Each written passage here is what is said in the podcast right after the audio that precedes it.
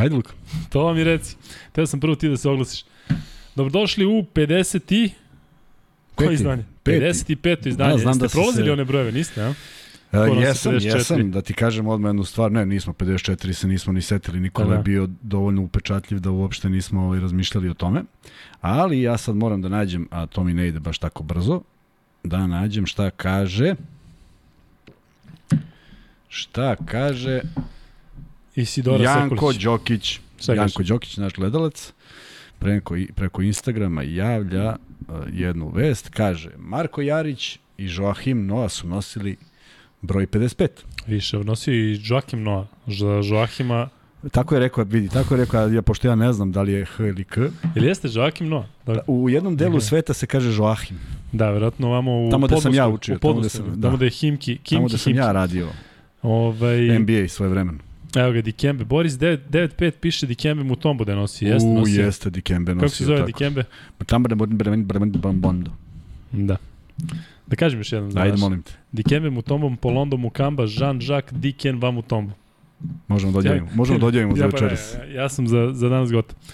Elem, e, znate da imamo da puno pričamo o Sloveniji i Srbiji i pričat ćemo sve više i više, bit će sve više podcasta, bit će sve više svega i svačega, ali za početak imamo nekoliko e, momenta gde želimo da se zahvalimo prvo Kome, ne znam, sad si mi iznenadio. Nikoli Jovanoviću. Da, da, da, apsolutno. Reci zašto. E, u nekoj prepisci dobili smo od njega poruku da bi bilo zgodno da ono što smo najavili svoje vremeno da bude preveden e,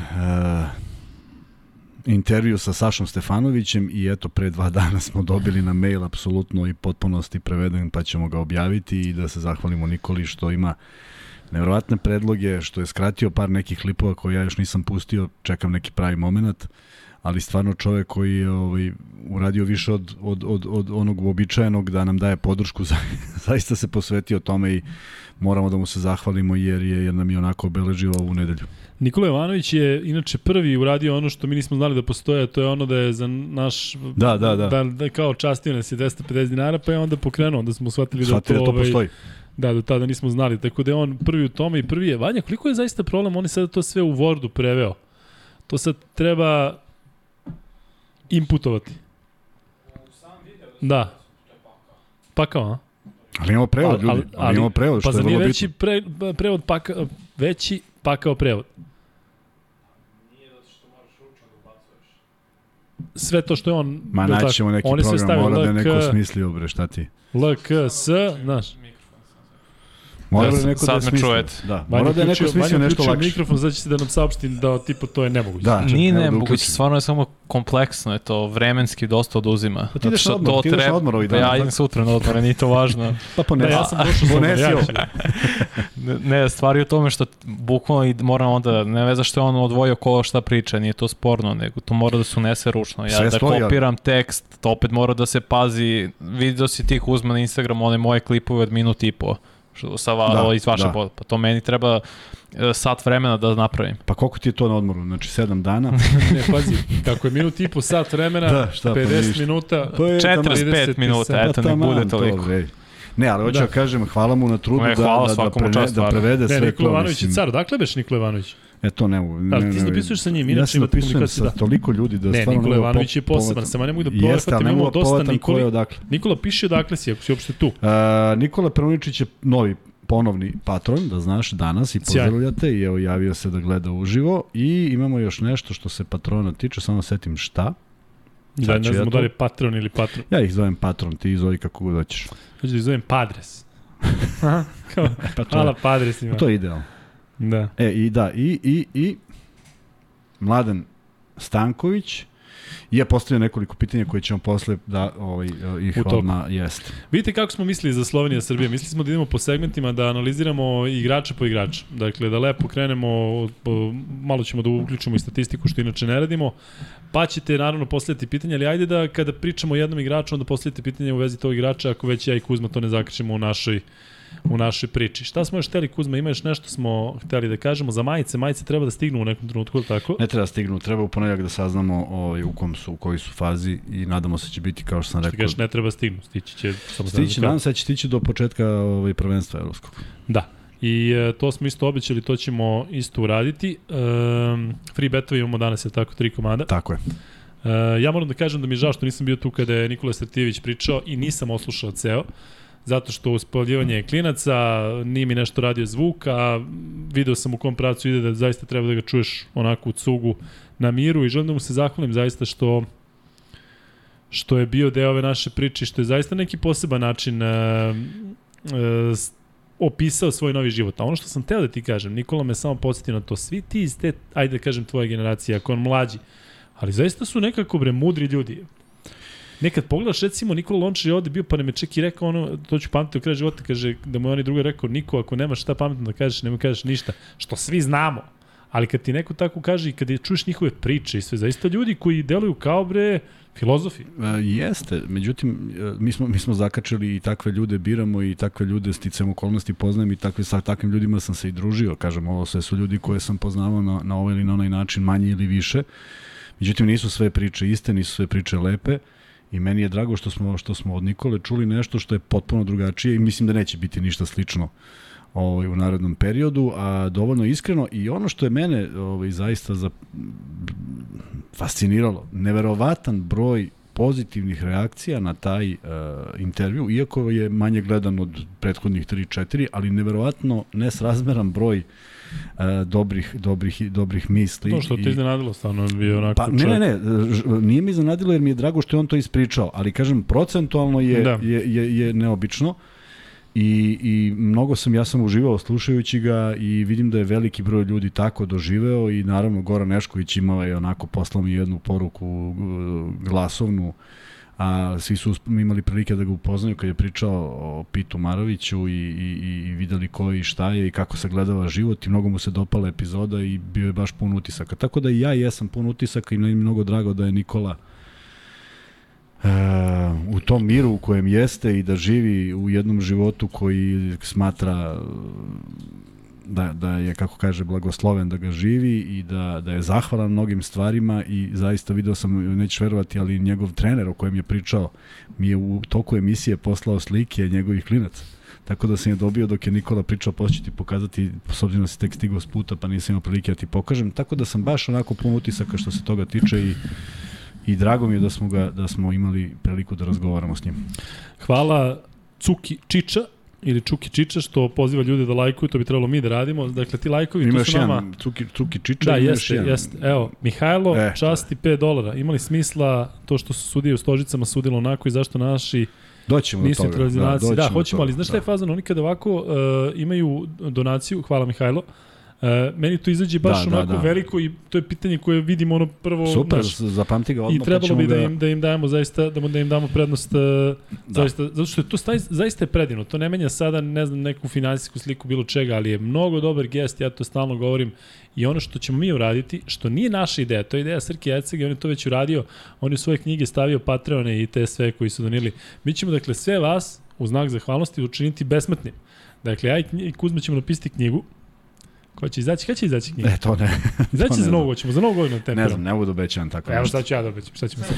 Pa onda ti ne, ne tvoj deo nek izađe. Ne može on da obeća. Ide jedna strana puna, pa jedna strana prazna. slika, moja slika. Da. Uh, ali objavit ćemo knjigu, nadamo se da će biti zanimljivo, Kuzmina je ideja E, povezano s ovim kako je podcast počeo i šta sve i neko naše upoznavanje. U svakom slučaju biće vrlo zanimljivo, ali učinit ćemo vas na kraju e, knjige besmrtnim u smislu da će to ostati hiljadu godina od sada. Te knjige neće ostati, ostaće negde iza nas i pisaće da su... Ako, ako nešto budemo čuli, dakle, ćemo. Svi koji su, koji su zaista na neki način pomogli um, i zaista puno hvala. E, ali mnogo je, nije, nije samo finansijski, da ne misle ljudi sada da pričaš o tome. Neverovatno veliki broj ideja. Neverovatno danas mi je stilo četiri predloga za goste A naravno, sa različitih strana. Pričam. Tako da Evo, to svako su ljudi... učestvuje na koji način može i svako ima neki, neki način da, da pokuša da, da. pomogne. Imao, imao još, bio još jedan momak koji, kojeg je onako pogodila tvoja ona rečenica da si sreo Uf, ono je bilo za... Da, uh, i zamisli, javio se danas i kaže da imao nešto slično i da, da je potpuno u istom fazonu i da je sebe prepoznao u tome što si rekao, ali ja sad dok to nađem, bit će...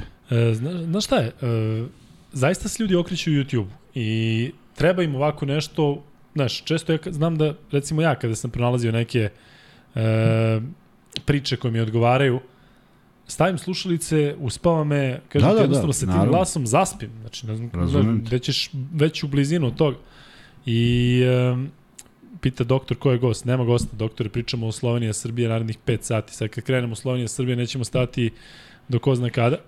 Um, ali generalno kažem za Patreone, patrone i svi, sve one koji su mi manje možemo da pronađemo tako svi ovi koji su uh, ovaj odradili način donacije, mi možemo da vidimo njihova imena u nekom trenutku, ako je bilo pre tri emisije. Pokazuje mi Srki to u jednom trenutku da izlazi negde. Pa ima, moram da nađem. Da, Znači, ima, ima nije negde, problem sigurno naći se. ne. Patroni ne, nemoguće da patroni sa- su nam na, na mailu, tako da je Tako to je, ne, najmanji oni problem. su, on, da, tako da ćemo naći sve. Ajmo da u svakom krenemo. slučaju, sam mislio da krenemo sa Srbije Slovenije. Mislim da krenemo Srbija na Slovenija, ali samo za nijansu različito od ovoga što si ti spomenuo. Čekaj, imamo jako bitnu informaciju od Crnog Grobara. Prvo Crni Grobar, pitao sam se da li ćeš biti tu zato što Partizan igra igra e, protiv e, Maltežana. E, sam ti ja rekao da će Crni Grobar biti, zašto je Crni Grobar ispratio priču koju smo najavili, tako Ali da za Crnog Grobara su rekli da je to u stvari alias jednog poznatog lika koji se razume u košarku. Znaš šta? To je neko napisao, verovatno se našalio. Ali nije sigurno. E, Elem, Crni Grobar, Naći molim te, kad stigneš, ako padne neki gol, samo pusti da je pao gol, ako uopšte pratiš futbol. Ma da znam likovi koji recimo prate košarku ili uopšte ne prate futbol. U smislu ono... Hm? Koliko? Da, da, ali u smislu navijač. Znači, Crni Grobar je navijač. Znači, kapiraš, govorimo o navijačima koji su samo posvećeni ono, jednom ili drugom. E, broj 55 imate igrače. E, da, videli smo, pokazali se da je Horace Grant, ali ih Crni Grobar javlja sledeće. Luka i Kuzma, Saša Stefanović potpisao za Kolosos Grčki, bit će nam tu pred očima, treba ispratiti njegove igre. Si znao da je potpisao Saša za Kolosos? Ko? Saša Stefanović, naš, potpisao je za Grčki Kolosos. Ne, nisam znao. Evo sad Crni Grobar javlja. je majstor. A nisam baš ovih dana mogao da pratim vesti ovaj, iz dobro poznatih razloga, tako da svaka ta do vesti... je Mihajlo, dobrodošla. častio se novih 5 evra. Ajde da vidimo kako će Dalje malo... ću je- poneti sandvič od kuće da jedem, pa da mi ostane love da vas ispoštem. Kvalitet mora da se podrži malo vama, malo humanitarni SMS i milina. Da, ljudi, molim vas za onaj humanitarni SMS, dakle, ako treba više, se okrenite tome nego nama. Da, Dakle, naravno, naravno, apsolutno. To je se- dole u linku, pa kogod može i želi i... i... E, na odmoru sam, zato ne gledam Partizan uživo sa JNA. Dobro, znači bio bi tamo, lepo. E, u svakom slučaju, e, ajde krenemo Srbija Slovenija. Ajde, hoćeš pre nego što krenemo da pričamo, ajde opšta priča. Ajde, tvoj utisak kada si odgledao. Da, da, da, idemo prvo opštem utisku, a posle ćemo krenemo samo jedan Da. igrač će biti ispred svih ostalih. Uh, prvo, nisam mogao da gledam uživo, pa sam pogledao odmah po završetku utakmice. Ovaj, video sam da se da, da je klackalica rezultatska bila, da je i jedni i drugi su otišli do pet i da nešto kažem samo da, da odmah u startu krenemo vezano za suđenje. Ja, ja bi, ja, meni je žao što sve moje goste, nismo sve moje goste, sve naše goste, a moje bivše E, saigrače. ne dođem jedan dan, sve moje goste. Pa da, Kakav je to tako, čovjek, Tako to ide. Teo Ovdje sam kažem ti na sve- odmor, pa će sam biti kažem moj sve moje bivše saigrači, bivši igrače koji Da. su prošli ovde, da, da ih pitam da li su pobedili na, na, na priprem, u pripremnoj ovaj, fazi jednu utakmicu u Grčkoj. Znači, svi smo išli na turnir u Grčkoj, ali ja mislim da se niko nikada nije A što, vratio. šta, se- šta je razlog? Pa tako je zamišljeno. Oni dovedu dobar ekip, dobru ekipu iz Srbije da bi je pobedili, ne da bi je izgubili, ne da bi oni odmerili snage. Prosto imaš četvrtu četvrtinu ili kraj drugog polovremena i sudija blokira ruku i cepa do kraja. Dakle, prosto nema veze u kom sastavu dolaziš. E, ako je neko misli da će ovo biti drugačije u prijateljskoj utakmici, jer ovo jeste bila je prijateljska utakmica, ništa oficijalno da sude neke sudije koje neće vidjeti evropsko prvenstvo, Mislim da je kriterijum bio užasan, naročito u prvom poluvremenu, ne ulazeći u pojedine odluke, ali to treba zanemariti. Niti Ajde je neko samo malo došao... ipak kratko sudijama. Ja hoću da kažem sledeće da... No, e, prosto nemaju iskustvo, nisu sudili, zamislite, Ne, ne. ja mislim da on gleda Jokića i Dončića i gleda i kako igraju. I onda odjedno shvatio da pa treba dobro, tu nešto. ali, ali me sudio kako? ranije. Sudio me ranije u Jadranskoj ligi i sudio je ranije Otkud znaš da su sudili sve te sudije? ovaj Pa ovo jedan jeste, a dvojica... Pa, ali gledaj, e, kada je Pešić imao onu legendarnu konferenciju za novinare gde se svi čekali da šta će da kaže o Teodosiću, on je rekao imali smo utakmicu sa Fibinim sudijama. To je jako bitno, zato što ovo nisu Fibine sudije.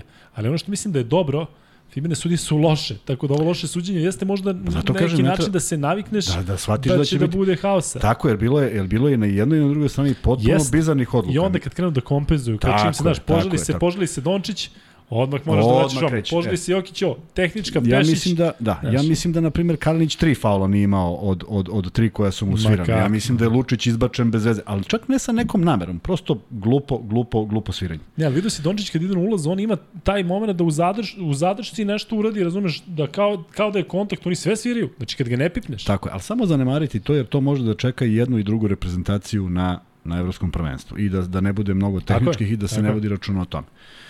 Uh, ono što je sad neki moj lični, lični naravno, o, ja uvijek pričam o nekoj spo, sporosti i sporijoj košarci, meni se nije video. Za Slovence ne razmišljam, oni imaju takav stil igre, imaju 16 šutera koji koriste svaku priliku, ali mislim da mi imamo apsolutno i kapacitet. Ne može da igra a, Slovenija a, postavljen napad na centre protiv Srbije. Prosto ne može. A mi to možemo protiv bilo koje reprezentacije. I to, u to sam apsolutno ubeđen. U bilo kojoj formaciji, da li sa Ristićem, Milutinovim, Jokićem, Davidovcem, sa bilo kim, potpuno sve jedno.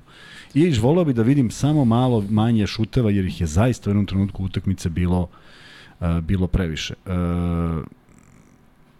ne mora to da traje celu utakmicu, ali samo u, jednom, samo u jednoj fazi pojačati odbranu, sporiti igru i davati im iz mnogo jednostavnijih situacija.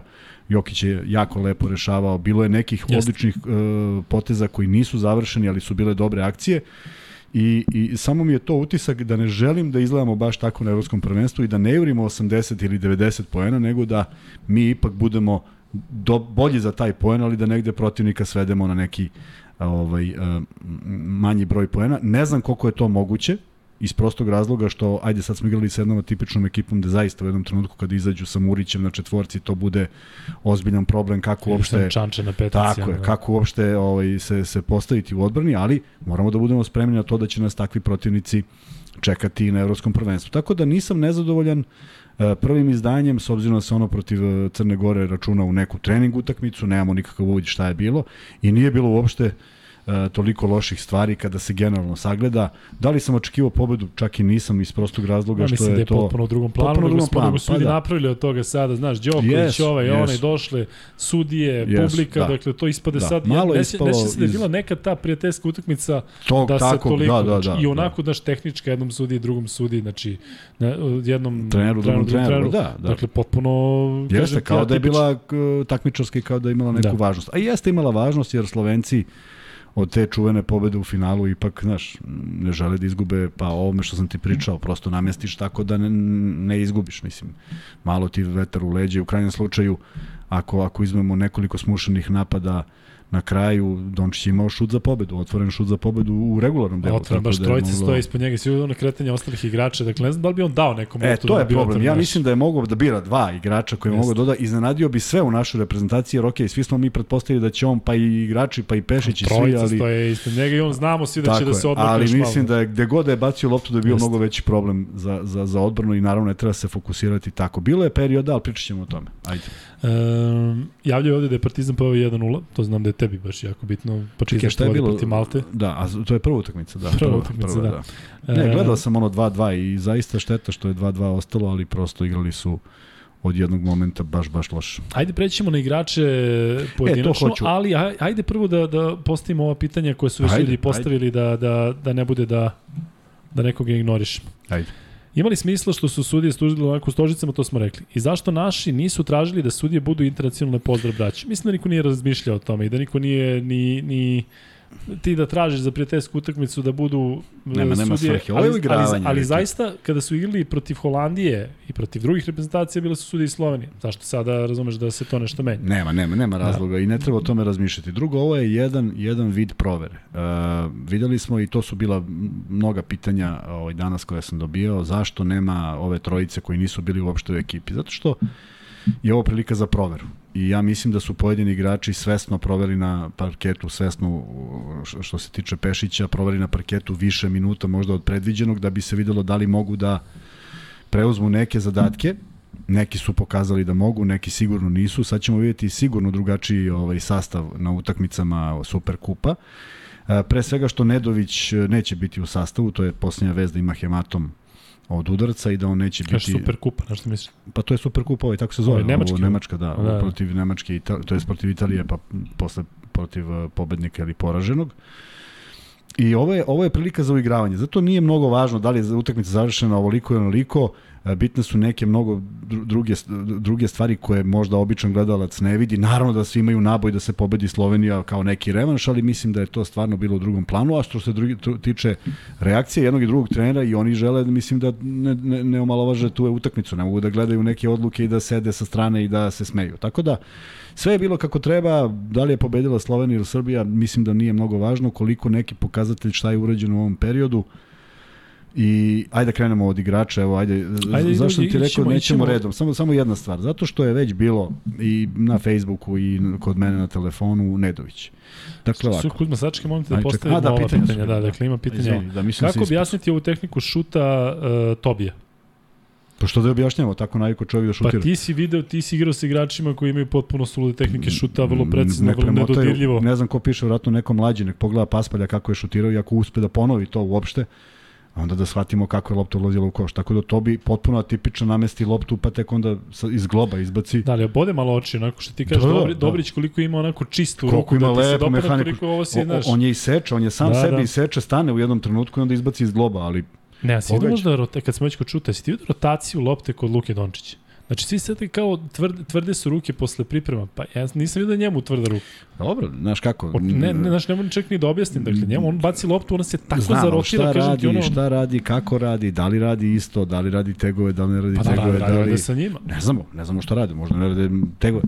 Ma, možda šutiraju do besvesti. Možda Čekaj, ali ako Dončić radi nešto drugačije i, i igra ovako u ovom periodu priprema, da je onda da svi ovi ostali e, što rade, da, najmanje, me, najmanje me brine šut, zato što je bilo mnogo otvorenih šuteva. Dakle, Jeste, šut da. i slobodno bacanje su ti pokazatelji. Ne može onako reprezentacija Srbije kad imamo fantastične strelce. Znači, ako niko drugi, uh, Jokić i uh, Micić nas nisu navikli na promašaje slobodnih bacanja u onom broju. Prema tome, znači da je da je malo došlo do... Ali kada si igrao, zaista u toj fazi priprema, tako sećam se tako, ja, ruke tako, su teške, teške, ti sad pa da. baciš, razumeš, i pa sad da. radio si u teretani, malo si radio s loptom, jednostavno, ali vidio si kod tih e, baš, baš igrače koji su klase, dakle, govorim, govorim Micić, govorim Jokić, govorim Dončić. Na stranu to što Jokić promašio na bacanja na kraju, mislim da na kraju imao, ako sam dobro vidio, nešto 12 od 19, nešto tog tipa, iako mi to delo je premnogo, ali ipak pogodi.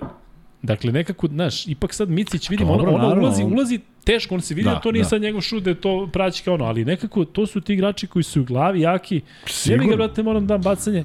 Da Sigurno, bacanje. ali vidi, e, zato kažem, nije ovo neko opterećenje da je bilo, jer ne znači ništa da je sad bio visok procenat, potpuno ne znači ništa. Ne znači ni za, za ovaj super kup koliko da znači neke druge stvari. Dakle, šut mora se namesti za ono što je najvažnije, a to nas čeka kada prođu sve pripremne utakmice. Ja verujem da će on biti bolji. E, Kuzmino mišljenje o minutaži Marinkovića. Ajde, hoćeš to onda da, da ostavimo kada dođemo do, do Pa da, zato igrača. kažem, ajde bolje kako je nešto da, da li imaš neko opšte pitanje? Da li mislite da Micić i Jokić ne smeju na klupi biti zajedno? Pa malo je nezgodno zato što nema ko da povuče, nekako su oni zaista ovde lideri, to smo i očekivali da, da jedan bude, ja bih to volao da uvek bude jedan na parketu. Ne mogu da budu uvek dvojica na parketu, ali da uvijek bude jedan zato što nekako mi deluje da fali. Zato što ono što si ti pričao često da nekom daš loptu i da on kreira šta god hoće, možda igra jedan na jedan, možda igra ovaj igra licem, ovaj igra ovako. Znaš, kada nije ni jedan od njih dvojici na parketu, ne znam ko je taj treći igrač koji može sad sam da usvoti loptu. Imaš Kalinić, imaš Lučića koji su dobri, ali baš to e, kalibra igrači... Tu, tu, tu, to ćemo čekati o proveri Pešić u Superkupu. Dakle, ja mislim da će biti drugačije petorke. Uh, da će se proveravati igrači Jaramaz, Milutinov i svi ovi koji, koji nisu igrali i volao bi da vidim Jokića Milutinova u, ovaj, u, u, na, na parketu, njih dvojicu i volao bi da vidim jednog od ovih Lučić, Kalinić kao na poziciji 3, jer onda reket mora da bude zatvoren. E, e, Srbija imala jako, mnogo je dozvolila skokova u napadu. I jedna srećna okolnost je što su te se te lopte odbijale daleko, pa Slovenci nisu završavali. Ja to često u Euroligi e, pričam, kada, kada vidiš neverovatan broj ofanzivnih koševa, a, a rezultat je egal. To znači da ih nisu realizovali. To znači da ih jesu realizovali da bi bili još u većem problemu. Ali su se lopte stvarno daleko odbijale. E to mora Srbija da zatvori reket na taj način i volao bi da vidim, kažem, jednog teškog centra koji je dominantan kao Milutinov u kombinaciji sa Jokićem kako bi to izgledalo. A takođe si potpuno u pravu, jer mi smo svedoci da kad je Micić na parketu, lopta je kod njega apsolutno kod njega i samo je pitanje da li će dobiti Jokić ili neku neku veću asistenciju upotrebljivu. I e, s obzirom da je Nedović bio taj koji igrao drugog pleja moram odmah da krenem u njegovu odbranu i kao neko koga ćemo prvog spomenuti, zato što ljudi pričaju kako Da, je i ovo ovde ili ono, jeste. isto, dakle, Nedovića kritikuju, mislim, ne E, znam zašto, Ovako, ako je jedna prvo, utakmica... prvo, dovesti, prvo, prvo dovesti čoveka na utakmicu u fazu da igra na drugoj poziciji protiv izuzetne ekipe nije ni malo lako. On to nikad nije igrao. Sticajem okolnosti će verovatno biti neko rešenje iznuđeno, ali to nije njegova igra. Njegovo uzimanje šuteva je bilo van, van njegovih kretnji, van njegovih položaja, van njegovih rezona. I Da, to kad je- nije ono što šutira Tako je. I kad je on promešao ono kad je prošao Tobija, ja mislim na ulaz, to je bilo nešto što je što on sada mora da se prilagodi da radi. Druga stvar. Uh, šuter koji a on je po vokaciji šuter, on je strelac. Uh, ako ne da doprinos u poenima, on uzima neke šuteve koji video si nisu bili iz dobrih pozicija i sve to i počinje da se nervira iz prostog razloga što takvi igrači koji su ipak strelci ne mogu da nadomeste to nekim zadovoljstvom igre i kažu u ovoj mi nije dao koš ili imao sam tri asistencije ili četiri puta sam zagradio ili sam rotirao 12 puta fenomenalno. Nemaju uopšte tu percepciju. Oni znaju da njihov uh, uh, njihova pomoć ekipi mora bude kroz poene. I onda kad ti nema 3 3 minuta nemaš loptu, on uzme šut koji nema nikakve veze, niti iz pozicije, a faktički on je taj na terenu koji mora da napravi tu poziciju što je još što je još teže. Prema tome idem sve u njegovu odbranu jer od tih 13 šutova koje je šutno e, tri su neke njegove pozicije. e, Sve gledaoci sigurno pamte onaj moment kad dobija loptu na stranu pomoći pa se zaleti To je to je to kad kad nisi više siguran. Pa se zaleti prema centru pre preko njega šutne. To nikad Nedović ne uradi kada ima čistu situaciju i kada je siguran u svoju igru. Tako da je bio malo Ali Kuzma Rezonski, jedino što meni smeta, dakle, ništa mi ovo ne smeta, to je jedna utakmica. Dakle, i on je sada pod pritiskom, baš zbog tog Teodosića. Ovde sada pitaju, pa da je Teodosić bio, pa naravno da sad svi razmišljamo o tome da to može se podržati, ali nije moment. Nije moment da sad mi pričamo ne, da li ne, fali ne, ne, Teodosić. ne, ne. Dakle, naravno da fali. Meni ono što prvo mi je palo na pamet u onom e, produžetku, kada su oni u bonusu, pa mislim da bi Teo iznudio tri faula. Sigurno. A sigurno. jedini faul koji smo izgledali to je Jokićev na pola, uh, na, na pola terena, ono kad uhvati on čančara gde ne smeš da sudiš čančaru faul, dakle on čistom inteligencijom dobije bacanja. Ali da niko ne izvuče faulove kada znaš da je ekipa u bonusu i kad se lomi na stranu to što nas nisu išlo slobodno bacanja. Ali ono što mi se kod Nedovića, što mi je eventualno zasmetalo, na stranu, kažem sve, sve okej okay, i treba možda jedna ovakva utakmica pa će se podići, ali zar nije... Um, kod tih strelaca, kako kažeš, zar nije rezonski, zar nije logično da kad ti vidiš da ti ne ide šut, da ti kreneš na ulaz. Posebno Jeste, neko koji jeste, je on tako je. ta- takav Slažem se. tigar na terenu kao on. Ako neko može da stigne brzo do obično može on. On je meni br br prodorniji od Micića u smislu brzine. Jeste, Ne, ne, sada on je kažem ekstremno neke- brz i ono kad je uradio, ja, apsolutno pitanje za, za sve nas. Zašto ne radiš ovo još 4-5 puta i došli Ja, on čovjek koji može možda nekim došao kucanjem da, si, se da. podigne. Ali Ali ti su- sada promašiš tri trojke, pa daj da šutnem još dve preko ruke, pa ću jedno da pogodim pa ovo. Znači, samo, ali, samo ali vidi sad, samo u nje, kod njega sad u koncepciji on uvek, uvek zavisi od tog nekog svog playmakera. Sad je on taj od kojeg zavise da. drugi. Nije to lako prešalta, prešaltati se na jednoj utakmici gde znaš da su oči uprte u tebe jer ti je negde nagovešteno da igraš e, playmakera mesto na kojem stvarno ne znam da li od juniora od juniorske konku- konkurencije bio na tom mestu. Međutim uh, kao što verujem da će da će e, šut raditi bolje, tako verujem da će i Nedović naći svoju poziciju, ali moraće da se definiše. I mislim da je u tom celom smislu i odigrana ova utakmica da se vide neke stvari koje da li mogu ili ne mogu da funkcionišu. Evo te ovde ti Marko Zorić kaže Kuzma ti si osoba koja nikad ne sme podržavati celokupnu igru Nedovića, baš ti ne voliš takve igrače. U finalu play-offa se raspao protiv Olija, totalno je bio. Slažem se. Da, ali jeste, zaista to nije, on, on je ovde počeo na Micah James. Sla, naravno, ali ja, ali ja prosto ne mogu da sad kažem da on u 31. godini treba bude naš najbolji obrambeni igrač. Ne, ne, ne mislim samo na obranu, već na taj izbor šuteva, na, taj, na tu Tako količinu je, šuteva. ali, ali vidi, druga je stvar kada je on, druga je stvar kada je on na svojoj poziciji, pa ih uzima. Ne bi ih uzimao da je on na svojoj poziciji. On ovde šutira van svojih Da, nekih... ne mora Kuzma ni da ih uzme uopšte. Ma slažem, ma slažem se, ali Znači, kažem vi, ti, on mi sad, a da, sad mi sad pričamo, a 13-7 koje Nedović može astrovali, onda svi kažemo kako je dobro odigrao. Pa isto su iz nerezinskih pozicija. Sad mi govorimo o nečemu što je, što je potpuno druga priča, da li je on pogodio ili promašio. Da. Da. Da on šutne 13-7, mi ne bi ni primetili da on šutirao. Ovako kako je promašio, ali ja sad stajem u odbranu, zato što to nije njegova pozicija i nalazi se samo drugačije, mentalno se nalazi drugačije u utakmici, ništa više. Ja sam ubeđen da ona dve povratne lopte na Vanju Marinkovića na kraju utakmice on daje. Evo, to sam ubeđen. Nedović. On misliš ona jedna koja si odbila, ono u istom napadu. U istom napadu Da, da, da. šutira. Ja sam ubeđen da Nedović daje. Jer to je njegova igra. On voli tako nešto povratno kad je sam, kad je stabilan. Mnogo je drugačiji. Ali, da zanemarimo sad Nedovića, e, ovo što je rekao, ja sam bio potpuno drugačiji igrač. Ja sam pogađao kad je moralo kad je moralo. Kad sam imao svoju poziciju, nisam ja bio neko koji u budućnosti vodio glavnu reč. U BFC-u možda i jesam spoljni igrač koji je to, pa sam uvek imao neku određenu meru. Ne znam da li sam šutnuo neka 13 lopti na utakmici, možda i jesam. Mada ja uvek sam se vodio u nekim normalnim brojevima. Pa kad me ne ide, idem na prodor do sutra. Ali to su stvari, stvari koje ne možemo da menjamo kod Nemanja Nedovića. Nemanja Nedović je profilisan tako je, kako je profilisan. U ostalom, prošle godine u jednoj lošoj ekipi Panatenikosa, jako loša ekipa Panatenikosa, ako se sećaš svih tih highlighta i nekih poteza, mahom je bio on u pitanju. Dakle, i još jedna vrlo bitna stvar. Nemanja Nedović u svom prodoru zna kako da nađe rešenje na poslednjem koraku. Ali zna to jedno – ne vidi on četiri igrača. U to sam potpuno ubeđen. Prosto nema običaja da vidi sva četiri rešenja i ne treba ga kriviti za to. Jednostavno nalazi se na poziciji koju ni igra.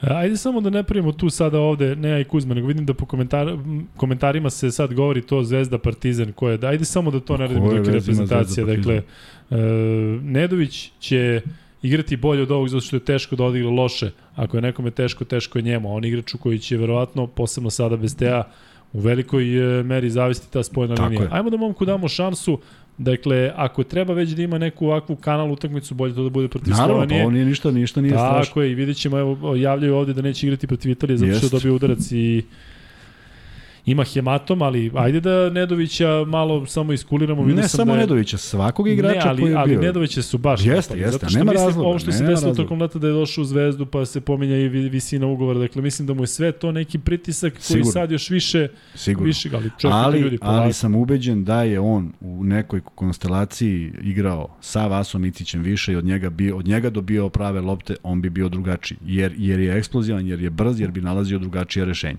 U to sam 100% ubeđen. Prelazimo uskoro na novog igrača, ali ajde kada smo već ovde, reci mi koliko ta neuigranost se vidi?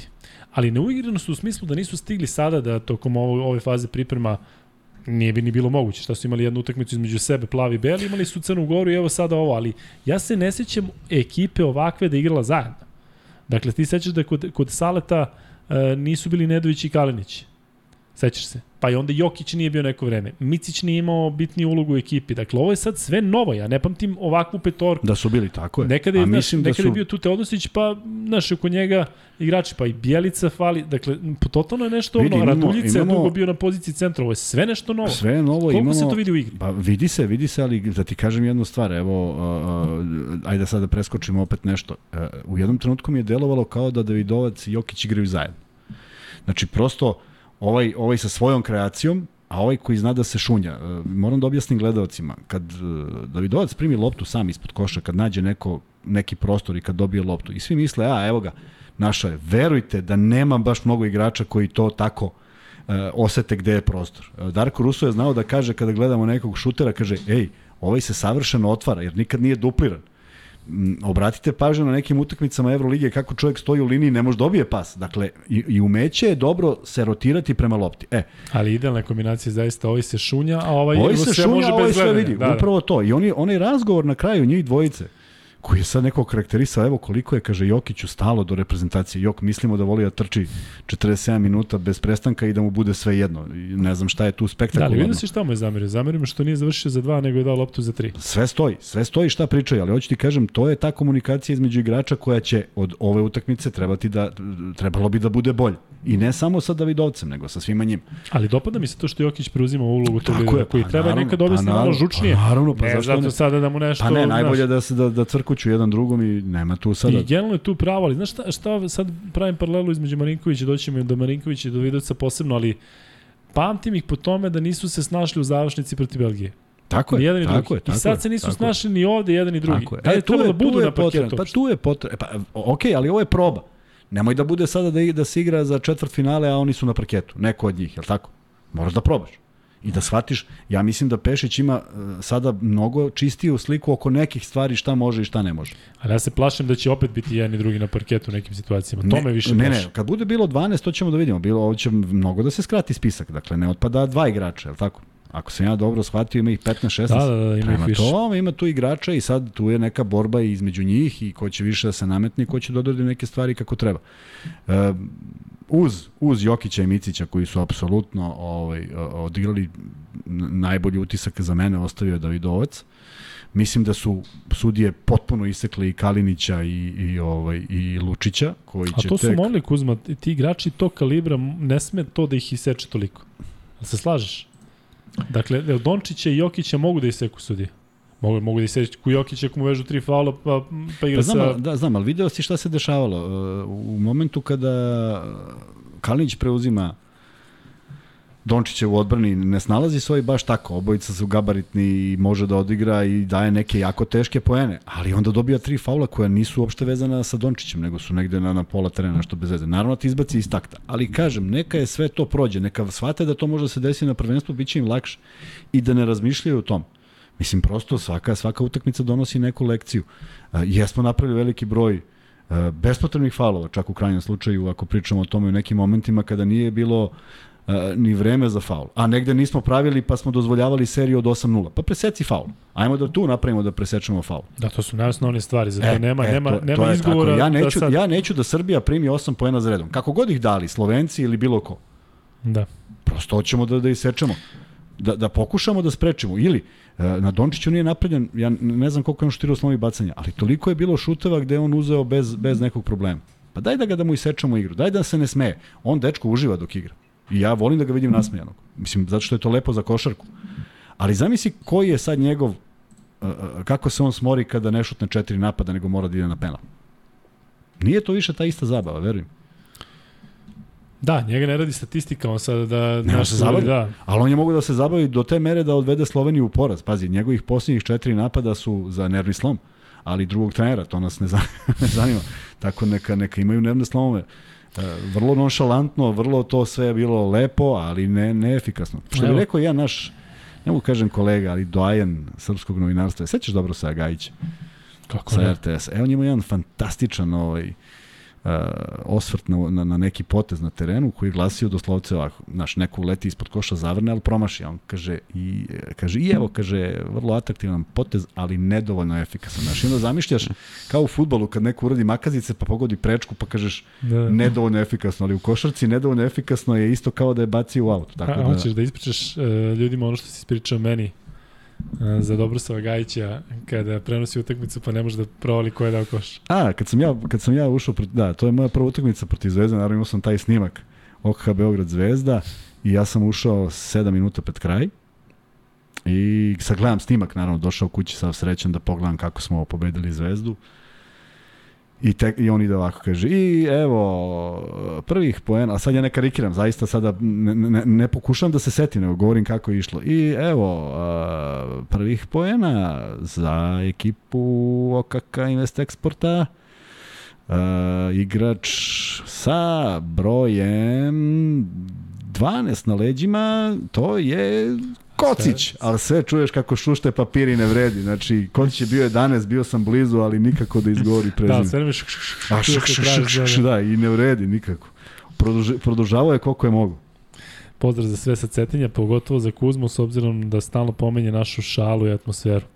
Našu salu i atmosferu. Sala, ej, ali stvarno deo folklora u kojem je zaista, koliko god sad to zvučalo glupavo, bilo uživanje. Mi znamo da je da je tamo ludilo i znamo da su to ljudi, jel veruješ da se nikada na Cetinju, bar ne nama, 40. 41. minuta ništa ni nikak, nikad nismo imali nikakav problem. Ali jednostavno 40 minuta, to, ma kakvi 40 minuta, sat vremena pre gori, gori sala i pozdrav za Cetinje e, i sa OKK Beogradom, i sa Zvezdom, i sa Beobankom, zaista je bilo uživanje igrati u jednoj e, vreloj atmosferi i pritom da se da se da se samo prisetimo. Lovćen je imao strahovite ekipe. Kako ne? Imao je strahovite igrače I, igrao dao je dobri igrače koji su Tako je, kasnije igrali i u Zvezdi i Tako u, je, tako je. u Hemofarmu i sve. Tako je. Nekom, kažem ti meni Lovćin, kad kažeš meni odmah Jeretin u glavi, ne znam zašto. Znaš šta je nama Lovćen? Šta? Smrzavanje, nema veze kad igraš, u kom periodu u godini, nema veze uopšte, znači hladno je uvek večito. Kaže Mladen Stanković, puna podrška Nedi, kidaće kad je najbitnije. Tako je, I pa mi se moramo da nadamo. damo, pa dakle, naravno, to je, dajemo podršku. Prvo mu damo podršku da ne bude ovaj hamatom, da ne predstavlja neki problem. Jer, jer ovde ne, ne sme da otpadne ni jedan igrač zbog toga, nego da bude jedna zdrava konkurencija, pa koga, ko, ko prođe, prođe. Na Ceni Grober kaže, Ceni Grober kad nešto kaže, to Nedović i drugi treba kritikovati na Eurobasketu ako budu loši, sad ne treba, momak je tek izašao iz venčanog odela. Ima i to, verovatno. Ima sve to svoje. Ali opet kažem, nije možda morao onoliko šuteva. Ja sam krenuo od njega šta. samo zato što je najupečatljiviji. Ali znaš za- zašto, šta su ti ovde zamerili? Zato što je imao jedan povratni pas uh, Jokić je na pola minuta pre kraja, sličan onom šutu Marinkovića, što ti kažeš dao bi da je Marinković. On je imao tu Kad se priliku, zaleteo prema, prema centru. ne, ne mogu tačno da se ja setim, mislim da lopta ide sa naše Jokić- strane, da, da Jokić baca njemu na suprotnu stranu, ako se ja dobro sećam. I on umesto da, da uzme šut, on iz onog, pošto je promašio već koliko je promašio, on naskače, ja mislim, prema Tobiju i šutira preko njega, što je van Ja pamet. mislim da je bilo nešto sa 7-8 metara. Mogu, gledao sam je, da gledao sam je da. kasnije i Ja sve ne to, ali, ali zaista nije važno. Dakle, uh, uh, uh, naravno da pričamo o 13-1, a ne bismo pričali o 13-5. Ej, o 13-5 ne bismo pričali, nego bi rekli aj malo popravi šut. To je kad sam ja šutnuo 22-4, ja mislim da sam 22-4 i 22-6 sam šutnuo za Beobanku, jer mi je Darko Rusu zabranio da dodajem. Znači nisam smeo kad imam loptu uopšte da dodam. Ili idem na šut ili, ili, ili dodam pre nego što krenem na ulaz. I igrao je Rajevac, setio sam se prezimena, igrao je Rajevac za Leskovac. Znaš koliki čovjek, 2.22. I kad skoči ispred mene ne vidiš ništa. Ja sam šutirao kao blesav, naravno to padale bombe. I pobedimo Leskovac i analiza utakmice i on dolazi broj 12 i kaže Kuzmanović, dobro, 15 poena, ne znam, ili 18, ne znam koliko sam dao, ovo, ovo. A, procena šuta, malo, malo da vežbaš šut. znači ne kaže što si, što si bacao bombe, nego jednostavno rekao je da ne dodam i to se pravilo poštuje. Tako da, da zanemarimo, e, ja bih voleo da Nedović bude u svom elementu, jer mislim da ima šta da ponudi ovoj reprezentaciji, naročito onaj moment kad je Tobija ostavio potpuno Dobro je tvoje pitanje, zašto to ne radi češće? Zašto se onda fokusiraš uopšte na šut? Naročito što su Slovenci manje više sve preuzimali. On je onda, onda, on je onda brži od bar 4-5 igrača, čak i svoje pozicije. Prema tome, sve je neki racio i rezon, nadam se da će ga imati i da će biti konkurentan za sastav do, do, do evropskog prvenstva. Kuzma, da pređemo na Nikolu Jokića, nekako to se svi podrazumeva da očekuju. će biti prvi. ajde. 26 pojena, 12 skokova, 6 asistencije za 32 minuta. O, meni ova statistika koja imam ispred sebe, neko mi dalo je čudno, neke stvari mislim da poklapaju. 7 od 14 iz igre, 7 od 13 za 2, 0 od 1 za 3, Uh, 12 od 19 slobodna bacanja. Ti delo da ih šutnu 19? Jeste, jeste, da, jeste. Ja bih Ali rekao to se- 14, 19. To se vidi toliko koliko je, pa i mnogo i on ih je dosta promašio, nervirao se vidno zbog toga, ali kažem, to To sad sve... 12 od 19 nije tragedija. A jeste zašto u jednom trenutku imamo 50%. Razumeš, možda I je dao promašio... na kraju kada Pa da, je, da. ali to potpuno nema veze. Dakle, on će to dati, ne, ne sumnjam da će on to da ubaci. E, ta, ta statistika pokazuje koliko se igralo oko Jokića i koliko je on bitan sada za igru i kako je preuzeo ulogu vođe i sve je to nekako jasno. Ne piše ti broj asistencija, ali mislim da je u jednom trenutku Piše, on piše, bio šest asistencija. asistencija. E, to je, to, tri su, sećam se, bile na Davidovca koje je negde našao on, a ovaj svojom kretnjom. Tako da apsolutno dominira i, i ne treba ga izbacivati. Mislim, svi će pokušati da ga izbaci iz takta, samo on ne sme dozvoli da bude Ono što ti kažem bilo za koji pamti, način posebno ove male reprezentacije, dakle u grupi. Ovo, dakle, Finska, Poljska, Holandija, dakle, njega će ovi koji, za koje nismo sigurno, čuli Sigurno, tući. sigurno. Dakle, meni, meni je samo kako će se on izboriti sa tim, zato što pamtim protiv Italije, Heket kada je ovo odmah ulazi. Sad, ajde reci mi, kada, da, kada si igrač tog kalibra i kada vidiš da te neko provocira, jel trebaš da zaštitiš sebe i da mu se Ne, odmah... ne, ne, naprotiv, Ili da ma trpiš. jok, Ma ne, samo igraš svoju igru. Samo, samo daješ pojena. Samo igraš svoju Ne igru. možeš da igraš svoju igru kada, Mo- kada stave tri možeš. igrača na tebi koji će da te Pa fauliraju namerno. ok, neko je sam. Evo sam si rekao, dakle stavi ga č- 30 puta na liniju slobodnih bacanja, to nije njegova igra. Slažem se, ali on, ostaće bas bez mnogo igrača, pa valjda ćemo naći još neko da šutne na koš. Ali on je toliko, on je svetionik u svemu onom, on gde god primi loptu, on ima fantastičan pregled igre. Dakle, on kad god je primi na postu, što mislim da bi moralo bude, kad god je u igri da bude deo akcija, koja god da je akcija. A nismo gledali, nisam baš video neki neverovatan broj akcija, Video sam da je on taj koji, s kojim kad se igra pik nalaze najbolje rešenja. Videli smo ga u tranziciji, što potpuno nadrealno deluje, jer on uopšte ne deluje brzo, ali prosto čovjek zna da od tačke A do tačke B nađe najkraću putanju i bio je ne- nekoliko puta čovjek koji je završavao u kontri. Prema tome, on se tu postavio kao neko ko hoće da igra košarku i ko hoće vodi svoju ekipu do pobede. Oko, tro, oko toga treba svi da se okrenu i samo da vidimo kako će izgledati sa jednim ipak igračem koji je po vokaciji, ajde da kažem i on je dva, ali je navikao da igra playmakera, to je mali Jaramaz, i da vidim kako bi izgledao, kako će izgledati, što će sigurno biti jedna od, od, od, od ideja sa Milutinovim dole u reketu. Mislim da je to onako jedna ozbiljna sila koju, koju imamo napadački. Naravno da će neko napadati na ovaj na onaj način i Jokića i Milutinova, pošto nisu najbrži igrači na svetu, ali mislim da to možemo da kompenzujemo. Milan Buković kaže Jokić počeo pa sa bacanjima 2 od 6, pa vezao 7, pa u završnici 3 od 6. Je, da, i onda, 6, i onda baš primetiš. Završnica, primeti, početak, da. znaš. A, a, a, još se poklopilo da je Srbija imala 16-8 ili tako nešto u Jeste. jednom momentu. Pa ti e, to gleda, bode oči. Ali, e, znaš če, šta me plaši? E, Dejan Milović, pa ako neko, plaši, pa plaši me, kako me ne plaši dobro svetska prvenstva, evropska vesilo. E, jedva čekam evropsko prvenstvo, nešto me plaši. Da, pa ti e, moramo da se plašimo sad pred Grčku i sve. Ti si onako baš... Da. Mene plaši samo kad idem na lovće. Gledaj ovo. E, Dejan Milović je ovde, ako neko zna Jokića, zna ga on. Dobro. Poznaje ga. On je rekao jednu stvar što smo znali i ranije svi. Dakle, da je on je u Megi imao tu priliku da pokaže šta, kako sve. U Partizanu i Zvezdi to smo ajti priči, verovatno ne bi mogao. Zbog Dobro. pritiska, zbog svega.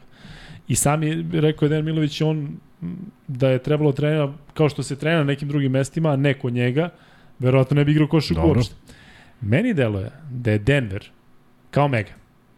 Pa jeste, oni... Nemaš veliki pritisak, možeš da ima dozvoriš sebi neku lošu formu, vrti se oko tebe, a deluje mi da to što smo se svi plašili da je Partizan i Zvezda pritisak i sve, da je to u stvari reprezentacija. Deo ti jednostavno moraš. Da, ti u Denveru ne moraš. Jasno, ti sad hoćeš da kažeš da šta se dešava kada dolaziš do faze eliminacione da je pobeda Tako je, ali ne samo to, vraćam se ono što si ti rekao da voli košarku. Ovde više ljubav prema košarci više nije toliko hoću bitna. Kažem, Ovde hoću mora kažem, pobeda, kao što on rekao, mi jest, volimo da pobeđujemo kao narod. Jeste, ne. hoću kažem, voli da se igra, voli da voli što je došao tu, želi da pobedi, Znači njegovo celo, ceo govor tela i sve što je uradio Tako nije je, se zabavljao. Ali ovde nema igre, ovo ti je kao posao, ovo ti je obavez. Dobro, e, ali sad samo dolazi to pitanje kako, kako kad dođeš u fazu gde svaka utakmica odlučuje. Uh, to je samo play-off u, u, u Denveru, je li tako? Nekoliko utakmica. Tako je. Cela A čak sezona. i tad nije čak drama, tad, imaš e, ovde bio povređen, e, idemo dalje. E, tu mora da bude na, na visini zadatka da ima mentalni sklop za tako nešto. Da li ga ima? Ja želim da verujem da ima, jer, jer zaista jeste neko ko donosi uh, prevagu. Ali vidjet ćemo. U krajnjem slučaju, uh, tu, su se, tu su se pravili igrači koji su pobeđivali i oni igrači koji nisu pobeđivali. Ja želim da verujem da je Jokić jedan od tih koji će sada sa preuzimanjem uloge njega i Vase Micića na dve vrlo bitne tačke uh, E, e, na terenu da, da budu ovi svi ostali, ovi svi ostali, zaista duboko verujem da su i oni raspoloženi da se podrede svemu tome. I mislim da imamo ozbiljnu vojsku u Kaliniću, Davidovcu, Lučiću, pre svega, pre svega oni, Dobriću, oni su neki koji mogu da pokrpe i da urade sve da, da, da, se, da, se, da se sve ono što treba kao podrška ovoj dvojici. Uh, da nije mnogo da stavljaš možda u isti koš Davidovca i Dobrića sa Kalnićem Lučićem koji su godinama... Vidi, stao mi mozak pa ne mogu setim ostalih. Ali... ne, ali pazi, Lučić i Kalinić su mi ipak za reprezentaciju. Yes, ovaj yes, kao MVP yes. ABA Ne, govorim ti šta juče, govorim ti juče da. utiske. Naravno, nema tu još nekoliko igrača. Gudurića nismo videli. Dakle, ja verujem da on može da bude neko ko donese sigurnosti u napadu i sad iskustvom i u odbrani. Šta smeš? Liko se šali, donirao je 100 kinti i rekao Luki za After Sun kremu, malo mu nos izgore. ne, nego tako Srki kad je ubacio ovde nova ova... Svetljenja tako svetla, šljašti. Da. A što meni je šljašti? Ali ima, ima, ima i do toga, upravo si Likos. E, ajde još malo o Jokiću. E, zaista se vidi da je klasa. Pazi, on je odigrao loše. Ma kako može bolje? Šta je? Ma, ma, to što je promašio nekoliko, vidi, on je, on je dva ne, puta... samo to, promašivo iz Icere. Dakle, pa dva puta, ali on je izbacio iz igre, izbacio odbranu. Ali on je odigrao loše za svoje standarde. Ma dobro, to hoću da kažem, on ima 26 pa, pojena, 12, 12 skokova, od čega 6 u napadu, 6 asistencija, dve ukradene, vidio se on ukradenu čančaru. Sa dve ruke uzo čoveku loptu. Tako je, pa, ali on može mnogo bolje, ja kažem, on je odigrao stoji. ispod svog nivoa. On je samo ubacio manje I, od onoga. I bio je car. Vidi, on je samo ubacio manje jer govorimo o tim tvrdim rukama. Dakle, njegov, njegov procenat šuta je oko 90, 80 i nešto posto. Uh, slobodno bacanje.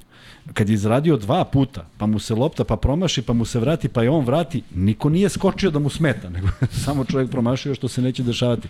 Uh, vidi, on, on, on je verovatno se iznervirao u tom momentu, ali vidio si da je onda vezao seriju poena yes. bez razmišljanja o tome, zato što je on u Denveru navikao da promaši tako nešto. Ali da kažemo da je on potpuno fokusiran, da su ruke mekane, neće promašiti te osnovne stvari i to je već tri, ne mu kažem duplo bolja, ali mnogo bolja utakmica jer nema toliko promašaja. Međutim, vrlo bitan u, u, na, oba, na obe strane terena i ja samo njega ne poznajem zaista i verujem da drži neku dobru atmosferu jer mi je delovalo na utakmici da nije bilo nikakvih nekih trzavica nesporazuma, mrkih pogleda, nego je Ma ja, stvarno, ne, e, ali upravo to, da mislim je da, jedna... treba da verujemo da je zaista atmosfera dobra. Tako Na stranu ovo sa tako. Todosić možda je on ostanjen i zato što možda atmosfera sa njim ne bi bila dobra. Ne znamo, ne, ne, Znači aj, ga- vidi, to više, to je sad završena priča, donete Jeste, odluka, se, saopšteno šta je ali- saopšteno, imat Ali ćemo mislim vremena da da nije pričamo. uticalo loše na atmosferu.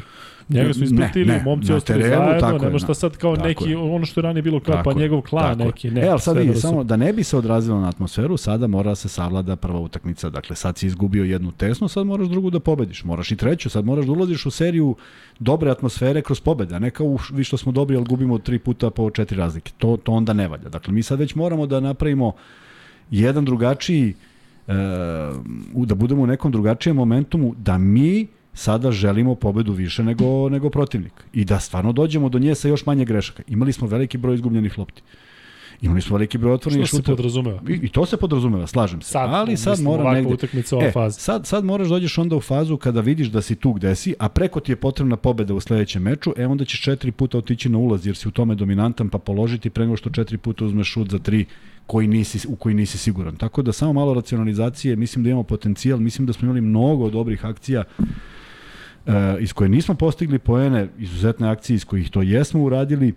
Uh, videli smo nekoliko padova, to je zabrinjavajuće, da stvarno treba vode računa i, i Vasa Micić je ponovo pao i dobro je pao. Misliš ono što je pao, pa je udario Jeste, glavom ili ono kad ga je glavom, klepio ovaj Kad je udario dimac? glavom, što je bilo, što je bilo nekako, znaš, nekontrolisano. Tako da tu treba biti oprezan. To zato ne volim te prijateljske utakmice od- od- da, za slažem moraš da dobiješ. moraju da se igraju, moraju da se igraju. Treba i da izbegavaš kontakta, ne da, I znaš. to ima, ali mora da ostiš i negde i tvrdo, tvrdo, tvrdoću i čvrstinu. Prema Pitaju tome, nas ovde da li ćemo i Sloveniju da prođemo po igračima, ajde pokušat ćemo na malo drugačiji način, nećemo sigurno zadržavati kao na našima, a pošto ovaj, vidjet ćemo, ajde koliko bude to vremena i sve.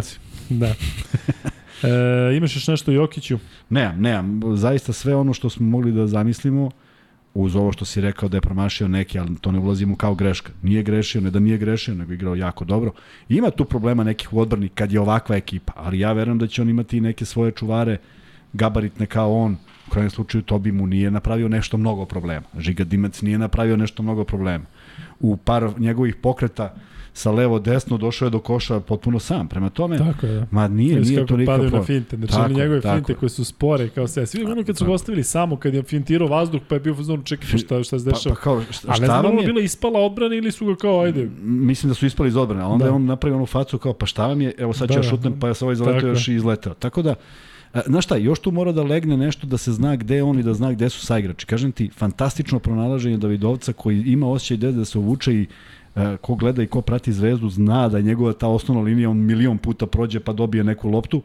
Ovde je to Jokić znao da prepozna. E to su sad stvari koje će u ove dve utakmice e, još malo da legnu.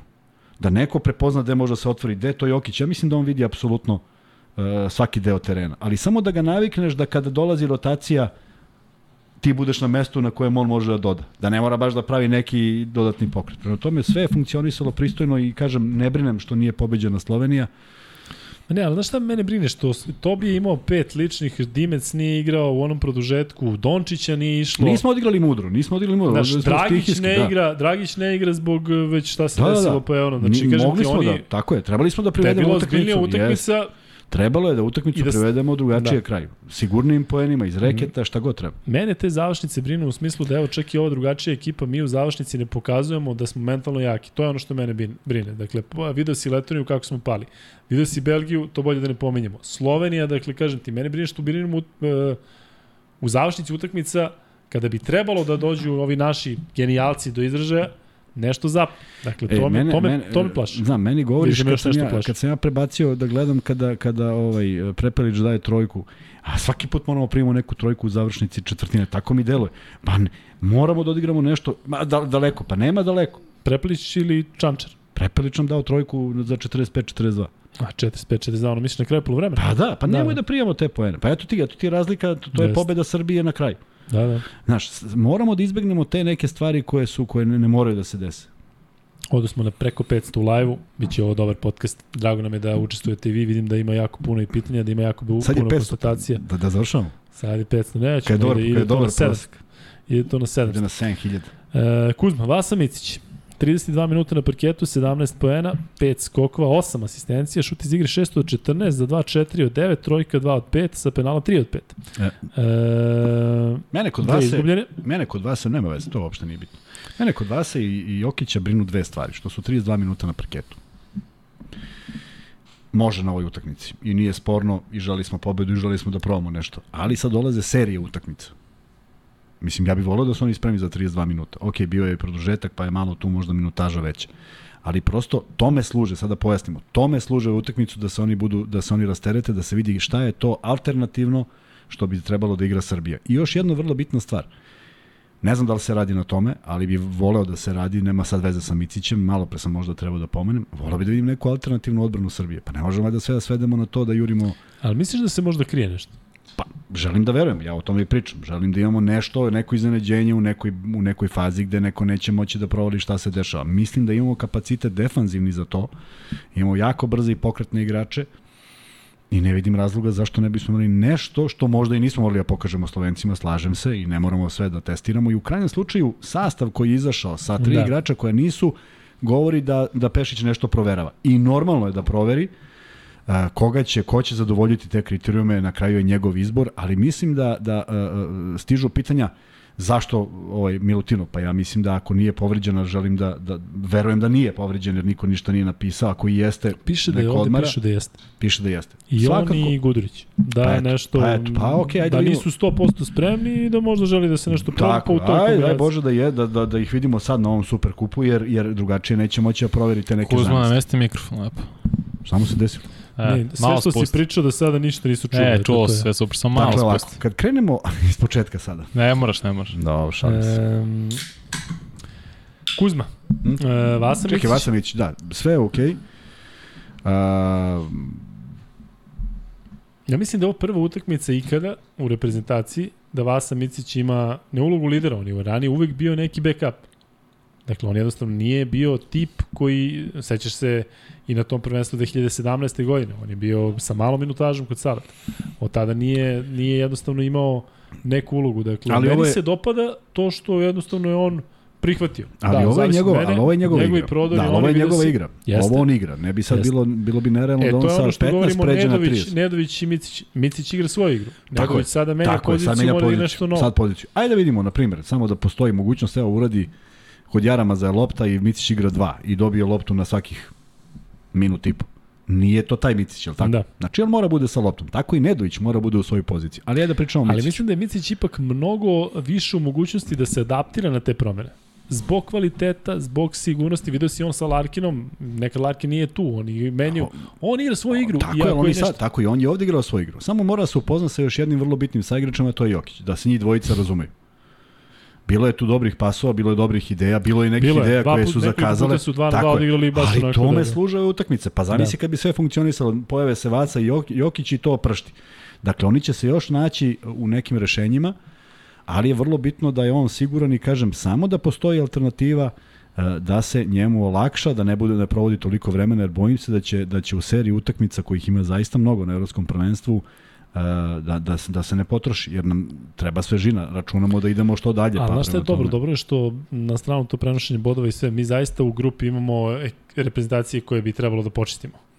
Sve stoji. Ja- ali, ja- ali kažem i, Bolgiju ja- i Belgiju smo trebali počistiti u nekom bilo kom sastavu, pa nismo. Tako Jeste, da, ali kažem ti, e, biće, da možda, gradimo. biće možda prostora za neku vrstu kalkulacije čak i tu. Vidi, ali ja, ja sam ovako, ja sam za našu sigurnu igru i da ne čistimo nikoga. Neka svakoga pobedimo 10 razlike, 5 razlike, ali da mi igramo sigurnu igru. To su one utakmice kad ti vidiš jednu ozbiljnost jedne reprezentacije. E, ja mislim da je ovo put za to. Da li će doći do toga, ne znam. Da li će se neko povrediti, da li će ispasti neki šraf koji je vrlo bitan za reprezentaciju, mi to u ovom trenutku ne znamo. Samo uživamo u ovim u ovoj utakmici koja je bila jedan spektakl sam po sebi i mislim da imamo zaista razloga za, za, za prvu utakmicu, da kažemo, jer pazi, Slovenci su dobili Dončića kod kojeg je lopta i oni su svoj na svome, svi su manje više uigrani i znaju se. Ovo je ipak moment da izlazi jedna petorka prvi put zajedno, da se ne lažemo. Nisu igrali u ovom sastavu i mislim da kad napravimo dve, tri mogućnosti sa petorkama imamo zaista, zaista silu jednu napadačku pre svega, a ono što ja volim da vidim to je da bude i defanzivna i da mi nekome zatvorimo reket na 4-5 napada i tako u dve serije u, u oba poluvremena i da budemo mirni. E, Vasa Mićić potpuno opravdao zadatak, ušao je u neke on- ona rešenja ka, gde, gde on u Feneru nađe čoveka, drugačije su reakcije bile, možda je bila malo brža ekipa, možda se neko nije spustio na mesto gde je Vasa naviko da igrač bude, ali kažem, e, treba sve probati i mislim da je Pešiću ovo pre svega bila proba za mnoge stvari da vidi kako bi mogla funkcioniš. Marko Zorić kaže jedino protiv Čeha može biti problem, apsolutno se slažem. Česi su preozbiljna ekipa. Biće, pro, dakle, e, biće problema protiv svih, nemoj da misliš. Česi su neverovatni. Znači, prenosio sam onaj olimpijski turnir iz Kanade, gde su Česi prošli dalje pored Grka, pored Kanadjana, koji su imali Viginsa, sad ti ne znaš šta igrače, RJ Barrett, imali su preozbiljnu ekipu. Dakle, oni momci gazi imaju, tačno se zna, Satoranski, Veseli, ima tu oni Auda, onaj Hruban, dakle ima tu igrača koji doprinose, ali igraju timski, igraju lepo, pre neki dan protiv Hrvatske. Dakle, serija neka 20-0, Hrvati sve, Zubac, Hezonja, Bogdanović, sve.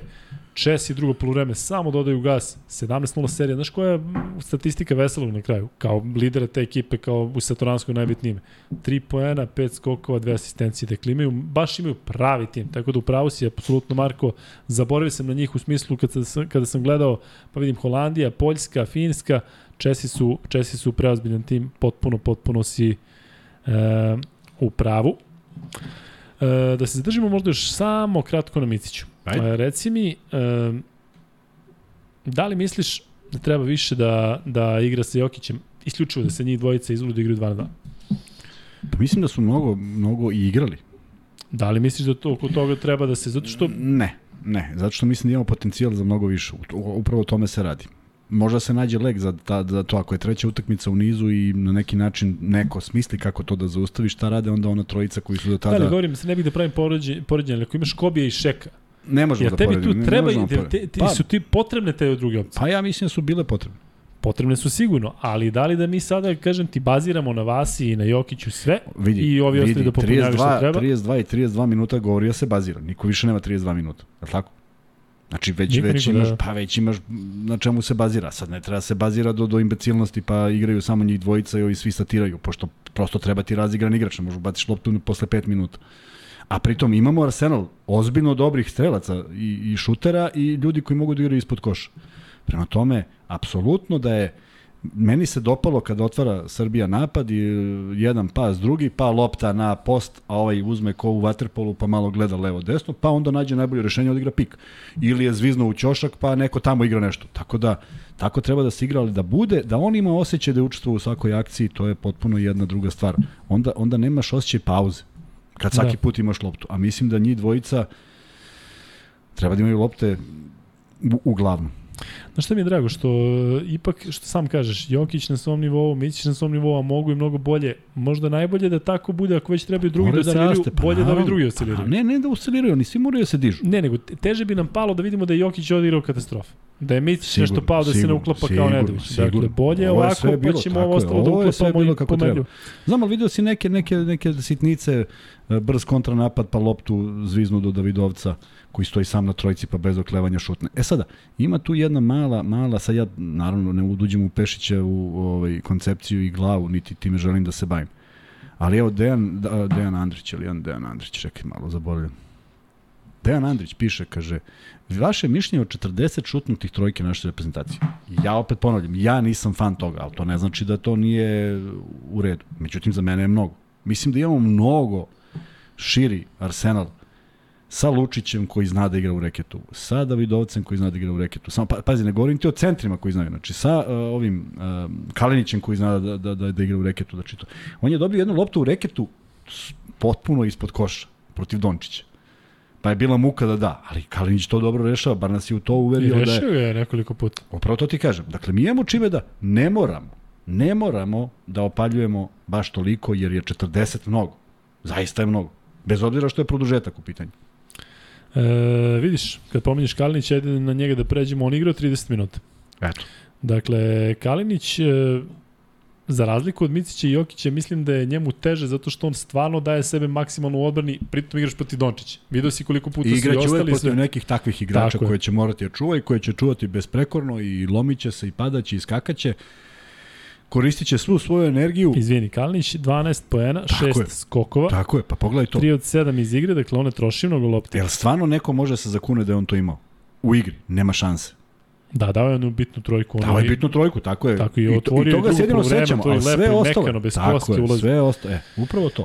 E, to su ti momenti gde, gde, gde Srbija ima taj potencijal ozbiljan. Taj treći igrač, četvrti, peti. Ne Jeste. samo da je baziramo igru, jer, jer znaš da on može da reši. Nekad Lučić- se pričam, Lučić je Mistić, dao jako malo poena. napadački. Mislim da sam pre svega napadački. napadački, ali vidiš, ovo su ljudi koji mogu da reše. Koliko je dao Lučić? Tri. Pa to ti kažem, to je neobično. Znači čovjek prvog koji Ništa, ima... najgore za njega nije. On je u Bayernu ove sezone primao nešto dve i po četvrtine šutne jednom. E onda kad treba, Ne, ali onda... vrlo bitan na terenu. I on neće biti Kako ne, potrošač kako lopte. ne, kako ne, da, da. ali on će igrati svoju igru. A ti moraš da ispoštuješ. Znaš kako se poštuje taj igrač? Tako što u onom momentu kad je on sam i u svojoj poziciji dobio loptu, a ne da preskočiš. Nema ništa gore nego ti se lomiš u odbrani, čuvaš, padaš na glavu i onda kad si na ziceru neko je smislio da šutne trojku. Zato kažem, ne del, deluje mi da se poštuje u igri, deluje mi da lopta ide, aj samo još malo racionalizacije da ne bude baš da mi je ono lakše mi da šutnem trojku nego da prodrem, pa nema, nema, nema razloga. Pogotovo kad ne uđeš u dobar ritam. A redko ko je bio u baš onom pravom ritmu šutarskom za tri. E, Koliko smo šutnuli? bio... 40, a da li? E, moram to da uđem nešto posebno. Dobro, E, Kalinić e, mi delo da je baš bio Kalinić.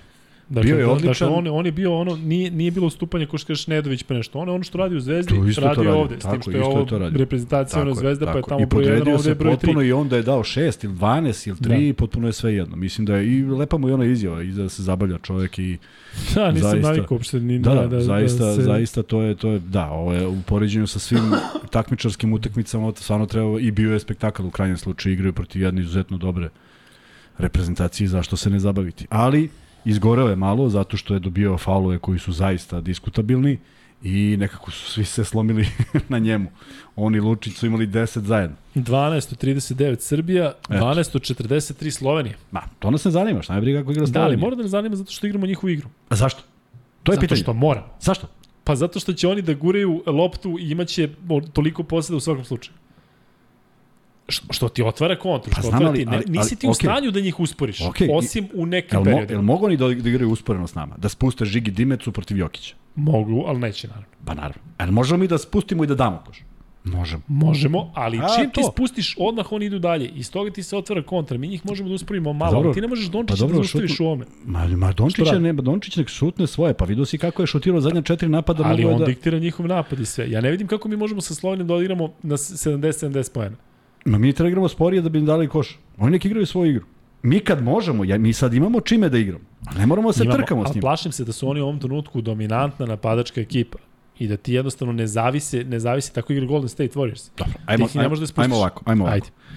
Prepelić, Dragić i ovaj Čančar i Murić i Blažić i Blažić dva puta, ćeš neko ne ne Ibre i zaboravio sam i ovaj Dončić. Dobro. Oni treniraju da šutnu, da opale loptu. Pa ko kod nas trenira to? Jokić ne trenira to, ne, ne, ne pretrči čovjek pola i šutne trojku. Znači Jokić nije taj. Vasa Dobro. Micić nije taj. Ko jeste? Nedović ispalo tako. Pa znači kad bi naši igrači trenirali u svojim klubovima to što treba sad igraju, ja sam za. Jedini je Bogdan Bogdanović koji nije tu. Ubedljivo, to, to tvrdim, sposoban da uzme loptu, da pretrči i da je opali kao da je ono, kao da je na, na, u, u kraju. Ja, Jer, Misli da i Kalinić može, znaš da smo kritikovali njegov šut što se te sezone razlikovao. Sećaš se? pa je, znam, Znaš ali koliko ko, je bolo oči to da on kad uzme. on uzme, tako, tako je. Znači nije taj Jeste. tip. Evo o tome govorimo, oni tako treniraju i tako igraju. I oni imaju taj sistem. Mi još nismo izgradili sistem, jer ovo je nova reprezentacija. Ali moramo da ga gradimo dobrom odbranom, pa nisu ni oni sve pogodili. Koji im je procenat šuta? 43? 43-12. Pa ja sam za to, nek šutnu još, još 17 puta. Ali znaš šta je problematično? Što su oni imali... Pa čekaj, 36 pojena su nam dali iz ali oni trojke. su nama 12 od 43 šutirali trojke i pobedili nas. Šta bi bilo da su bili na svom nivou kada budu na, na evropskom prvenstvu možda dali 22 od 37?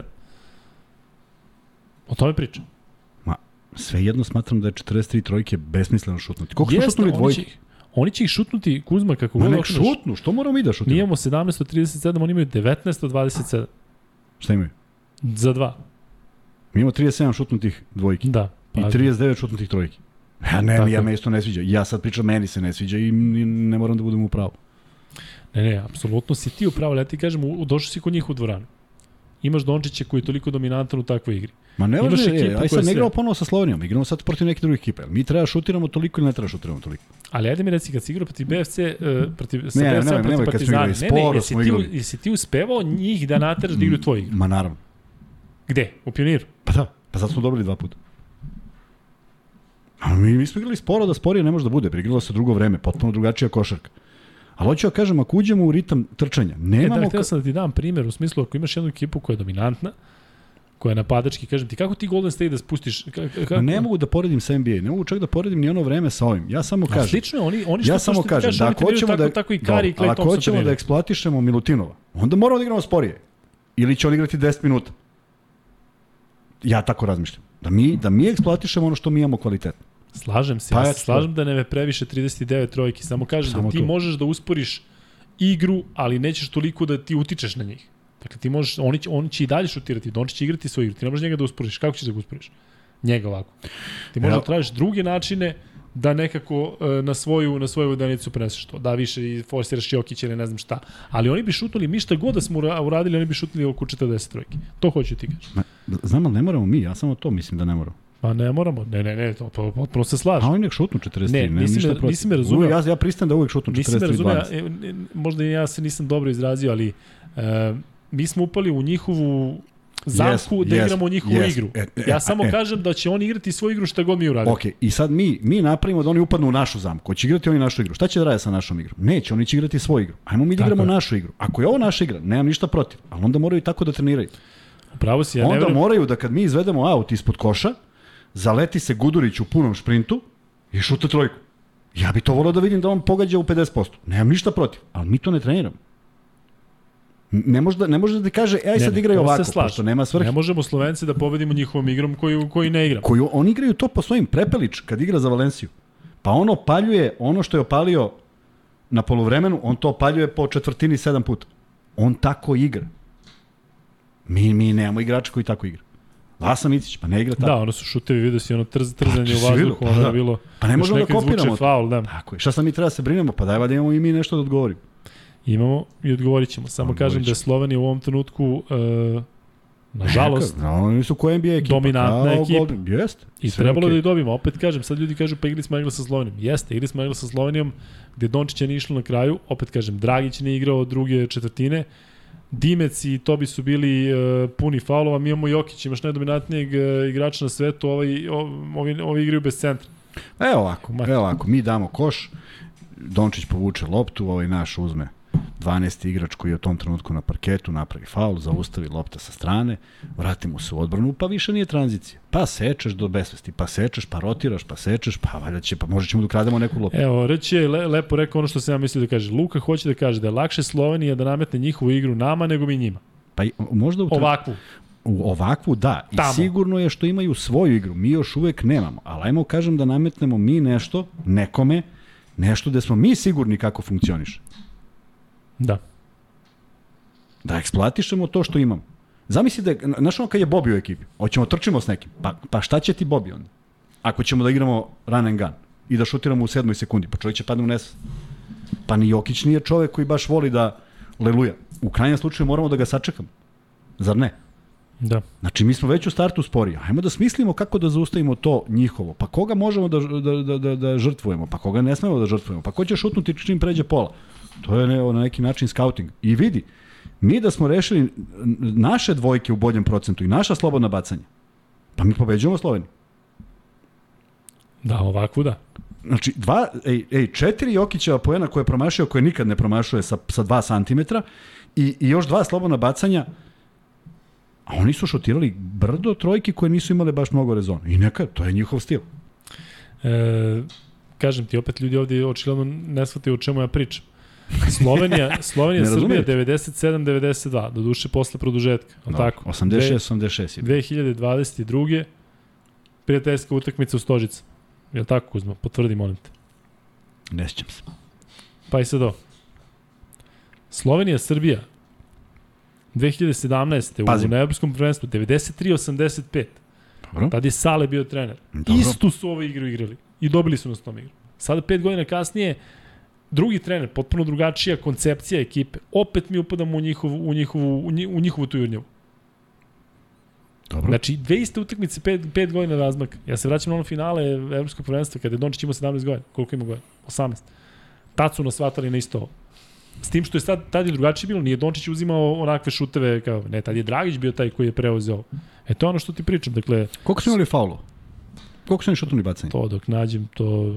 Vanja, koliko su šutnuli bacanje? Oj, Vanja ništa ne zna. Vanja, Vanja, ko zna Vanja tamo ništa ne gde. zna. Ne, Vanja tamo vjerojatno negde igrica neke ili nešto cepa. Šalim se, naravno. E, naći ćemo, ajde. Ali ajde... Ovaj, Jel zna neko od gledalaca, koliko, smo, koliko je bacanja Slovenija šutnula?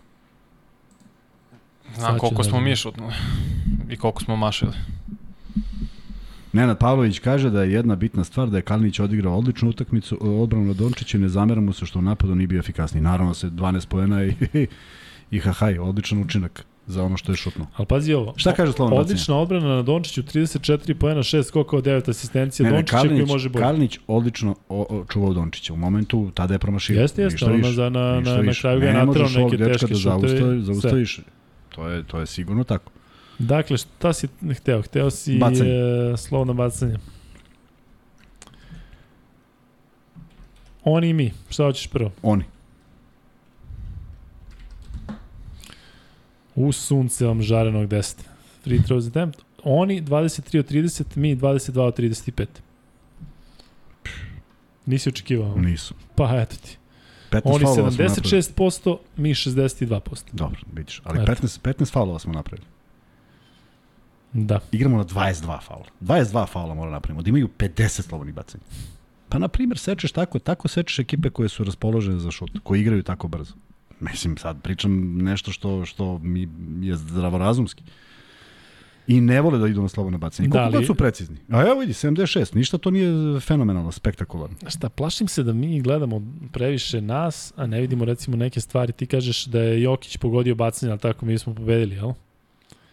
Pa To- ne, samo kažem da smo šutnuli 62, oni 76. da, to je pazi, ogromna a taj. Luka Dončić takav kakav je nevratan je promašio pet slobodnih bacanja i to je neka bitno. On, da zamisli da on tako slovenac gleda, zamisli da je Dončić dao slobodno bacanje, ne bi bilo produžetka. 9 od 14 je šutirao Luka Dončić, znači on je promašio od njihovih 7 pristan- promašenih Ne, bacanja. pristajem da promaše svi po pet. Da, I da je Jokić promašio pet, ali pre Jokić je promašio sedam. Što je neobičajno. Tako je. I ostali su promašili mnogo više. Nije ni važno. Ajmo da pređemo dalje. do sledećeg igrača. Ajde. Dakle, e, naredni igrač kojim ćemo se baviti, prošli smo Micića, Jokića, Kalinića i e, Nedovića smo prošli, tako? Da, Njedović smo prvo. S njim smo počeli. Evo ti ga, tvoj omiljen. Dejan Davidovac, 25 minuta, 9 pojena, 10 skokova. prošli. 10. Ko se seti tih 10, odmah dobije Da, free bet. Odmah dobije free bet. To je neverovatno šta je čovjek hvatao i još je nekoliko lopti ispustio. I još su mu neke bile na prstu. E to je nešto što je što je vrlo bitno za ekipu i, i on može da isto rotira i da čuva bilo šta i bilo koga. I jako mi se dopala njegova saradnja u napadu zato što je bio vrlo, vrlo ovaj, fokusiran i nalazio odlične pozicije. Kažem, nije to lako naći ako neko misli da to svaki igrač može, ne može.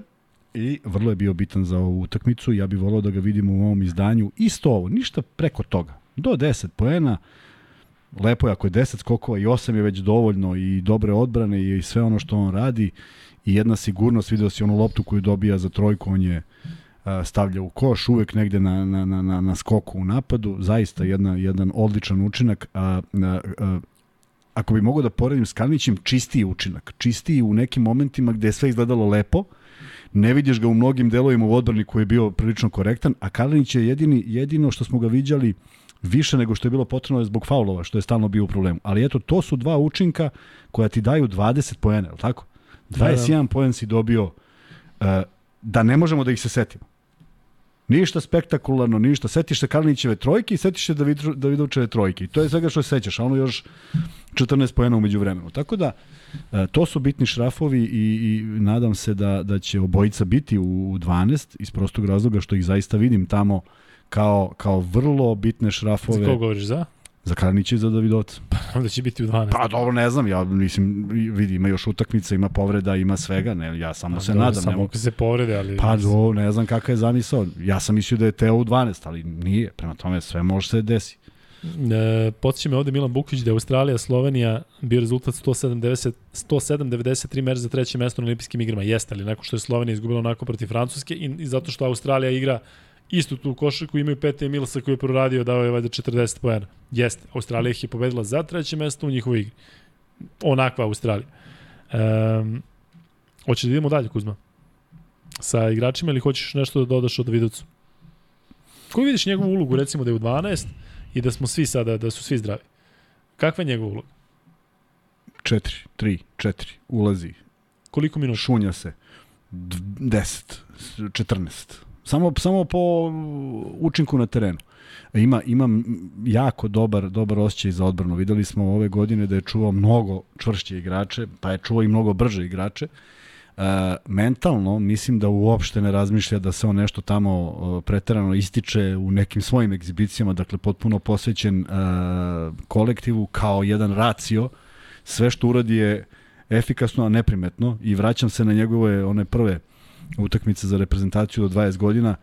Vidiš ti njega i vidiš da je on tu stalno nešto i malo odbije loptu, pa je malo uvati, pa malo dodaje, onda kad pogledaš double-double, nema šanse da se setiš iz čega. Tako da mu je tako prolazi karijera u jednom vrlo ovaj, funkcionalnom maniru i mislim da je vrlo bitan šraf i mislim da može da bude ozbiljno ozbiljan problem za, za, za bilo koju reprezentaciju, a opet bez nekog soliranja, bez nekog preuzimanja bitnosti, jer mislim da je apsolutno posvećen tom jedinom cilju, a to je da odemo što dalje. Tako da je vrlo, vrlo bitno i s jedne i sa mentalne i sa igračke strane. Da, mislim stvarno da bi saradnja njega i Jokića moglo da bude fenomenalno. ja- ja- ja- zato vidi se da jedan drugom odgovara. Ja ovaj mislim- spor, ovaj spor, Tako je, ali tako sve je. Viš velike ka- e, onako. A ja mislim da je ovaj još planuo što ovaj možda nije video nešto dodatno Da. ili što nije uradio ovo što je ovaj zamislio, tako da se oni jako dobro nadopunjuju i bilo je zadovoljstvo gledati te njihove njihove I biće zadovoljstvo pratiti ih njih dvojicu, Da, tako da su da. zajedno na terenu, posebno na tim pozicijama i, kažem, bit će Da. zanimljivo. Um, šta sam video? Video sam ovde, da, u stvari ovih, da prokomentariš kad smo već kod Davidovca. Koliko utiče na Davidovca to da bude opušten, da bude ko, konačno posvećen to što je potpisao za CSKA, rešio neke stvari, Sigurno da da. a Nedović pritisak, zvezda, milion, sve. Može i to, može i to, znaš, on dolazi, on dolazi posle jedne turbulentne sezone i koji opet imao neku blagu povredu. Prati šta se priča, kakav je tim Zvezda sklopila, negde i mi smo možda doprinali e, time što smo pričali da bih ja želeo da on bude taj koji vodi Zvezdu, ne da bude neki drugi igrač i onda on možda to negde i osjeća i odjednom u svemu tome u jednom naboju kaže ti trenere sad igraš neku, neku malo drugačije mesto, nije lako to da se ovaj uh, u jednoj utakmici pokaže. Nadam se da će igrati na svojoj poziciji, nadam se da će samo ako bude morao da bude ta neka ispomoć na mestu 1, ali zaista mislim... ajde evo da recimo da nije on. Sad Pešić kaže, aj probali smo oproti Slovenije, vraćamo ga na njegovo mesto po vokaciji. Koje jedinice? Pa ništa, njih dvojica, Vasa Micić i Jaramas. To je to. Pa Jaramaz je nešto povređen. A i da li je Jaramaz kec? Pa nije, ali, ali igra keca. Nije ni on keca. Ja ga više volim na dvojici, ali prosto igra keca. Mislim, najduže drži loptu. Neće to da bude neka fantastična proigravanja, da se razumemo, ali vrlo siguran u prenosu lopte, što je vrlo bitno, i kad mu se zadaju određena, određeni zadaci, mislim da može da ih reši. I opet treba i onda se upozna sa kretnjama Jokića i svih svojih novih saigrača. Nemamo, nemamo baš... Plaši me iskreno to, Pa pa vidiš još jedna smo- stvar koja plaši. Imaš Micića na kecu koji je toliko dominantan i sada njegovi backupovi su igrači koji nisu možda na toj poziciji, a drugo, Ne, mnogo, treba, je, mnogo je znaš, zbiljniji Isto problem. Jokić, ti si vidio juče, uz fan, znači ja, ako je neko oduševljen e, i ako neko nije očekivao dakle onakvu, onakvu partiju Ristića, to sam ja. Ali izlazi Jokić, ulazi Ristić. Znaš, malo, mnogo je velika razlika. Ovo je najbolji igrač u NBA ligi, najbolji igrač na svetu, ovaj dečko gradi svoju karijeru kroz full bradu ili već, već, već gde. Jeste. Potpuno drugačije se menja na, na, na terenu sve. Kažem, to je jedino, baš ono što je neko pomenuo ranije, dakle, kada su Micić i Jokić zajedno na klupi ili kad je jedan na klupi, menja se potpuno sve kod nas. Jeste, ali vidi, ti si oduševljen Ristićem i ja jesam. Inače, on igrao čak i u ovim prozorima gde smo prošli, kako smo prošli, bio jedan od boljih. Da me razumeš, oduševljen partijom juče, zato što niko nije očekivao da će on onako Dobro. da dobri nas E, za ali- 10 minuta. Jeste, ali, ali prosto onog momenta kad je on uputio i postigao dve trojke, čak i da je sastavni deo koncepcije. Nekako ne A ide mi, a nije. čak i da, Da. jeste, mnogo je. I dobro je kad pogodi, ali E, ne, ne, treba, ne treba da rade nešto što inače ne rade. Ja razumem da on šutira trojke u nekom procentu, pa baš nas briga. Ali ovako je to bilo nešto što drži, drži rezultat i sigurno ti da. Znaš kako, ta jedna trojka malo i demorališe ekipu. I dobro je opali, ali on je opalio dve i što je najvažnije pogodio obe, ali pitanje je da li će, da li će to tako da ide. Tako da, neće sigurno u da, da, da reprezentaciji sam, 2 uvek. da, u reprezentaciji sam uvek više za to da svako radi ono što zna. Najbolje što zna. I zato bih ja Nedovića, kojeg želim u reprezentaciji, zato što, zato što posjeduje taj jedan, jednu drčnost, jedan bezobrazluk, on, on kad kad stvarno ode na prodor i ne vidi da li je tu neki od 2.50 ili i, i prođe do kraja. Ali kako, kako nema onaj rezon da, da uradi 10 puta taj prodor? Pa, znaš, kad smo pričali kao klinci, pa ja bih volio da ja mogu samo prodirem tom brzinom, pa neko bi, ne bi ni razmišljao šutnem nešto drugo. Kad možeš, kad možeš tako lako da dođeš do koša. Prema tome, a, od Ristića, dobra partija, dobar, Ajde da dobar, pređemo dobar fokus, da, dobar fokus, sve je Da, bilo izvini, dobro. 9 poena za 12 minuta. 3 od 3 da, iz igre, savršeno, da. 2 od 2 za Da, savršeno Za tri- sve, tako je. čak i korektna odbrana za Tako, tih 12 tako. minuta. E sad, e, znaš, e, da, da ne bismo mi pričali o nekom spisku, ali uh, potpuno je logično da posle takvog nastupa i Ristić ima tu negde jedno mesto koje je vrlo bitno. Da li Kuzma to znači da Petrušev sigurno neće biti u 12? Pa ja mislim da neće. Mislim da je da je bez obzira na njegov potencijal, jedino ako se Pešić opredeli da on bude neko ko će biti budući igrač nada što se uvek radilo. Uvek su se vodili neki najmlađi da budu da budu i za sledeći, tako da može to da prevagne. Ali po ovom što je učinio i u ostalom imamo sad dve utakmice da imamo Petruševa i ja bih želeo da ga vidim. Ja bih želeo da vidim njegovu reakciju na ovo sve. Da on Nešto sutra mi de, njegov govor tela, Ne onakav ne, izraz lice, delo mi da on nešto... moguće, ali ja bih voleo sutra kad bude bio u Naravno da bi sastavu Boga. I ti vidiš jedan zid, on stane ovako, onaj padne, ono trči, zakuca, ne da uradi nešto što nikad nije, to me ne zanima, nego samo da radi ono što, što, što, što sad pričamo o svim tim igračima oko ovih, šta treba da rade, ono što najbolje znaju. Zatvori reket, ne dozvoli lak poen, napravi faul tako da ovaj razmisli sledeći put da li će da uđe, a u napadu racio. Samo ono što znaš. Puf, puf. Ako može do 4 poena, 6 plafon, 3 skoka, još bolje. Za 7 minuta, pa to je fantastično. Prema tome, sad i oni imaju mali rivalitet, znaš, i tu vise neki igrači. Ali ajde da vidimo, ajde prego što pričamo bilo šta, ajde da vidimo kako će Petrušev reagovati. Ristić za sada odlična reakcija. I da vidimo da li će Milutinov biti zdrav, jer bi to bio veliki hendikep ako nije. Mislim da je jako bitno da Milutinov bude i U, zdrav i da naravno, bude tu, da zato što tu, mislim pa da je to da ne. jednako čak par, paralelno sa ovim što pričamo o Kecu. Dakle, bez obzira na Kako to što da ne, imaš ovde da Micića, pa pitanje ko ti backup. Pa ti- ovde pa- znamo da je Milutinov backup Jokiću i znamo da, Ma, da, da vidi, može... Ti možeš, mogu njih dvojice da igra, može da bude backup, može da igra sa, sa, sa Davidovcem, može da igra sa može. Lučićem, može da igra s Kalinićem na može, poziciji sve 4, može. može da na poziciji 4 može staviš koga god hoćeš. Da, da, tako da nadamo se da će Milutinov biti zdrav i da će možda igrati već sada, ali neko je napisao ovde, mislim da je Crni Grobar i nekoliko još njih, da ima otok na kolenu. A, I da je to- nek da je Pazi, to, tamo je ovaj, Gaga Radovanović, naš gost iz jednog od podcasta. Reši Dakle, sećaš se šta je pričao ovaj, tada. Ja mislim da tamo ne postoji ništa što neće biti izvodljivo ako je izvodljivo. Znači, samo ako medicinski nije izvodljivo, ali da će učiniti sve da to budu oporavljeni momci i da dočekaju. Vidiš, još jedna vrlo bitna stvar, ja ne mogu sada da znam kad se prijavljuje tačan taj ovaj broj igrača. Zato što mi možemo Pa zaista... nešto baš neposredno pred prvenstvo. Pa zato što može da se desi da u sk- sklopu svega ovoga i tih povredica i tih problema mi odigramo sa jednom mešanom reprezentacijom. E sad onda onda i tu je sad problem kako ide kako će onaj koji je propustio prozore da ide a ovaj ne, znači nije baš lagan zah, z- zadatak pred Pešićem da napravi skrećenje spiska, mada možemo da na, na, na, potpuni na karambol naprave po prozori u svakom. Jeste, jeste, jeste, Dakle, tako je, tako je. Ti nemaš sad, nemaš sad fokus za evropsko, nego sad moraš i ovo. I moraš da gledaš, da, da stvarno raspolažeš većim brojem igrača. Jer ne sme da se desi da ti potrošiš 25. i 29. 25. i 28. Da.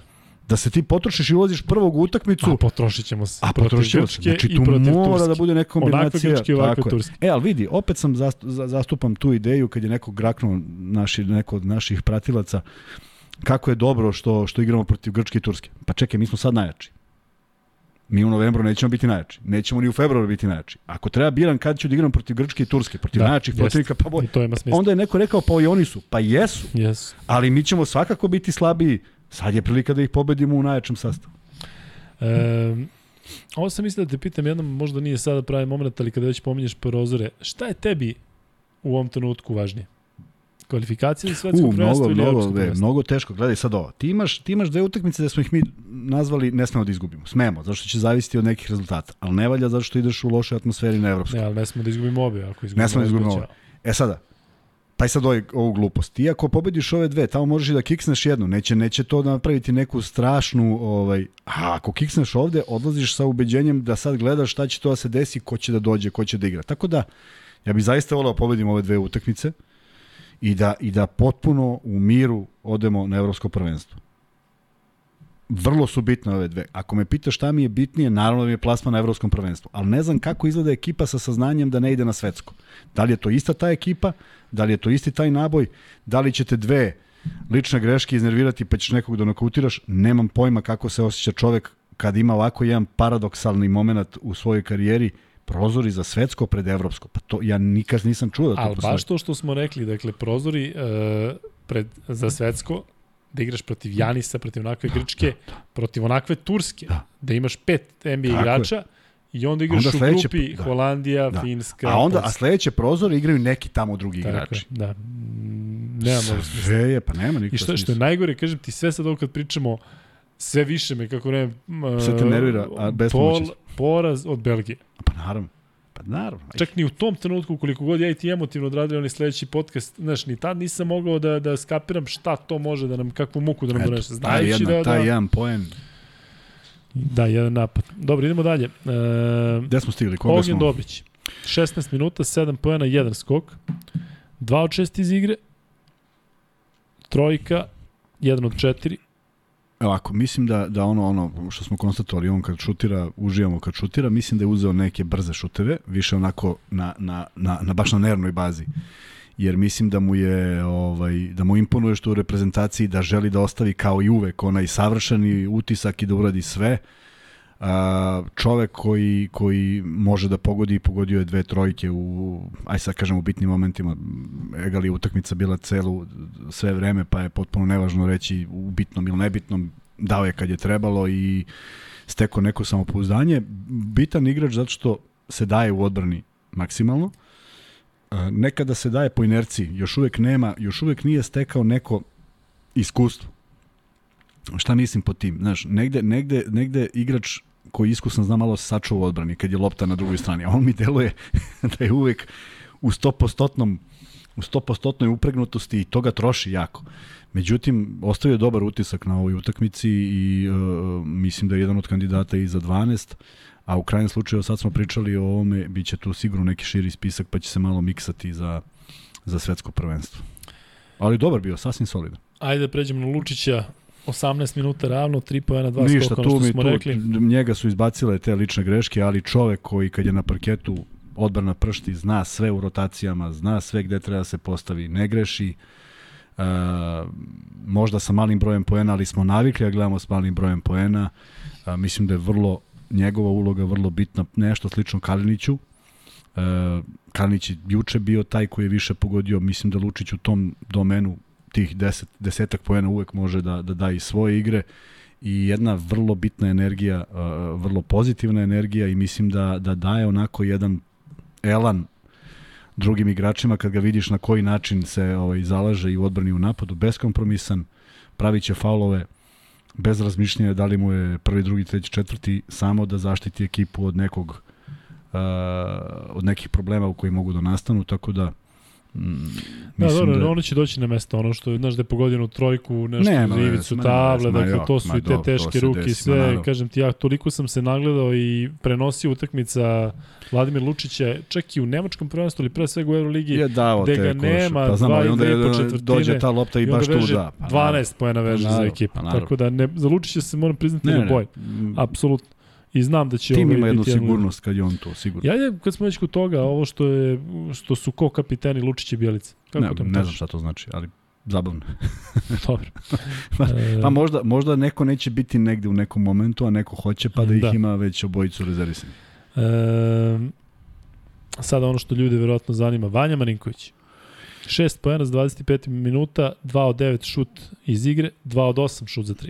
A, po, po, po, jedan, jedan izuzetno ovaj, divan momak. Prošli smo mnogo toga u Savezu i zaista posvećen, a, željan pobede, nikada nije napravio problem zašto nešto, uvek se odazivao pozivima i čini mi se da već drugu, treću, četvrtu utakmicu kako igra ima strahovit uspon i vidiš najavljeno je da je sad to njegova utakmica i onda jedan pad. Ne zato što je promašio one dve dve, dva, dva vezana šuta, dešava se, nego zato što je potpuno izgubio neku svoju sigurnost u momentima kada je bio na parketu da jer on je uh, ušao kao izmena bio i hladan nije sporno što je što je ta lopta došla ali kažem tako mi ta, dosta mi oscilira dosta oscilira u igri međutim uh, kad otvori utakmicu dobro pomisliš sad je on stekao samopouzdanje i sad će Jeste, to da bude bacio na trojku na početku. tako je kao odjednom da, da neka prva izmena kao da ga preseče i da više nije, nije, nije u svom elementu ali vidi iza njega veliki izazov i uh, taj početak utakmice vrlo pristojan i defanzivno i to u napadu što je rešio tako da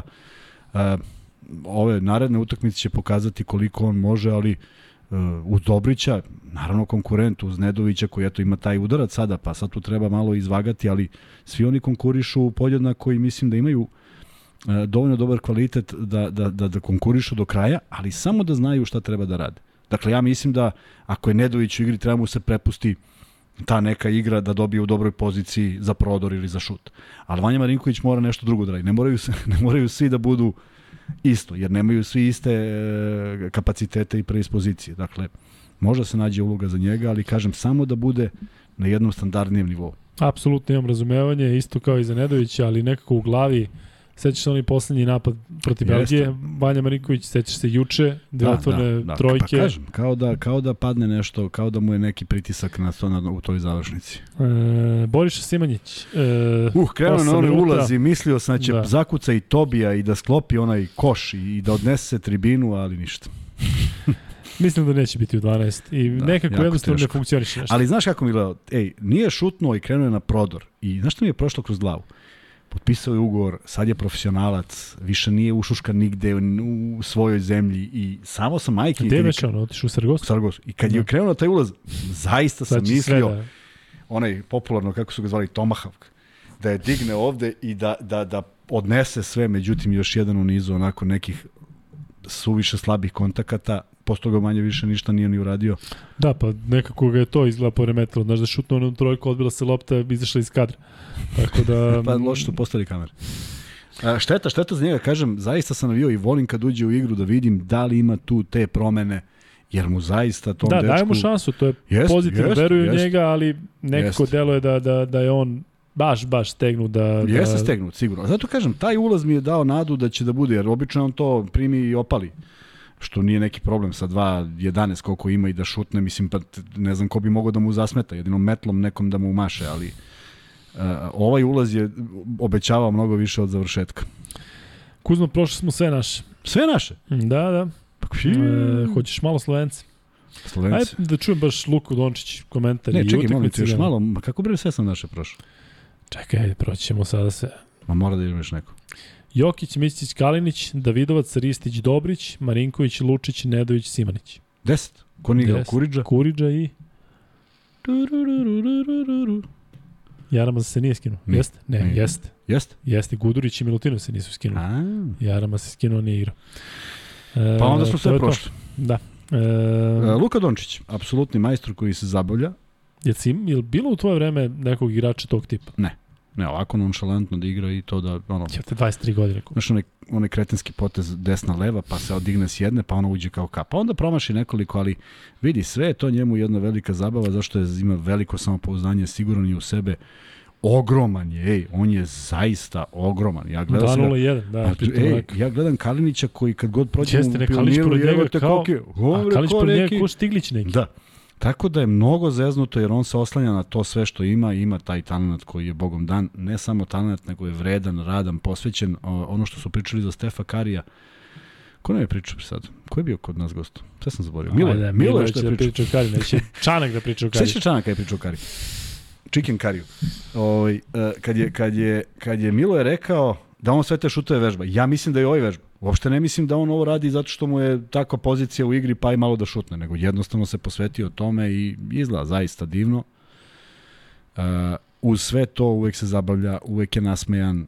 Mm, mislim da je hteo da bude heroj utakmice, pa je četiri napada, ako se dobro da. sećam, baš bilo onako skandalozno. Naravno, ne, ne sme to niko ni da prigovori, a ni publika ništa nije mnogo rekla, iako je malo ovaj, vodio svoju ekipu u poraz.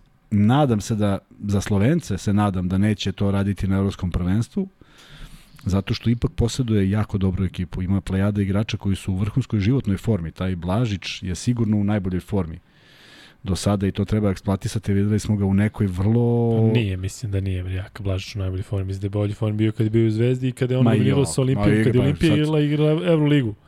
Ma i bre, ovo sa Devitom što su igrali bre sa Zvezdom, to je bila ozbiljna forma bre. Evo i sad pričamo, celu sezonu je odigrao dobro i prošlu i ovu godinu. Nije ni važno. Čovjek koji zaslužuje malo više, a neće dobiti to malo više, e, to može bude malo tempirana bomba, ali kažem, to su sad neki njihovi problemi. Murić koji nekako mi je tu košarkaški u svakom smislu najtanji čančar koji ima jedno iskustvo da Čekaj, ićemo korak po korak. E, Ajde. Klemen Prepelić. Prepelić ono čovjek šutevi Kuzma. Ali što Prepelić- najgore, ono, ono daju u Vidi, samo Valenciji. ti kažem, prići mu i puštati ga na ulaz. I to je jedino rešenje, jer on ne voli to da radi. on uživa u ovom. Znači, kad vidiš Prepelića, ne razmišljaš da li će onda šutne s te pozicije, nego mu priđeš. I nek te obiđe. I nek ide Pa tamo. on će šutiti iz devet. Iz kontakta. Upravo kažem, neće iz kontakta, priđeš mu da ne šutne. Usmeriš ga odmah. Staneš tako da ne može šutne. Nešto uradiš da ne bi šutnuo. Nije asistent, niti voli da dode, a još manje voli da ide na prodor. Ali što voli da šutne, to, to, to je neviđeno. Jel bi volao recimo Prepelić da bude u Zvezdi? Ne. Ovakav. Ne, nikakav. Pa dobro, dobar je šuter. Ma divno, ali nikakav. Ma ne mogu, ja prosto, da je jače od mene. Možda nisam u pravu, ali prosto ne je neko šutno s 9 metara, pa mislim nije mi dobro. A šutirao ti i Beron s 9 metara, pa ti se Pa i dopalo. tad mi nije bilo dobro. A dobro, ali ovaj pogađao pa si se radao. Ne znam, ne znam da li bih voleo. Mike Tobi. Kuzma. To ne, Randolph, jel se Randolph povukao? Naravno da se povuk, pa ne mogu da igraju dvojica. Pa to, zato pitam. Da, pa je ne, to dobro 2017, rešenje, on, on je našao dobro 2017, Randolph rešenje, rekao, oni to su je to našli, i- dobro, oni su našli jednog dobrog igrača. Potpuno drugačiji tip. drugog. Jeste, vrlo zahvalan. Uh, rnga pod košem, bori se sa svima, šutne svoje četiri Hvata lopte. lepo one Eliupove što mu Dončić Jeste, baci. jeste, sve on to može da radi, vrlo zadovoljan što je tu u jednoj dobroj ekipi koja ga je dobro primila. Ne zavisi mnogo od njega, ali daje jednu posebnu energiju ovaj odbrani, stalno nešto, stalno je u kadru, stalno se negde pojavljuje Jeste. i mislim da je onako jedan od retkih tu u reketu koji može da donese nekakvu prevagu. Delo mi da je jači nego što izgleda. Ono što ti kažeš i što svi misle Boriša Simanić da krene za kucavanje preko njega pa kao neki respekt. Ne, on deluje da je jedan od onih ko što Jokić ne deluje da je toliko jak, a mnogo jak. ne deluje, mislim, znaš, ne mislim, samo zamišljam koliko Boriša skače. A može bude tu i Yao Ming, ja mislim da bi ga preleteo, ali samo je to stvar karaktera. Tako da ovaj Tobi je našao dobru sredinu za sebe i oni su našli nešto što im nedostaje, vidiš da su relativno niska ekipa, nema tu mnogo nekih visokih igrača. Čekaj, ljudi, nemojte se svađate mnogo. Dakle, vidim da u komentarima je mnogo onako Šta je? negativne energije, pa Partizan Zvezda, pa, Pa, neko sad, sad malo ima fore za povuče. Partizan Zvezda. E, Ne, ne, ne, ne, ne u smislu Partizan Zvezda, nego ovo kroz reprezentaciju, razumeš, da neko sada ispada da je ovo, da ono, nemojte se, bre, znate kakva je kod nas Ma, jasno. atmosfera, dakle, Ma ovo je reprezentacija, navijamo za sve momke tamo i to je to. Vidim da meni neko je napisao kao Luka, nemoj da budeš toliko pesimističan. Pa nisam pesimističan, svi ste pisali ovde kad sam rekao da će Slovenija da nas dobije, rekao sam dobit će nas Slovenija, dobila nas i ovako kako nas dobila, sad kao pas, ne znam šta. Dobro. E, Ma telo je uplašeno, zato se brinu ljudi. kako nisam uplašen, uplašen sam. Mene zamisli- plaši, mene plaši ovo, mene plaši on. Hoćeš da ti kažem šta me najviše plaši? E, hoću. Poraz od Grčke. Ma ne, neću razmišljam uopšte o tome. To, to uopšte ne dovodim, ja, ja to uopšte ne dovodim u pitanje. Da ne poz da plačeš ovde kada ne, ne, Neću, bož. neću. Ma dobijamo Grke, pravo si, nema šta. Ko je taj Janisan Tetokumpa? Kakav Janis. Smeš. Odmah će pet penala i čao. E, Jaka Blažić, 8 poena, 3 skoka, jedna asistencija. Ko je novi klub Jake Blažića? Ma te znam. Bahče Šehir. Pa ti ja da mu to E. izgovorim, sve da sam znao. Ne, Bujuk Čekmeče je još, još teže. To isto ne znam. Znaš kad igraju Bahče Šehir i Bujuk Čekmeče? Nije ti dobro. Kažeš, E. napadaju beli, napadaju beli crne. Dobro, Jaka je pogodio neke bitne trojke, igra ono svoje sa energijom. Kako ti... Kako Jeste, ti ali kažem ti, ima prostora više za njega i mislim da će biti više za njega. Vidiš kako bude Slovenija išla ovaj, u nekim iz utakmice u utakmicu. E, Čančer. Meni delo na ovog baš tanak. E, Da, ali... Ne, ono kad je dao, kad je dao da, da. Jokiću, kad je bio dva koraka ispred njega i Ispred kad mu dao loptu ruke, nije samo inteligencija ali, Jokića. Tako nego- je, ali on igra sa nekim svojim samopouzdanjem i može da bude vrlo opasan.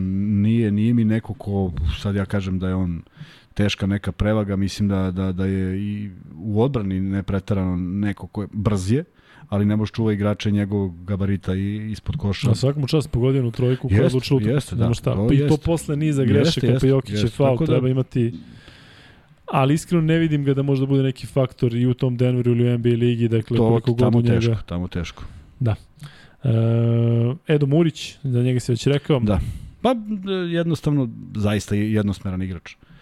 O, lepo se otvara kad primi lep šut, ima lep izbačaj i dalje, ali to je jedino što radi. I naravno sad je, da bi kompenzovao malo, pojačao i odbranu, pa je uvek u nekom u raspravi sa sudijama ili uh, zato što pokušava da da nadomestite neke ne, ne sjećam se njegovog prodora, možda neka eventualno kontra, ali da on nešto nadribla i da naskoči. Pa tek to se ne. Dakle, uh, vrlo vrlo ovaj u, u jednom pravcu igra dobar šut. Eto, ja mislim da nije nešto preterano dobro šutirao na ovoj utakmici, ali on je vrlo opasan uvek. E, kaže Svetislav Cvetković, zašto ovakav tip emisije ne ide uživo na sport klub kanalima umesto besmislenih prenosa svih mogućih mečeva u 16 u 18 koji više služe skautima i trenerima mlađih kategorija? Dobro, on je live, da može i ovo da bude live. Ali da, kapiram šta kaže. Sam Milošević kaže što smara ovaj Luka dosadan postao s pričom o reprezentaciji. E, gledaj sad, imaš x dugme gore, kako te smara, lepo, Burazor, imaš verovatno je on, ili imaš ko onu drugu ovaj, platformu, imaš 200 kanala tamo. Brate, upravljač, pa roka imaš i da vratiš, tako da da mi se nerviraš mnogo. Ako ti smeta nešto, slobodno okreni. E, 600 u live-u. Sviđa mi se šta pričaš o Latku Čančaru, tako da verovatno je to jedino mišljenje. 100% da nema šta. Bilo je Pa i sad 400, ovo. ali kad smo rekli Čančar 600. Jel te žiga nešto ovako kada... Dimec me žiga. Aha. A Samar te ne žira, a?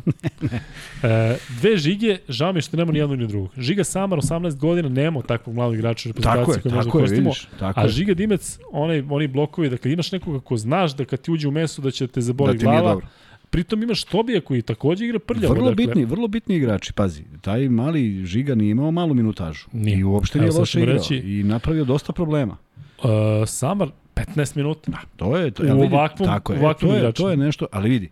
Sad pitanje je čime raspolaže Slovenija dalje, je l' tako? Dakle, možda je iznuđena da ima takvog igrača koji je samo zaista dostigao neki nivo gde on može da bude uh, uh, m, dovoljno dobar. Ali ja ne mogu da se onda pomirim da jedna da plejada naših igrača, Jaramaz, uh, Nedović, Dobrić, dozvole da budu loši od... E, to, to jednostavno ne može. Jer ne mislim da, je, da, da jesu. Dakle, ne može ovaj da igra iskusniji od njih sa 18 godina. Nije to baš ta razlika u kvalitetu i onda jednostavno svo neko svoje iskustvo sručiš na tog momka da mu bude teže. Um, da vidimo da li imamo još nekoga da prođemo u reprezentaciji Slovenije. Čekaj da nađem šta nas je pitao. Goran Dragić, 5 minuta. Ništa, to nisam ni Evo to vidio. ono Zoran Dragić, on ne može se gleda. jebote. Nemaš, nemaš, to je drugi sport. Pa ne, ali si vidio njegove šuteve? Jesi vidio gde su lopte? Već, već dve godine se ne igram kroz Euroligu, tako da ovaj, Ne, ali Verujem. čemu se radi onda? ne znam. On je Ne, borben. ne, on borben, je, samo to. kažem ti, sve Samo super. I Ali kad ode na prodor do kraja, kad onako gabaritan prođe i da koš, zavrne nešto, onesvestim se momentalno. Ne, ali ti, on kad šutne, Ali neviđena pa energija, pazi, tablu, to pa onda apsolutno, obruč sa strane. to apsolutno priznajem. Dakle, on čovjek se ne predaje. On će Jeste, igra protiv, jeste, pa ne. protiv Što- Golden State Što ti kažeš, treba imati Jeste, takvog igrača. jeste. On će protiv Golden State-a danas da izađe i da igra 380% i da psuje i da vređa i sve, ali neće pobediti jedino to. Kuzma, Bogdanović, koliko fali? Ček samo da nađem, molim te. Pričaj nešto. e, da. E, A, ajde.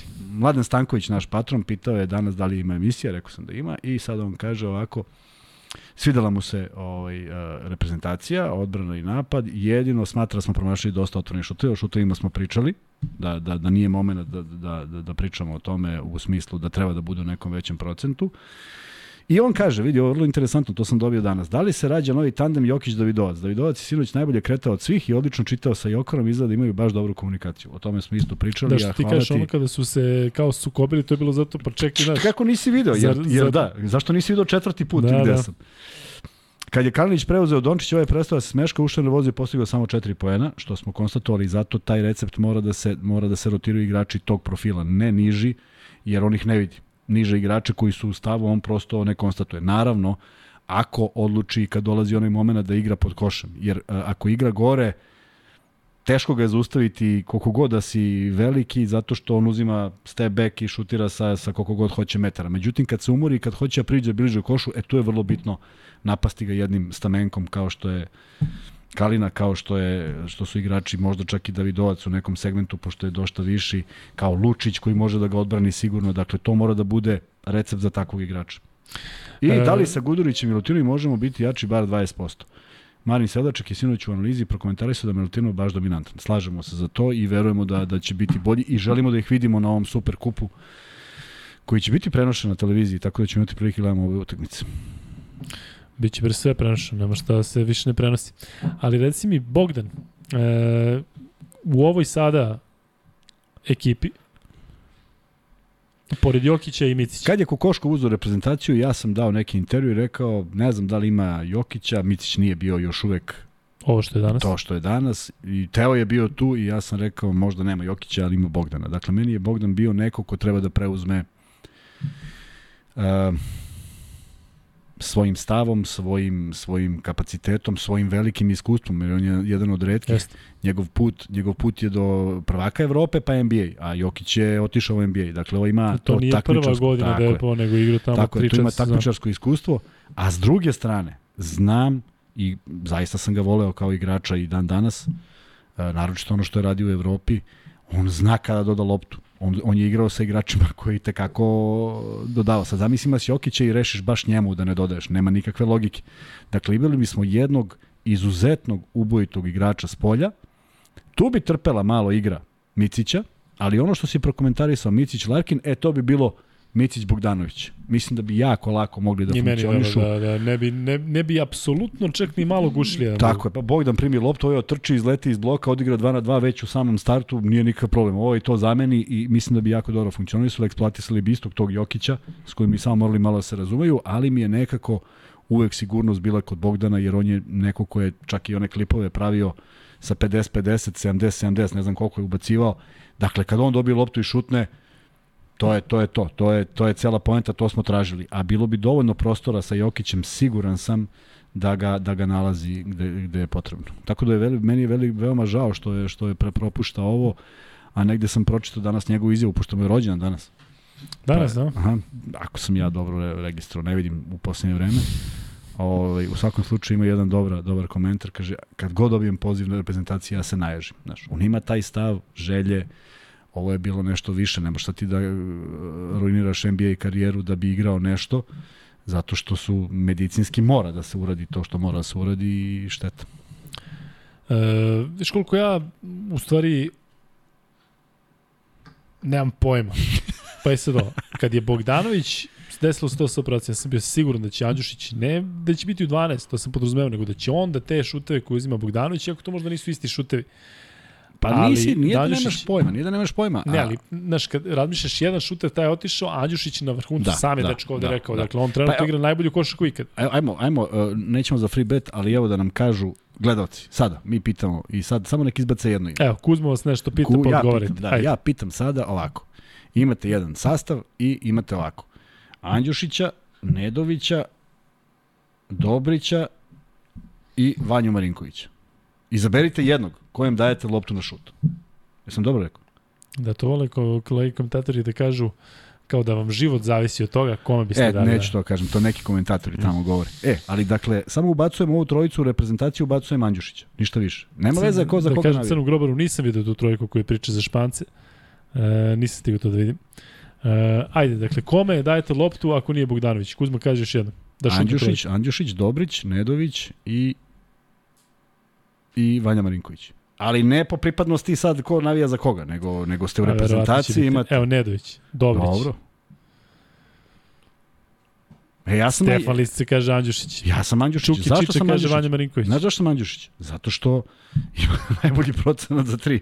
Mislim, ne zato što imam neke posebne simpatije, nego zato što je čovjek Pazi, pogađa kada sve. Kuzma kaže da daje Andjušiću, on je Dobriću. Pa to ti onda sve jasno. O ne, tako? govorim o, o lepoti šuta dajem Dobriću, da bude lepo. Da, da.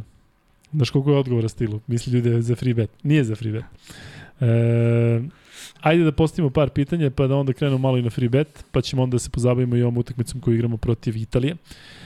Koliko su rezerve Srbije u stanju da zameni prvu petorku, pre svega Jokića i Micića? Čini mi se da nam fale dva, tri igrača sa klupe da bismo mogli da konkurišemo za medalju na EPA. E, aj sad ovako, ajmo da ih zamenimo. Ajmo da ih zamenimo ovdje. Ajde. Dakle, ovako. Koja je bila petorka? Kojom su počeli petorkom? Juče. Mhm. Jokić, Micić, Marinković, Lučić, Kalinić. Dobro. U, čekaj, nešto mi tu dobro će, sad ću proverim, ajde. Dakle, ovako. Jaramaz, Lučić, Kalinić, Milutinov i Marinković. Nemam problem. Ili Nedović. Nema problem. Znači da probamo sa, da vidimo kako će izgledati, to ćemo vidjeti sad na ovoj utakmici. Milutinović će morati da igra neku utakmicu, da se vidi u kom je Da, stanju. da, lepo sam rekao. Micić, Marinković, Lučić. Kalinić, Jokić. Evo ga, Jaramaz, Milutinov, Lučić, Miličić, Iličić, ja? Lučić, Kalinić i Nedović. Ili Dobrić, ili Vanja Marinković. E, Gudurić.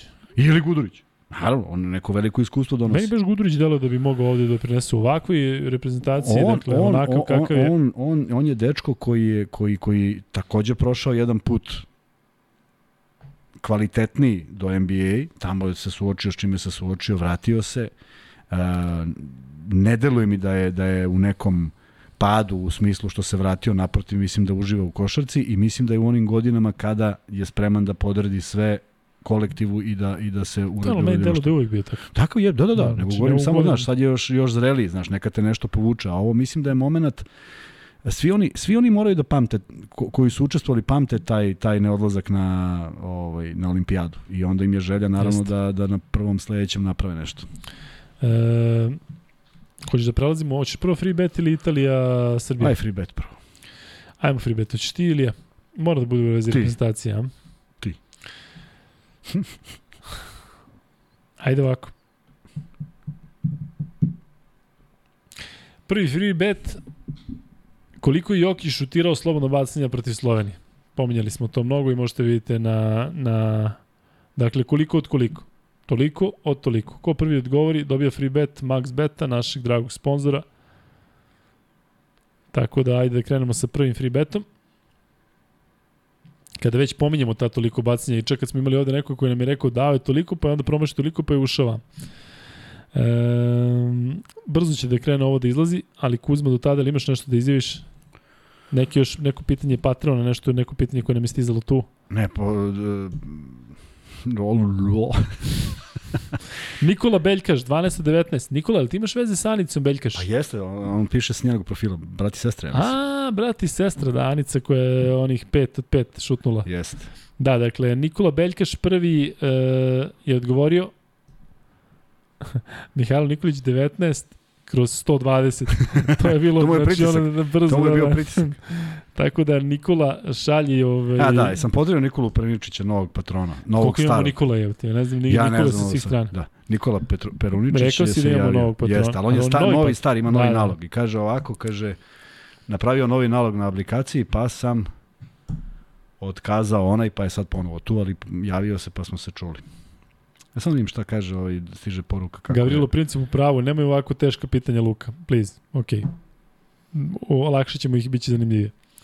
E, šta traješ, šta radiš? Saopštavam mi kako je, kako je, saopštavam mi kako je Kev. Ne, ne, kako je Kev. Dobro, A, dobro, dobro. Da. E, kako stvarno? dobro, dobro. Odlično. Mm. Sad možda traje podcast do 4 jutra. Sad i traje do četiri, sad će trubačije Ekstra. dođu. E, jesi spreman za pitanje? Evo pitate ovde Crni Grobar. Reci Crni mi Grobar pita odmah sve staje. Ajde. Pitanje za Kuzmu. Šta misli ako Bjelica bude spreman za evropsko prvenstvo? Šta se onda menja? Ko ispada od trenutnih igrača? Baš, ne, baš nezgodno pitanje. I nezgodna Jeste, situacija. Jeste i ajde sada, ajde mene, mene, ja, ja slovim za čoveka koji je uvek, iako neko može da potraži te intervjue, još ih ima na internetu, ja sam uvek bio za što, što manji broj NBA igrača. Ne zato što smatram da su to, na kako mogu da A ne smatram... smeš to da kažeš kada je Milo je tu i kada je se, a? Pa ne, vidi, Milo je kad je pričao, to je njegova priča. Ja se sa mnogim stvarima mogu da se složim ili da se ne složim. potpuno To- to drugačija priča tvoja. Pa naravno, tako je. On ima svoje ubeđenje čovjek i ja to poštujem. Šta sam uđem u raspravu, šta ja mislim? Pa nismo Trebalo ovde da došli. bre, da ga Pa to gasim. ćemo reći, zvao sam ga juče odmah i rekao. A, hoću da kažem, nisam bio uvek. Zašto? Zato, samo zato što, ne zato što su to loše igrači, zato što je jako teško prešaltovati se na takmičarsku košarku gde je sve biti ili ne biti. Samo zato. I evo, ja smatram da je Bjelica jedan od naših najuspešnijih igrača u NBA. I to niko ne može da oponira, je tako? I da je ove godine šampion. Evo, nek svako pogleda utakmice Bjelice u, u prethodnom sazivu ka, ni, deluje mi da igra njegova nije dovoljno odgovorna. Jer ako, ovo što sam ti rekao za Ristića, to za mene kad je pogodio dve trojke, to ne za mene nije odgovor. A Bjelica i šutne četiri, četiri sa nekih 7 metara i, i ne dođe nijedna do koša. Ne može to da bude dobro. A neverovatan napor je učinio protiv Belgije. On je stvarno bio svuda i padao i skakao i, i zaista želeo. Ali upravo o tome pričam. Nedostatak minuta i tog, tog razumevanja šta treba da uradi. Sad zamisli pet takvih igrača. Da li, ako imamo razumevanja za Nedovićeve takve šuteve, daj da imamo i za Bjelice. I da se nadamo da će da, da ih pogodi kad bude trebalo. Pa ali, tako. ali vidi, Nedović zaista se ne sjećam da je šutno nekad sa 8 metara četiri puta za redom. Stvarno se ne sjećam. On traži poziciju jer je dovoljno brz i on nađe poziciju. Um, neko će misliti, kažem da nešto imam protiv Bjelice. Imam generalno protiv većeg broja NBA igrača. Ništa više. Samo zato što, samo što sam objasnio da ne objašnjavam ponovo. I neko kaže da nisam normalan, sve je okej. Ali ja volim da, da te utakmice igraju ljudi koji su na to navikli. Samo zato. Evo, evo, evo, evo, evo, evo primjer. Ja sam, ja sam zaista želeo da Bobi ne igra protiv Belgije. I mnogo mi je žao što je igrao protiv Belgije. Da, to smo se svi složili. Nije ličio ni na šta, ne može da liči ni na nešto, zato što ne igra. I svako ko je gledao tu utakmicu, neka se seti Bobija koji više ne zna šta da radi i onda počinje da zida sa penala. Bobi, Što nismo videli nikad. Bobi kojem je Sale Đorđević, kojim je Deo Radonjić pravio tako dobre tajminge akcije da on dobije blok na drugoj strani reketa pa se provuče ispod koša i dobije na korak od koša. I onda vidimo ono, to je njegova igra. Des, na desetine puta. Jel tako? Ili je jedan korak dalje od reketa, pa onda napravi onaj dribling, uskoči u sredinu i bućne je. videli. to je- ona, da. On je protiv Belgije lelujao, čovek ne krivni dužan. On je želeo. A onda još veći paradoks, nema ga ovde u sastavu. Pa nije morao da igra ni to. I mislim da bi taj neki Ristić možda iskoristio to za sebe. Jer on igra loše, uopšte loše igra utakmicu. E to samo govorim. Dakle, dva sveta se susreću. A čekaj, kad kažeš da nisi za NBA igrače, šta da, sa, da se ovo isto dešava prošlog leta? Kada je Gudurić bio u NBA ligi. Jel bi tad rekao pa on ne treba reprezentacija? Bilo bi Bogdan ili Gudurić. Možda. Pa što? Za, za, e, hoću uzmem A Lučića. kad kažeš evo Bogdanović, Hoću- Bogdanović iz NBA ligi, šta je? Nema jednog iz Evrope. Ok, ali Bogdanović je čovjek koji je snajper. I on zato dolazi. I igra, igra u svojoj, u svojoj ekipi, igra tu ulogu. Igra. Igra na terenu. Ne zeva. Igra. Ozbiljnu minutažu. I on što igra, trenira tamo, to će da trenira i u reprezentaciji. I da sipa odakle sipa. A ovde su ipak pojedini igrači imali drugačije uloge. Ni Teo nije imao ulogu fantastičnu u Clippersima, je tako? Nije ni Bobby imao neku bitnu ulogu. Nije ni, ni, ni koliko god e, pričali da je defanzivno bio fenomenalan Bjelica. Slažem se. I mislim da je dao doprinos Golden State-u. Ali nije bio napadački neko od koga zavisi nešto. A sad treba da bude. To je problem. Pa vidiš brdo nekih nerezonskih poteza na terenu. Koje, koje, mu, koje su samo... Po, nije... o- On to radi da bi dao koš na način na koji ne zna, nema, nema sigurnost u igri. Nema ono, znaš, vidio si Jokića šta radi, ba, ba, ba, ba, jer to stalno radi. A zamisli da Jokić sedi celu godinu na klupi. Pa šta će nam? Ma može bude talentom kogo doći. Pa prebio bi ovaj Tobi ne bi znao gde je, jer, jer on to sad zna. Samo zato. Dakle, vrlo prosto. Ko ima minutažu, igra svoju ulogu koju će igrati u reprezentaciji, da. Sam po sebi iz NBA ne mora. Nije nužno da mora. Vraćam se kratko na Sloveniju, ali vidiš kako njih niko ne postavlja pitanje o tim strancima. Randolph osvojili evropsko prvenstvo, Tobi sada došao zamenio, oni bez Tobi je takođe bili dobra ekipa, ali tamo su popunili tamo da im fali, zato što bi ovako Dimec bio prvi centar. Pa iz nužde su to uradili. Pa iz nužda, ali mi imamo isti problem. Ne pa kaže da ne kaže da treba da imamo strance. Pa nemamo isti Pa problem. nemaš pa mi igrača još na. Pa imaš fali ti Milutinov, igrač. imaš Milutinov, Nego isti za centar, Nego za koje? za pleja. Pleja niko nema. I da oni nemaju Dončića, nemaju drugog. Ko je drugi? Ko je tamo drugi play?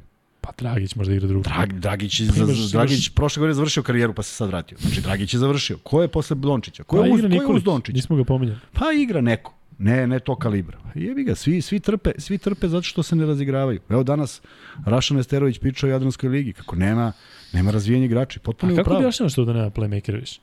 Pa znaju, najduže se čekaju. Kako ga napraviš? Ne daš mu sa 18 da igra, pustiš ga prvi put igra s 23. Dođe prva sezona, on čovjek padne s kruške ti kažeš nema ništa od ovoga. Daj sad ovoga do 18. A nije dobio šansu. Da, mora neko da igra.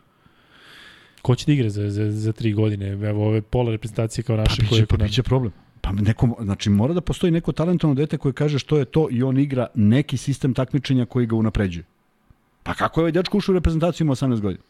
Ali ima, Slovenija recimo ima. Imaju oni neke ove klinci, ima oni Dan Duščak, ima njih, njih nekoliko. Mi nemamo ni to. Pa zašto? Pa to, Ne znam. Pa to je strategija nekako koja ne postoji, šta ti? A onda nema. Da. E, pitanje. Luka, šta mislite o tome da bi Gudurić trebalo da igra u drugoj postavi, gde bi bio glavni igrač kad izađu Jokić, Micić, Kalinić i Lučić? Da, slažem se. Ne bi mi smetalo čak da bude ni u kombinaciji sa njima. Um, ali... Radovan Đogo šalje je novi patron. Hvala Radovane, odmah uživo ti se zahvaljujem. Hvala Radovan i ti ćeš postati besmrtan kada knjiga i ja, kada knjiga i ja napišemo Kuzmu. Kad Kuzma i ja napišemo knjigu. e, I Luka nam je poslao poruku da ne brinemo gledaju. Ko? Tako piše, Luka, pa patron. dobre, Luka, gledaj. Luka što je okačio onaj snimak isto. Da, znam. 628 u live-u, a pričamo samo mi bez gosta, zaista je sjajno. Namo naravno da je to zato što A naš večerašnji gost? Luka Dončić, da. E, da vam kažemo još jednom da ćemo tokom evropskog prvenstva ići svaki dan. To je To, dakle, to obećao Luka, to ja još nisam se Ja ću da dolazim ovde svaki dan, pa sad Kuzma ako bude Ja tu ću se javljati od nekud. A, ne znam još kada, kada se završe utakmice, dakle još uvijek tražimo sponzore za to, ali ako mi Ako, ste među, sponzore, ako među vama ima sponzora, javite se. Da, da, vi se, ako ima nekih direktora marketinga velikih firmi, vi se javite, ali e, trebalo bi da... Ili ako da znate nekoga, to vam je zet, rođak, Nek se javi na Instagram, da, kao ja sam taj gen, gensek, tamo i vam. prihvatamo sve opcije. Da, u svakom slučaju, e, da, bit će i majici, bit će i mnogo, mnogo košarke. E, igramo protiv, protiv Grka, igramo 24. To pada sreda. Mene gledaš? Tebe, tebe. E, znači, u ponedljak najavljamo Grke. Ne znam da li sam tu. Ra, kao što si ti radio bez mene, radit ću ja bez tebe. Opa, idemo kontra. Kuzmi e... Šta? Da, i Vanja, i Vanja, Vanja ide na odmor. Vanja ide na odmor, da znate da Vanja ide na odmor od sada pa do 29. ili tako? Tako da bez Vanje smo tri podcasta, mislim, a? Dva. E, još Kuzma da ode i da se lepo raspričam sa, sa dresovima da se raspričam. Ne, ali znaš šta je bilo dobro? Kad ostane tako jedan, ne bi znala smeniti, samo da rokaš sa ovim našim carevima koji su u live. pa zna, ali vidi, šajbu vidi pitanje, ljudi, ljudi moraju da razumiju, ti si navikao gledaš u kameru, ja, ja tek posle pola sata shvatim da ono snima direktno u mene. I sve gledam sebe u TV. Ali, ovaj, ali mislim da nije bilo toliko strašno ovaj, ova dva puta što sam bio bez tebe. Što si me ostavio na cedilu. Što ti neću zaboraviti. Pa pazi, po gledanosti se ispade je strašno. Pobeda. Pobeda. Se. kad ostaneš sam, zvaću sve ove naše patrone da niko ne gleda. Srbi vole košarku i da pobeđuju. Hvala vam što postojite, Luka i Kuzma. Saša, hvala tebi puno na na jako lepim rečima. E, ajde neki drugi. I ovo što Čuki Čiči Čuka, Čuki Čiča. Čuki Čiča što kaže, ljudi stvarno lajkujte. Dakle, lepo čovjek kaže, imamo 225 lajkova, a 625 u live. Dakle, kad ste već tu... Ajmo vi koji naknadno 626 da gledate, napravimo veliku misteriju. Ajde da dođemo do 500 lajkova, budite cari, samo kliknite na like. Dakle, rekli smo vam da to nama ne znači toliko sad mi da se s nekim poredimo ili da je to neki prestiž, nego jednostavno ovaj podcast koji očigledno svi zajedno volimo, može da dođe do većih broja ljudi, a mislim da širimo pravu priču, tako da rokajte. Kaže Alan Iverson, dajte free bet pa da igramo na Izgibu. Srbiju. Dajte, Pa da igramo na dajte Srbiju, izgibu. Da. Daj drugi free bet. Um, te, Ćeš Vanju da pitamo, da Vanja pita na draftu 2006. koliko je bilo igrača koji su Ko je doktor reprezentacije Srbije? U košarci. trenutni. Trenutni, da. Ko je sa ekipom trenutno, a naš je bivši gost? Hoćeš da ti kažem koliko će da bude promašenih odgovora? Zato što će ljudi... Ratko Varda, Ratko Da, Varda. da. dakle, ko je doktor reprezentacije Srbije, koji je bio i ranije, bio je naš gost u, ja mislim, 10. ili 11. podcastu. Svećaš kad sam morao da pobegnem, zašto sam radio neki meč, ko zna Kad sam ostao sam, to je prvi put da sam ostao sam, to ti da. neću I to je zaboraviti. podcast koji treba 30 minuta. E, pita Denis Smith koliko najviše utakmica smemo da izgubimo u kvalifikacijama da možemo da se kvalifikujemo. Ne možemo to da znamo. Ja mislim da je jedna...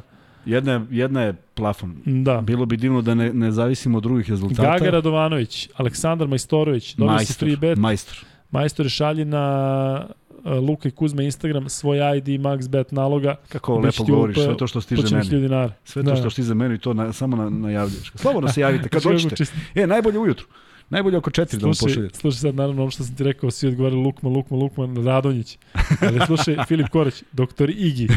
dobro, dobro. Ne, doktor Igi, da. Vidio sam ga pre neki dan, živi tamo dole na Banom brdu, u, ajde ne kažem koja je uloga. I izgleda isto kao što je izgledao kao kad je bio popularan. Može li Aramaz odigrati 15 do 20 minuta u jakoj utakmici? Može sigurno, može sigurno, može defanzivno. I on je što povređen, ne znam više šta s tim povredama. Pa jeste, pa naporne su sezone. A vidio, znači Aramaz onda mora da bude neko ko ima drugačiju ulogu, on mora da bude neko ko će da pravi igru za nekoga. Ajde, jedan da kažemo Jokić i mora da postoji još jedan dole s polja. Čuo. Čujem. Vi ste kao Ovo što Batman... sam rekao, ti ništa. Jel? Ma, zato što je ovaj, ovaj A toliko komentar... je bilo duboko, Čuo sam te s polja, bilo može da duboko. igra, sve okej. To mi je najbolja misla večer. E, vi ste kao Batman i Robin, Pisaće u knjizi ovoj misli. vi ste kao Batman i Robin, samo ne znam ko je Batman. Ne znam ko je Batman. Da. I kako izgledam čovjek. Kitan. Kitan ti je Batman. Pa svi su Michael bili Keaton. prosedi, bre. Ko je bio Kako bilo ljubičast? bili Ko je svi bio, bre, plavi, narandžasti, plavi bre? svi bili. Ko je bio prosed? Aj, Pa je je bio, je bio, je bio ovaj? Pa ovaj odmah posle njega. ne, ne. Jasno. Pa je George Clooney. Sve plavi. Per, jel plavi, svi svetli. Pa jel, kako zove onaj, Billy Crystalov, onaj, nije Billy Crystal, kako zove? Michael Keaton. Billy Crystal nije sigurno Ma- bio Batman. Znači, Je- Jeste jednom u mom snu. Billy Crystal bio Batman, čuo, pa je, mam, baci mamu iz voza, tu je bio Batman. E, Ljubomire, nešto Ljubomire kažu, emisije kod Tegelti i Željka Pantića su na drugim kanalima za Lutosi. Luka, ispravi se za utakmicu Srbije i Grčke 25. je. Pa do 25. šta sam rekao? Da, da, izvini, molim te, da, je 25. nego ne, nismo sigurni za onu drugu. A, ajde, 25 i 28. Čuki Čiča, uh, je 20, ne, još uvijek nisam siguran da li on 28 ili 29. 25 i 28. 28, da. Dobro. E, Tako su bar meni javili. i sad ovo, Delboy i Rodni. Tu se bar zna ko je Delboy, a ko je Rodni. Da. ja ne mogu da budem Delboy nikako. E, Bobby Belly, ne mogu da se povrede, da se porede. Bobby maše Baškirima u NBA već tri sezone, Belly ne. Drugu ni ne sjećam se kada je igrao za repku, mora Belly da se obuzda i limitira na ulogu i bit će super. E, to slažem Ja se slažem. Slažem Evo, se, ja da, se da, slažem. isto. Ne, ne, samo da ne preuzme ulogu vođe. Eto, to je to. Podredi se kolektivu i uradi najkonkretnije i najkorektnije što može. Milo je dao jednu dobru viziju, Šta je rekao? pa znaš da je rekao da može da igra da, da bi njega stavio na peticu. Ja ne mislim tako, ali on, on to gleda iz potpuno druge vizure. Kažem šta je dao, ali apsolutno on i Jokić. Šta da Bjelica igra na pet, A Jokić ne na četiri.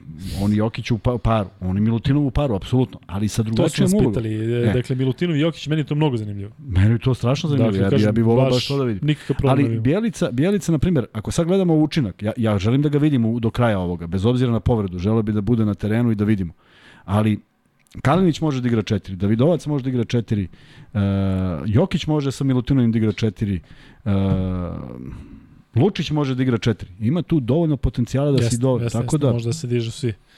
E, drugari, ajde sada vi nama po, pomozite malo, pošto ćemo raditi svaki dan tokom Evropskog prvenstva, iako se Kuzma tome protivi, ali radit ćemo, ajde pomozite nam, e, evo sad, apropo ovoga što si ti postavio, čekaj da im desi, što si rekao da bi bilo dobro da dovodimo Vladu Đurovića, da on priča i tu da oko reprezentacije. Koga mislite da bi bio dobar gost u periodu tokom reprezentacije? Da li biste možda ili više volili neke stare legende, neke koji su igrali kod Karija, možda neko od naših kolega. Dakle, dajte predloge za goste u ovom našem specijalu koji će trajati svakodnevno uh, tokom evropskog prvenstva. ja da se zahvalim Marku Simiću koji mi je poslao poruku da Žiga sama ima 21, a ne 18 godina.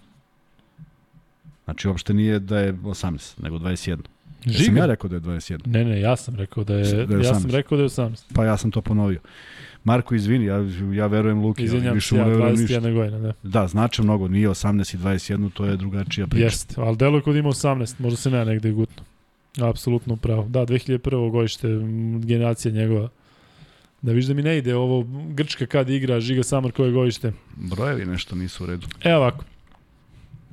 Kažu Vlade Đurović, Edin Avdić, Marko Simonović, Miće Berić, Vlade Đurović, Mani Selaček, Oliver Popović, Selaček, Pa čekaj bre, bili su sve ti ljudi. jo. Gurović, Darko Plavšić, Gagija Koljović, Sedlaček Đurović, Darko Plavšić opet, Vlade Jovanović, Vlade definitivno, Teodosić, jedno ime, Dejan Anđus, Tegija, Đurović nikako, pa je sad kontra.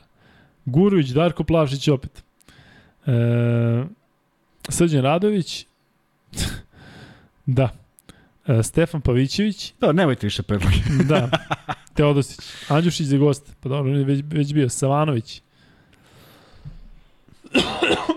Teo i Simonović, Edin Avdić. Da, ne vjerujem da će dolaziti igrači iskreno koji su bili u nekoj varijanti sada.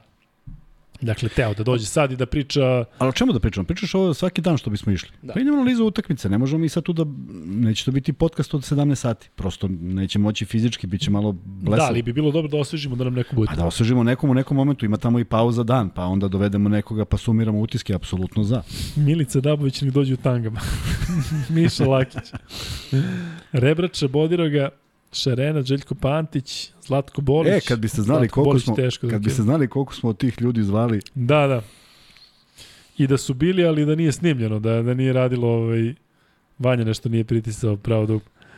Nikola Lončar, Michael Jordan, Raduljica, Šarenac, Pera Božić, stvarno ima dobrih, ovaj, Paspalj, Mira Radošević. neće, mnogi ljudi, neki ne žele da, Da, se, ne, ne, neki žele da sad, dođu. jako je nezgodni, oni da. su u jako nezgodnoj poziciji da dođu sad i da pričaju. Dakle, može Vlada Đurić da dođe da priča, znači sad Vlada Đurićevske priče koje su vrlo interesantne, ja ih poštujem, ali malo ko ima taj tu težinu da može da dođe i sada da govori šta i kako, ali bi kaže bilo interesantno da najavljamo utakmice, da razumeš da pričamo sad naredni protivnik nam je ne znam Finska, daj nekoga ko poznaje Finsku. To mi priča. Znam, ali vidi, mi ćemo imati podcast u 11 uveče. Koga da to navataš u 11 da dođe da kaže?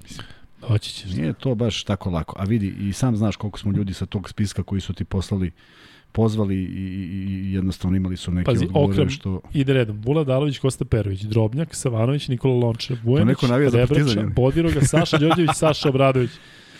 Pa čekajte, jeste Saša Saša Obradovića... Saša Đorđević dođe da priča o reprezentaciji Znači, koja vodi je, sve. da. Ali bilo bi, bilo bi vrlo korisno. Ima, Moka, ima, kažem, ima ljudi... Kecman. Pa Beberić je bio. Mike James. Jo, Mike Ilić. James. E, sad Pa već... bilo dobro da vedemo Majka Jamesa da ga pitamo kao ti, jel misliš da bi Milutinov i Jokić mogli da igraju zajedno? Pa ne bi bilo Pa uopšte mi da bi nas oduševio, mi rekao pa čekaj, možda bi mogli, ali E, Ne morate više predlogi. šta fali, evo sad opet okrem Ili- ponovno. Ide dalje. Da vidjet ćemo, zaista JC ćemo se Carroll, potruditi, ali, ali da ne mislite da ne mislimo o tome, prosto nekad se desi da ne može, a nekad se desi da gost ne želi iz bilo kojih razloga i zaista mi nemamo, nemamo da ne mislite da imamo neki stav da nas je neko odbio pa se mi sad tu nešto durimo. Ljudi su dali neka obrazloženja koja mi poštujemo i ako bude bilo prilike pozvaćemo ih ponovo. Danas mi je neko pisao ne više setim ko, ali razmenili smo nekoliko poruka, pitao me za Grušanović. Sećaš se kad smo pričali i kad smo ga pozvali i ispalo je da ćemo morati mi u Šabac, ali to ne možemo da organizujemo tako što je Da, Luka ovde. Ne, ne možemo baš da odemo kad nam padne na pamet. Evo, pazi, stižu predlozi i dalje. Ja mislim, a pazi, ako, ako dobijemo, je, znaš, Vanja, što se dešava? Pa šta ti je čovjek? E, al, ako algoritam nešto meri, e, koliko dobijemo neki komentara, mislim da će ovo biti način emisije, dakle, ne može da... Šta? Da, da, ono je bilo kidding. 652 imamo sada u ovom. Kokoško, šta je sa Kokoškovim, e, Kuzma? Zvao si ga, ne odazio se? Nisam ga zvao, nisam ga zvao od, od, od tada kad smo prestali da se čujemo. Da, od, od kad si ga posljednji put zvao kada Da, nije ovaj... Da, od kad sam ga posljednji put zvao više ga ne zove. Luka pita i Kuzmu za komentar u utakmici. Iz početka? Premo, Ovdje ne, premotaj. daj samo, Samo premotaj. znam da ti postavljaš normalna pitanja oko komentar utakmice K. Šta je? Pa ne znam, vjerojatno je negde Kadeta? stav. E, pa da, bravo. Moguće da je to. Kadeta? Da, da. A, kad se samo setim koliko sam bio u svemu tome i koliko sam se nervirao zbog tih utakmica, kad vidiš dečicu od 16 godina pred kojima je neki veliki pritisak, a oni nisu selekcija nekih velikih talenata i jadni moraju nešto da rade da bi, da bi opravdali nečije očekivanja. Dakle, ja ne znam u kom su sastavu oni otišli, niti ja sudim o toj deci, niti znam da li su otišli najbolji, prosto izgubio sam fokus. Ne postoji ni jedna vest o, tom, o tome da ti saznaš ko je, da li je otišao, da li su svi otišli, kako su se spremali, gde su se spremali. Ajde da verujemo da je sve to proteklo kako treba. I onda se desi jedno ovako takmičenje gde izgubiš 21 razlike vojstva protiv Hrvatske, onda sve krene nizbrdo i onda nikako da se izvadiš i onda dođe Izrael koji ja mislim da igra sa 12 igrača koji će sledeće godine prestati da igraju, ali u ovom trenutku dominanti pobeđuju. pobeđuju i mi se sad borimo za opstanak. Opet se borimo za opstanak u kadetskoj reprezentaciji. E sad, uh, ovo ću reći sa punom odgovornošću, ako neko želi da proveri a, može da proveri sa Igorom Rakočevićem, sa Gordanom Todorovićem, sa Aleksandrom Smiljanićem, može da proveri sa svim selektorima koji su prešli, prošli 15. 16. i 17. i odgovorno tvrdim da se ispadanja Srbije, reprezentacije Srbije ne bi dešavalo. Znači, postavili smo neke, neke, ako ne mogu kažem temelja, zašto bi trebalo da su odavno postavljeni, ali postavili smo neka pravila preko kojih nismo prelazili. I uopšte nas nije zanimalo koji igrač gde igra, niti smo nekoga zvali da bi ga zvali i molili da dođe, niti smo zvali trenere koji su imali neke svoje uslove, niti smo bilo šta uradili što nije bilo u interesu tih klinaca i saveza. Da li je to posle toga tako, ja ne mogu da kažem, samo kažem da se ne bi desilo jer su neka pravila bila postavljena, vrlo sam ponosan na njih. Naravno da pričam sa ove distance kada se to nikad nije objavljivalo i kada sam negde kroz medije pro, ono, otprilike prošao kao je, samo ovaj da ode i svanuće nam, evo, svanulo je baš žestoko. Kaže da zovemo Nešu Ilića tokom evropskog prvenstva. Možemo, Pa, možemo, na neš, Viber. Možemo na Viber da. Da. da ga pozovemo ili da se direktno uključi sa klupe, što ne bi njemu Dakle. verovatno teško palo. Mislim da bi imali kadar iz prvog, iz prvog reda. Znaš koje smo imali sve pre, predloge? Zovite Sarapu, zovite Jovanu Jeremić. Sjećaš kad smo se setili da zovemo Nešu Ilića? Sjećaš tog blama? Dobro, Ajde sad ga ispričamo. ajde. I? Pa negde nam je palo na pamet da zovemo Nešu Ilića. I ja i ti znamo da je Zvezda otputovala u Kazanj, na primjer. I ja zovem Nešu i ne Da, da, jeste, ono bio I on se javlja i kaže, da. molim Kuzma, ja kažem, je, gde si Nešo? Pa evo me u Kazanju. A ja izgovoram, pa, dobro, samo sam teo da da li bi ikada došao kod nas u podcast, a, a mi palo na pamet danas da te zovem. Mislim da je još uvijek u zabezeku što sam ga zvao. Slušaj, evo, popi neku vodu Luka ako ti se štuca, sad da vidimo ko je Batman, a ko je Robin. Kaže, Luka počeo da štuca kad je čuo za Dabovićku u tangama. Da, ta, to me baš gurnulo. Pitaju gde je nestao Darko Plavšić. Darko u Americi i e, vidjet ćemo da li će se vratiti, neće. ne znam. Darko je u Americi i nadamo se da će se vratiti možda ne na početak Euroligi, ali u nekom momentu do kraja ove godine. Luka pita Kuzma za komentar utakmice Makabi Haifa, Zvezda, mala analiza. Mala analiza. Uh, mislim da su olako primili dva gola. 2-1 posle prilično dobrog perioda igre.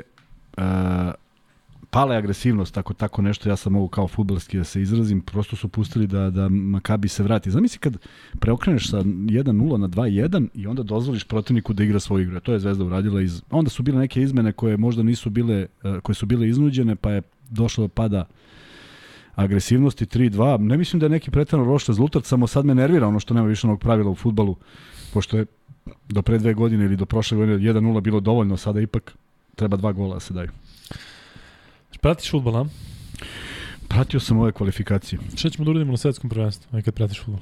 Mm, Znaš kim smo u grupi? kako da znam. Kameru, Brazil, Švajcarska. Da, imamo dobar, do, dobre protivnike, adekvatne. A, vidi, e, Nemamo o- odbranu i gol. Da ti kažem jednu stvar. E, pokazali, smo, protivnike. pokazali smo da smo stvarno prošli ove kvalifikacije onako, onako ako svi želimo da mi igramo futbol. I uvek sam za to. Daj da igramo futbol samo da ne, ne igramo nešto bez veze što, što ne liči ni na šta. I po prvi put, posle dugog niga, niza godina smo igrali nešto. I ja bih voleo s tim mentalitetom da odemo. Pazi ti sad koje ti imaš igrače tu Vlahovića i Mitrovića i ljude koji su postigli Tadića, Kostića. 400 golova su postigli zajedno u, u pa čekaj na, ajde, ajde malo da se da se da se da se da igramo napadački da ne moramo da se zatvorimo da ne moramo da igramo bunker Pixi mi deluje kao čovjek koji to neće igrati i zaista želim da gledam lep fudbal na na na ovome na svetskom prvenstvu E, mnogo dobra, dobre ideje za, za goste. da čujem čim se smeješ Sudija Ljuca. Pa znam, Rakac je dobra ideja. Jović je dobra ideja koju je napisao. Dakle, Jović bi, baš mislim da bi momak mogao da lepo, lepe stvari ispriča. Prvo da nam kaže gde je on, šta je sa njim. Muta Nikolić, Dule Vujošević, e, Željko Mitrović, Mile Ilić, e, Luka, ko će prenositi Partizan u Euroligi? Marko Vlahović ili ti? E, ne znam. Svi me pitaju, dakle ne mogu da objasnim koliko ljudi me pita ko će da prenosi Partizan, da li ću prenositi ja Partizan, ali mislim da neću, iskreno ti kažem. Volao bih, ali mislim da neću. Doduše, jako je teško ući u, u... Srki Radović to radi, ja mislim, 10 godina. I ljudi su jednostavno navikli na njega i on to radi jako dobro, tako da je vrlo nezahvalna pozicija. Ali jeste definitivno, definitivno veliki izazov, ali zato znamo ko će prenositi zvezdu. Ja ću prenositi Zvezdu i Partizan samo da im reakciju kako će to izgleda Da li, a zvezdu ćeš da prenosiš kao stručni konsultant, a partizan samo ti prenosiš, samo si ti u kabinu. samo ja pa da nema šta će mi neko Mm. Ovaj, opet da podsjetimo gledalce koji su možda ranije nisu pratili toliko košarku, ja sam Da- da počeo, lajkuju. ja sam počeo, ne da lajkuju, ja sam počeo da, da radim Partizan, Dobro je bilo da postimo gledalci da koji nisu lajkuju, pratili koji nisu. Da, pratili košarku da lajkuju. Da. Ovaj, radio sam Partizan i zaista se sećam tog prvog pitanja na, na, na sport klubu kada sam sedeo sa Ilijom Kovačićem i Srkijem Radovićem i sa direktorom Nemanjom. Kad su me pitali, jel bi smeo ti dođeš u pionir? Ja kažem, zašto da ne smem? Pazi, ali ja uopšte nisam pratio jedno vreme i zaista ne znam da postoji bilo kakav problem. I stvarno sam ušao u pionir. I pošto dugo nisam bio u javnosti, niko nije znao u kom, u kom svojstvu, svojstvu dolazim. I zaista je bilo čudno. Svi te gledaju, niko ništa nije prokomentarisao. Nisam dobio ni jednu jedinu uvredu, samo su bili zbunjeni otkud ja. I onda kako su prošla ta dva, tri meča, e onda je počelo onako stidljivo. Prođem pa neko dobaci i kaže palac gore ili tako nešto. Vrlo fini ljudi. Dakle, ne sad ostrašćenost, ja bio nekad u Zvezdi pa ne mogu da pričam nešto normalno o Partizanu. I čak mislim da je Partizan tako jako dobro igrao te godine i da su bile vrlo interesantne utakmice. To je 2014. na 15. Da, ja mislim da sam odgovorio zato što svi pritate šta je sa Srđanom Radovićem, da ne pričamo, da ne tračimo, ali odgovorio sam malo pre kada ste pitali ko će prenositi, da li će se prenositi Partizan, tako da, da. E, Kuzma prenosi Partizan, a Miće Berić Zvezdu. Da, to će biti. To je bilo dobro. A slušaj samo e, predlog za gosta. Mihajlo Gru, Grušanović. Pa sad smo rekli. Čekaj, A. pusti me da završim ljudi. Izvini, izvini. Znaš ko kaže?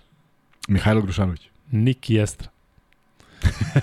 Jestra, jesi to ti? Ako si, ako si ti, daj, pošalji nam, pošalji nam dokaz da si Da, ti. da, javi Pošalji mi, pošalji mi da sada ti- na, na Viber mi pošalji. Da.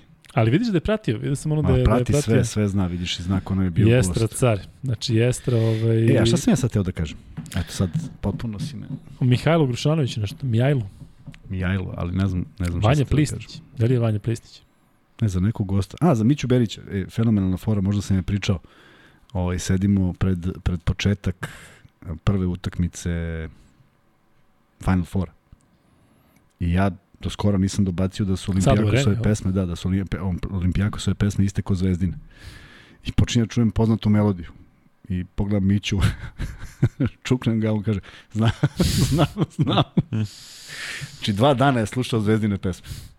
Veljko Tončić kaže da gost bude Coka Cokče. Coka Cokče je jedan od mojih najboljih drugara i Coka Cokče je postao otac drugi put, dobio sina Dušana pre dve nedelje i eto, sad možete i vi da čestitate, ali ja sam mu naravno čestitao, šta više videli smo se, Svi da mu, če, svi da mu čestite. svi da čestitate Coki Cokčetu koji je car. Ali lično. E, u svakom slučaju, Lukal bi došao na podcast Lab 76 kao komentator Naskara.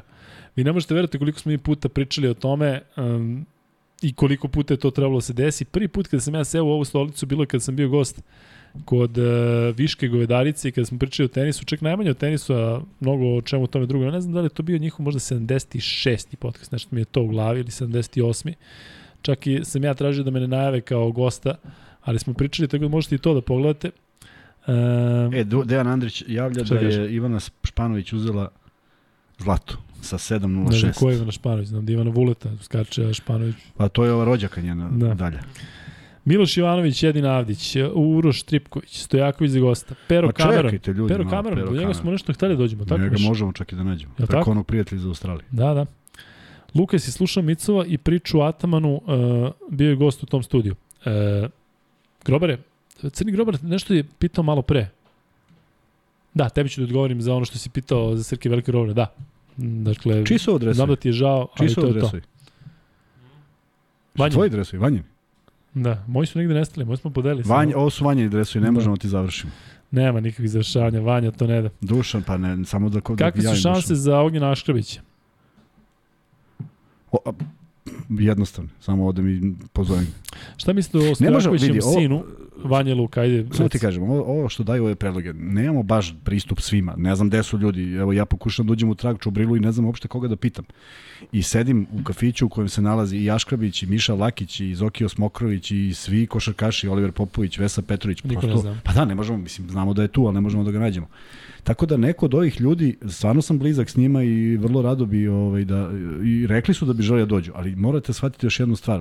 Jako je teško to u, kompin, u, u, Jeste, mora mnogo stvari da se... Mora se poklope neke stvari i evo sad, sad zaista smo, ja, Luka i ja smo sebično želeli da budemo sada baš da pričamo o ome na ovaj način. Zato što ovde omogućuje da svi oni postave svoje pitanje. Da je gost ovde, onda pričamo s gostom i potrošimo 3 sata, nema pitanja. Dakle, hteli smo baš ovu temu da ne bude sa gostom. A da. imali smo dva gosta u posljednja dva, Jeste. ovaj, pa malo šarm. Luka, nisi mi odgovorio na Lab 76 podcast, da, verovatno bi došao, ali pre svega kao komentator NASCAR, zato što to se razumemo u ovo što Srki i Paja rade tu, ne znam kako da, šta da pričam sa njima. Dakle, to je kao da dođe neko od njih da priča sa nama o košarci. Dakle, ne podcenjam nikoga, ali kažem, nije, nije realno da ja sa njima pričam o nečemu gde znam 2%, oni znaju 112%. Što se tiče NASCAR-a, tu sam uvijek raspoložen, ali mislim da NASCAR nije toliko popularan i da bi čak ljudi manje gledali taj Lab 76 kada bi se pričalo o NASCAR-u, ne znam, dva sata. E, pitao me neko za četvrtu Beogradsku gimnaziju Vukadžić. 82. sam godište, išao sam u četvrtu baš zbog te 99. kada sam u trećoj godini bio, kad sam dobio te slabe ocene u martu, nisam mogao da idem na neke koleđe zato što sam imao baš slabe ocene, a tamo postoje neki propisi, ali vidim da si htio da me pitaš nešto konkretno, tako da slobodno. Ima pitati jedan za Stepu Stepanović ovde. Šta pita? Za Stepu Slušaj, javlja, javlja Jovan Vuković, kaže ovako, kaže, pita, da li je realno da Zvezdina trojka bude u 12 na evropskom? Trojka, pretpostavljam, Kalinić, Dobrić, Dovidovac. Da možda ne misli trojka Nedović. na poziciji. Možda misli kao ko? Zvezdina Nedović. trojka. Ko? Dobrić. Pa ja mislim na njih trojicu. A ko još, ko još ima i Zvezda? Pa nabrao se Nedović, sve. Dobrić su sada u Zvezdi. Da. I nema više niko. I ima Kalinić, Davidovac. Petrušev možda mislim. Petrušev, tako je, pa vidiš, zato te pitam. E, onda nije realno. Nije realno da se no, nisam, nisam bude. siguran da na to mislim. Pa jeste na to misli Zvezdina trojka u 12 na evropskom, da li je realno? Pita čovjek. Ovo je Jovan Vuković, čovjek se razume u to. Zovite Jorović Branka za primer. E, Marina Maljković, Vlada Novaković. A, ja ček, bih slušao Vlada Novakovića kako analizira košarku. Čekaj, gledaju... Radili smo, izvini, ja, ja i Vlada Novaković smo radili zajedno. Moj prvi tandemski prenos je bio sa Vladom Novakovićem američka ženska košarkaška reprezentacija, čak je bila neka prijateljska. Tako da Vlada radio, ne, radili smo i Vlada All Star, bre. NBA All Star smo radili ja i Vlada Novaković zajedno pre tri godine, od J. Cole kad je nešto uletao. Šta je, šta, šta, šta, šta nešto ti stao. e, Crni grobar, e, kaže, Luka, si slušao Micova i priču Atamanu, bio je gost u tom studiju. Gledaj, ja imam jedan, jedan problem, ajde tako da kažem, i to recimo radim, ja ne mogu Kuzmu da slušam kada komentariše nešto. Ne samo Kuzmu, već kolege koje, koje su, s kojima sam blizak, ali ne čak ni oni s kojima sam blizak, već jednostavno koje znam na sport klubu. Plašim se da ću recimo da čujem nešto što su oni rekli, pa da ću da to upotrebim u prenosu. Ili da ću recimo da, da, da mi to nešto izmeni, zato ne slušam ništa šta, šta pričaju kolege komentatori, isto važi i za kolege, kolege podcastere. Dakle, ja verujem da Mile to radi jako dobro i ide mu jako dobro i mnogo spremnije ušao u celu priču u smislu tehnički, vidiš, on je, on je to mm, pripremljen je ušao i Kuzma nismo znali šta je podcast, nismo znali šta je like, šta, je, šta znači, da nismo znali dosta tih nekih osnovnih stvari, kao aj sedemo, mikrofon sedemo i pričamo o košaci. Ali ne, ne gledam, nažalost, njegove podcaste, baš zato što se plašim da bi mogao da, da je sad mi to izmeni neko moje mišljenje. Dakle, nemam ništa protiv šta više, pošto je maksimalno, ali recimo ja to e, ne mogu da, da kažem, znam mi sada da dođe Micov kod nas i ja pitam Micova nešto što ga on pitao. A znao sam da ga pitao. Bolje mi ovako da ne znam šta ga pitao, pa sad pričam i našu priču, ja sam miran pred sobom. Isto tako recimo da nečujem neki možda izraz, posebno kod kolega koji rade druge sportove, koji rade tenis, koji se mnogo bolje razumeju u tenis, dakle Viško i Govedarica, kod kojih sam ovde gostovao. Sad ja čujem neki njihov uh, udarac, ne znam, nešto što nisam ranije znao da se tako zove, i sad kao ja to upotrebim da bi unapredio svoje komentarisanje u prenosu. Ne kažem da tako treba, ali ovaj, jednostavno kažem, ja ti prepričamo ukratko šta je rekao. Šta šta? Da ti prepričamo ukratko šta je rekao. Uh, Micov za Atamana? Da. Šta? Da je sve treninge skoro vodio pomoćni trener dok je ovaj bio na telefonu i raspravljao se sa navijačima preko to socijalnih... To bi se na Galatasaraj, tako? Da, da. Nema gde drugde. Da, da. A da ne vjerujem da sad tako može u Efesu, znaš. Ma dobro, Galata je tad igrao Euroligu, uopšte Da je bio če, valjda često išao i da prosto nije bio tu u, u, sa ekipom, nego išao negde pa se vrati dan, dva pred utakmicu, da je neki fazon. Da, da, da, čuo sam ja da, da su nešto začuđeni njegovim načinjem, načinom kako vodi, ali pitaju nas za Peđinog sina. Ajde sva trojica, ti znaš Stojakovićev sin, što sad bira A, koleđ. Pa nije, nije još na koleđ. Da li nešto ima silne, neki ima šest Pa, ponuda, kad nešto dugo pa... bude došao na koleđ pa ću ga prati. Ne, ne, ne, ne, ne pratim srednjoškolski igrače, A stvarno kako ti ne. se čini ovako, si video od njegove... Vidio sam par snimaka, ali mnogo njih izgleda super u srednjoj školi. Jest, da, se Stvarno je pre, mislim, ono kad dođeš do treće, četvrte godine srednje, jači si, više si od većine, bolje si atleta, ali tek kad dođeš na koleđ to može lepo da se proceni. Tako isto i za ovog malo Lebronovog Bronija, mislim. Ono Da. da. kucanje je bilo bolesno, da se razumemo, stvarno. Kako zove mlađi? Bryce? Price izveć izgleda Da. isti Lebron. Šta? Ne sviđate se što pričam ovdje. Vuk Radivojević za gosta, to je zanimljivo. E, Zovite jedna zastrašujuća stvar. Sećaš Tonija Gičevskog? Kako se nećemo? Hoćemo ga zovem? Ne. Što? Pa kako da ga nađemo? Pa ne možemo da nađemo baš svakog.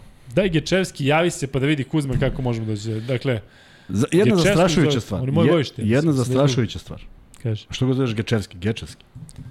Jedna zastrašujuća stvar. Pa zato što ga Makedoni zovu Gečevski, ja onda bi ja kažem- bio Spasovski. Ja kažem, slušaj, ja kažem, Darko Plavšić nam se vraća, bla, bla, i meni izađe na Instagramu da Darko Plavšić koristi taj profil.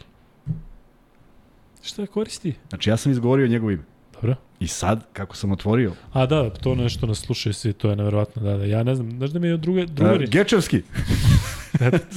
izađe broj rodno. Slušaj bre, drugar i ja pričam i on kaže baš bih Nemoj da me plašiš. baš bih volao te slušalice da imam kao kao tvoje sve. I reklama izlazi. reklama kao da. da. te slušalice možete Strašno, vidjeti. strašno. Pero Antić, da, to je zanimljivo. Samadžijski, Samadžijski je mnogo dobro momak. E, znaš kad se čova ljuti na mene pre 15 godina, kada je bis- izašao neki tekst u danasu gde je pisalo kao stranci Samadžijski, on zove, pa kako Samadžijski? Pa on je naše deta, on to bio reprezentativac Makedonije. Moram sam da se pravdam ovaj, priča tad. Vuk Adžić kaže, ja sam išao 86. godištu prirodni smer, ali išao sam u dru- u društvenom smenu, dosta mojih drugara, isto kao i ti od trećeg razreda su otišli na koleđ, Ne, ja sam otišao sa treće godine e, četvrte e, gimnazije, treću sam završio i onda sam otišao u Švedsku i četvrtu sam išao vanredno. U Švedskoj sam igrao, Zalvik 08, ali sam igrao za neki njihov manji tim, odnosno drugi tim.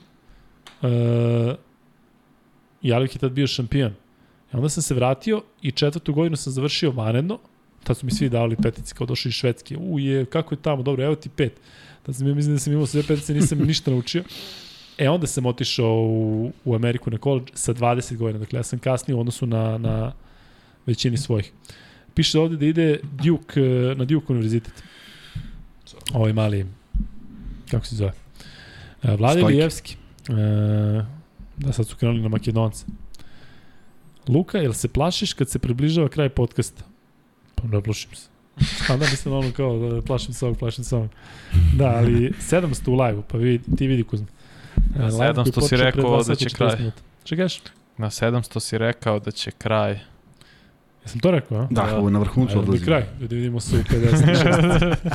e, imamo još... Imate e, još jedno free bet. Imamo free bet i imamo da najavimo Italiju. Si gledao Italiju protiv Španije? Ne. Ja mislim da nisam imao da gledaš. To je jedino dok sam na moru tražim streamove da vidim kako igraju Italiju i Nije, ne može sve da se prati baš.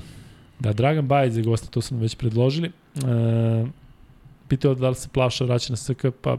Ne, ne, izgoram više njegovo ime da, da, uopšte. Ko zna šta će se Da, desiti da na izađe telefonu. on, da izađe on u live. I uđe ovde. Da. Uđe Plavšić. E, zovite Ducija Simonović, pa teško je, mislim da ćemo da krenemo u neku priču Da, koja nema veze sa da ne, bi, ne bi to baš Uz bilo. dužno poštovanje, to je ono, e, drugačiji je koncept onoga o čemu mi pričamo i o čemu on trenutno priča.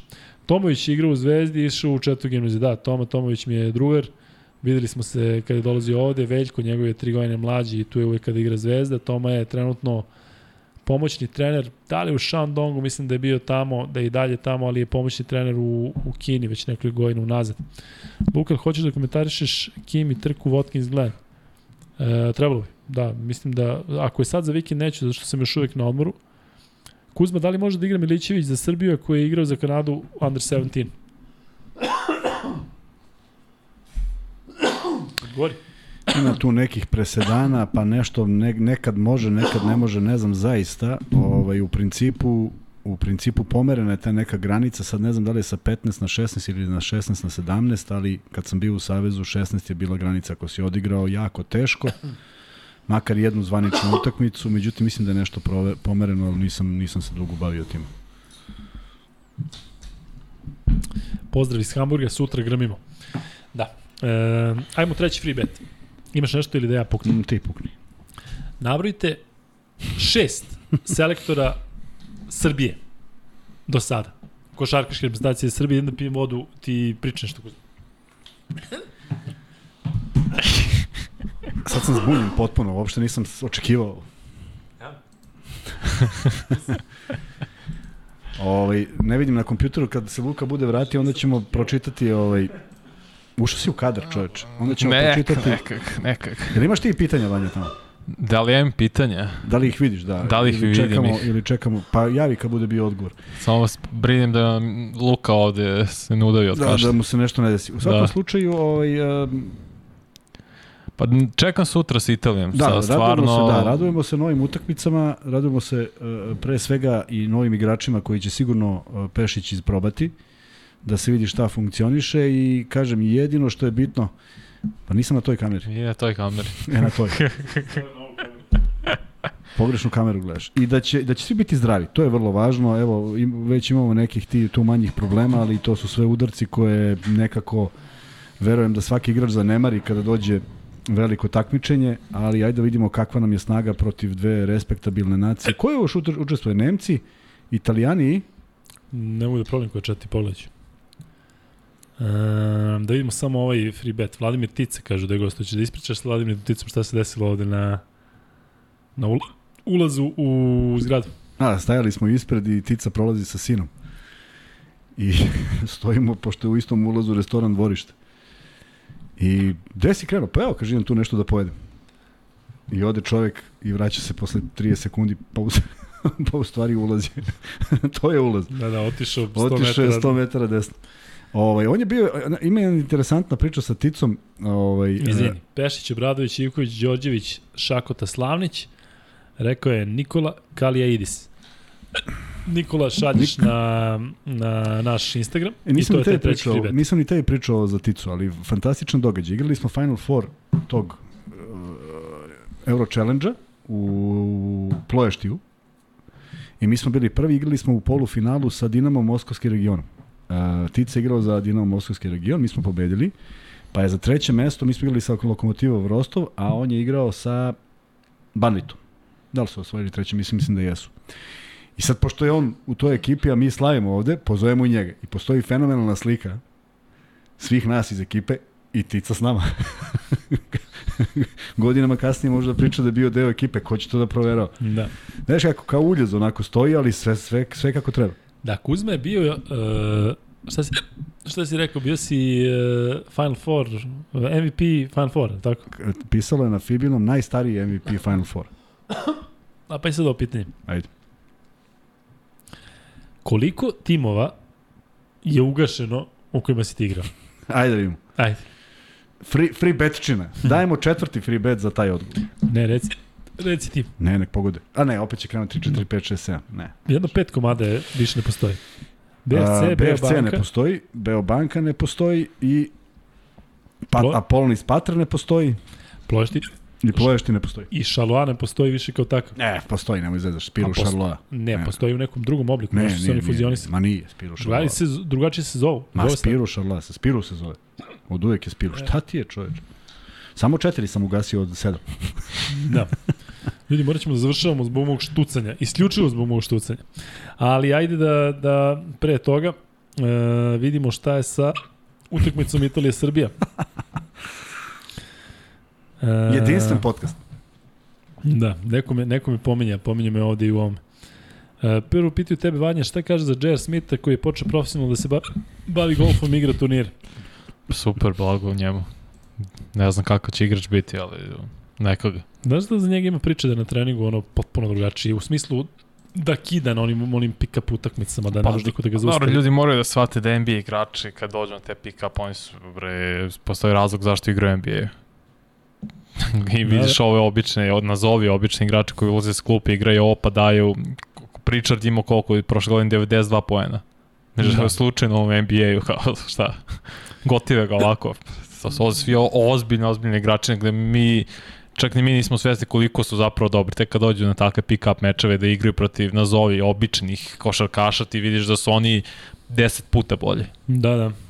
A ima jedan lik koji je rekao, kaže, kada ono, kad se pojavio LeBron James u dru, dru ligi, pa je bio u fazonu kao, čekaj, pa što, kao, zašto bi meni to bilo interesantno da igra protiv nekih levih igrača, kad razumeš da gledam za mesec dana protiv najboljih na svetu. Znaš, zašto toliki hype kada on dolazi sa, tu da igra sa nekim monomomcima koje, koje nikad niko nije čuo. Uh, ele, kaže... E, samo još jednu stvar izvini, sam... Pro... Aha. Rekao je neko, Luka, pogrešno ti je pitanje bilo Milan Buković u smislu da... Uh, Da, nisi lepo izrazio da li misliš na Srbija, Srbija kao da, da. država da, ili Srbija kao kroz istoriju. sam u tom trenutku, ali ajde. Uh, Kuzma, kolike su stvarno šanse da dovedemo Milenka, Milenka Topića? Mi možemo ga dovedemo, nego da li želi da napravi od ovoga emisiju koju ćemo da slušamo šta priča gost. Samo je to problem. Željko Čirković kaže, Luka, reci Kuzmi da te uplaši. Kuzma sad sam planirao, majke, teo sam da reknem sada, ali ne znam da li kako bi se čuo. da nam se smanje ovde broj ovih. A slušajte, kaže Dejan Andrić, kaže, mene najviše u ovoj reprezentaciji plaši odbrana. Ako se sećate u jednom momentu, ima poentu. Ako se sećate u jednom momentu, su na terenu bili Dobrić, Kalinić, Davidovac, Micić i Jokić. I stizali smo rezultat. I jeste to bila dosta dobra defanzivna, ovaj, a i to su igrači koji se poznaju, bar trojica od njih, tako da je malo lakše u komunikaciji svakako. A inače pozdravljamo, pozdravljamo Ćirka, e, za one koji ne znaju, Željko Ćirković je moj dragi prijatelj i reprezentativac košar, košarke u kolicima, član Singidunum Crvene zvezde, upravo rade nove dresove. Pa eto, još jedna stvar koju, naročito navijači zvezde mogu da, da pomognu, bit će tih dresova, pa ako se ovaj pojavi mogućnost da se da se da da neko kupi taj dres, vrlo rado će vam momci momci izaći u susret i time malo poboljšati svoju situaciju s obzirom da taj sport jeste najatraktivniji, ali u našem društvu ima problema i to i, i tekako i to vidimo kroz činjenicu da redko viđate osobe sa invaliditetom u kolicima jer prosto nemaju pristupačnost nigde.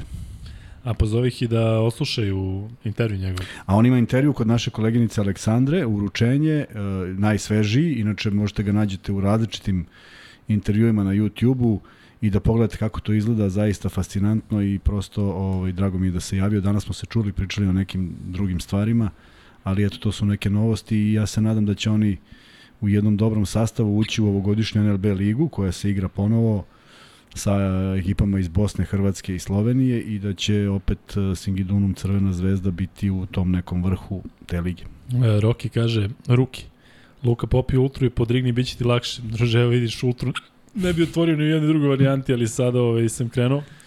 Um, čekaj, bilo još nešto. Da, eto vam jedan odličan predlog za gosta. Nikola Otašević je odličan i zanimljiv dečko, skoro dobio čerku. Pričao sam sa jednim dečkom pred dva, dva dana o Nikoli Otaševiću. I ovaj, da, on je 82. godište, Užičanin. Mm, ne znam da li bih se setio ikada ponovo, da ga nisam pomenuo, tako da još jedan interesantan predlog, pa i se dobro. Postao sam ozbiljan fan, posle 1500 km vožnje, seo sam vas da gledam. Hvala Borise, samo spavaj. Gde, gde vože Boris 1500 km? Da, išao je... Čoveč. Pa možda negde i nazad. da, da. Da. E, Jel pada zbog tvog štucenja? Jel 100? Ma si lud, 800. 800? Da, Moj ajde Bože. samo Kuzma lagano to Italije što si već komentarisao dok ja nisam bio tu, ali ovaj, oni su igli protiv Francuza, dve utakmice za redom, jednu izgubili u produžetku, nekom nevratnom produžetku, nešto nije bio koš posljednje dva minuta. Ne znam shvati ljudi ozbiljno kada ovako što Ja mislim, ja stvarno. Isto mislim. Ali slušaj, uh, ekipa Fontecchio, Meli, Polonara, Spisu, Tonut. Ne zvuči nešto opasno, opasno ali ovaj, nema Menjona, nema... U stvari, tu je, bre. Da tome je tu, Menjon tu, Delavale tu, Galinari tu. Svi su tu. Ozbiljno hmm? deluje. Da.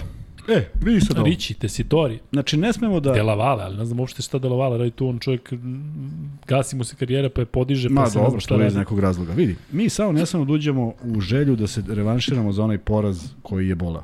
Znači, nije to treba sad trenutno primarna stvar, iako treba da imamo motiv da pobedimo i da to bude jedan od razloga. Ali prevashodno treba da se vodi računa o tome šta se igra, način na koji se igra i da se ispuni to što Pešić traži. Dakle, ovo nije jedna utakmica koja ima neku pretaranu važnost, ali je važno odigrati je najbolje moguće i pobediti je po mogućstvu, jer već mora da se stvara taj neki pobednički niz.